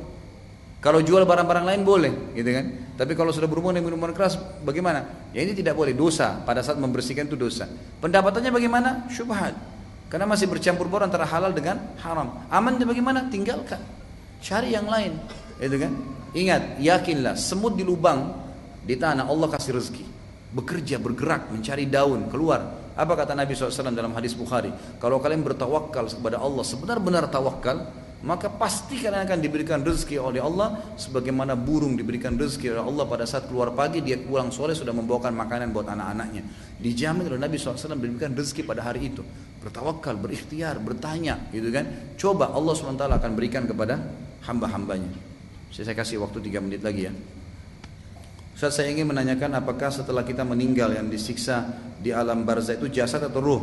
Karena seperti yang saya tahu ketika setelah meninggal ruh kembali ke Allah. Mohon penjelasannya. Ruh, alam barzah ruh.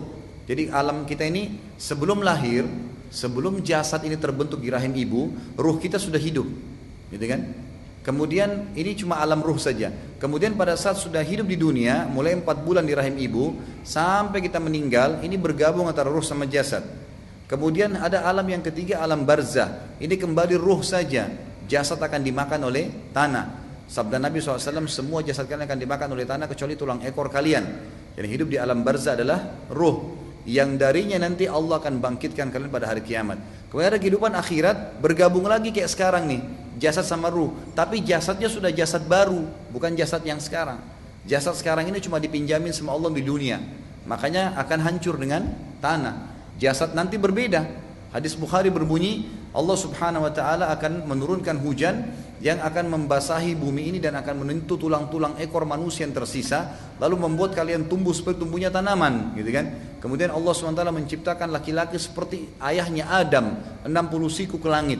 Jadi semua laki-laki 27 setengah meter nantinya. Semua perempuan akan kembali kepada poster ibunya Hawa itu 40 siku ke langit kurang lebih 17 setengah meter gitu kan ini memang poster kita pada hari kiamat dan itu nanti jasad yang hidupnya abadi di surga atau di neraka Allah alam. Jadi bapak ibu yang pendek nggak usah khawatir. Baik, mungkin sampai sini dulu insya Allah. Mudah-mudahan Allah berkahi majelis kita dan mudah-mudahan Allah Subhanahu Wa Taala memberikan hidayah bagi yang belum mendapatkan hidayah juga memudahkan bagi orang yang sudah dapat hidayah dan ilmu untuk mengamalkannya. Serta Allah mengampuni dan mengganti semua dosa-dosa kita di pertemuan ini dengan pahala. Dan saya meminta kepada zat yang maha perkasa lagi maha bijaksana serta maha pengasih lagi maha penyayang untuk menyatukan kita di surga Firdausnya sebagaimana Allah satukan kita di masjid yang mulia ini. Kalau ada benar dari Allah kalau ada salah dari saya mohon dimaafkan. Saya mengajak lagi teman-teman uh, untuk mengikuti ceramah. Jadi ceramah seperti ini jangan cuma sekali didengar nanti akan ada di upload di YouTube insya Allah dan di web saya di www.khalidbasalama.com coba didengar berulang kali karena kadang-kadang informasi ada yang luput. Makin sering didengar maka makin berbekas ilmu itu dan tentu manfaatnya juga bagi saya makin banyak pahala yang akan didapatkan. Lalu kemudian amalkan sampaikan kepada orang lain. Di YouTube bisa di-download gratis kemudian bisa disebarkan. Tapi memang yang tidak kami izinkan adalah kalau diperjualbelikan. Kalau seandainya dibagi cuma-cuma maka silahkan saja. Maka itu sangat terbuka buat teman-teman sekalian Kalau benar dari Allah, kalau salah dari saya mohon dimaafkan. Subhanakallahumma bihamdika asyhadu an la ilaha illa anta. Wassalamualaikum warahmatullahi wabarakatuh.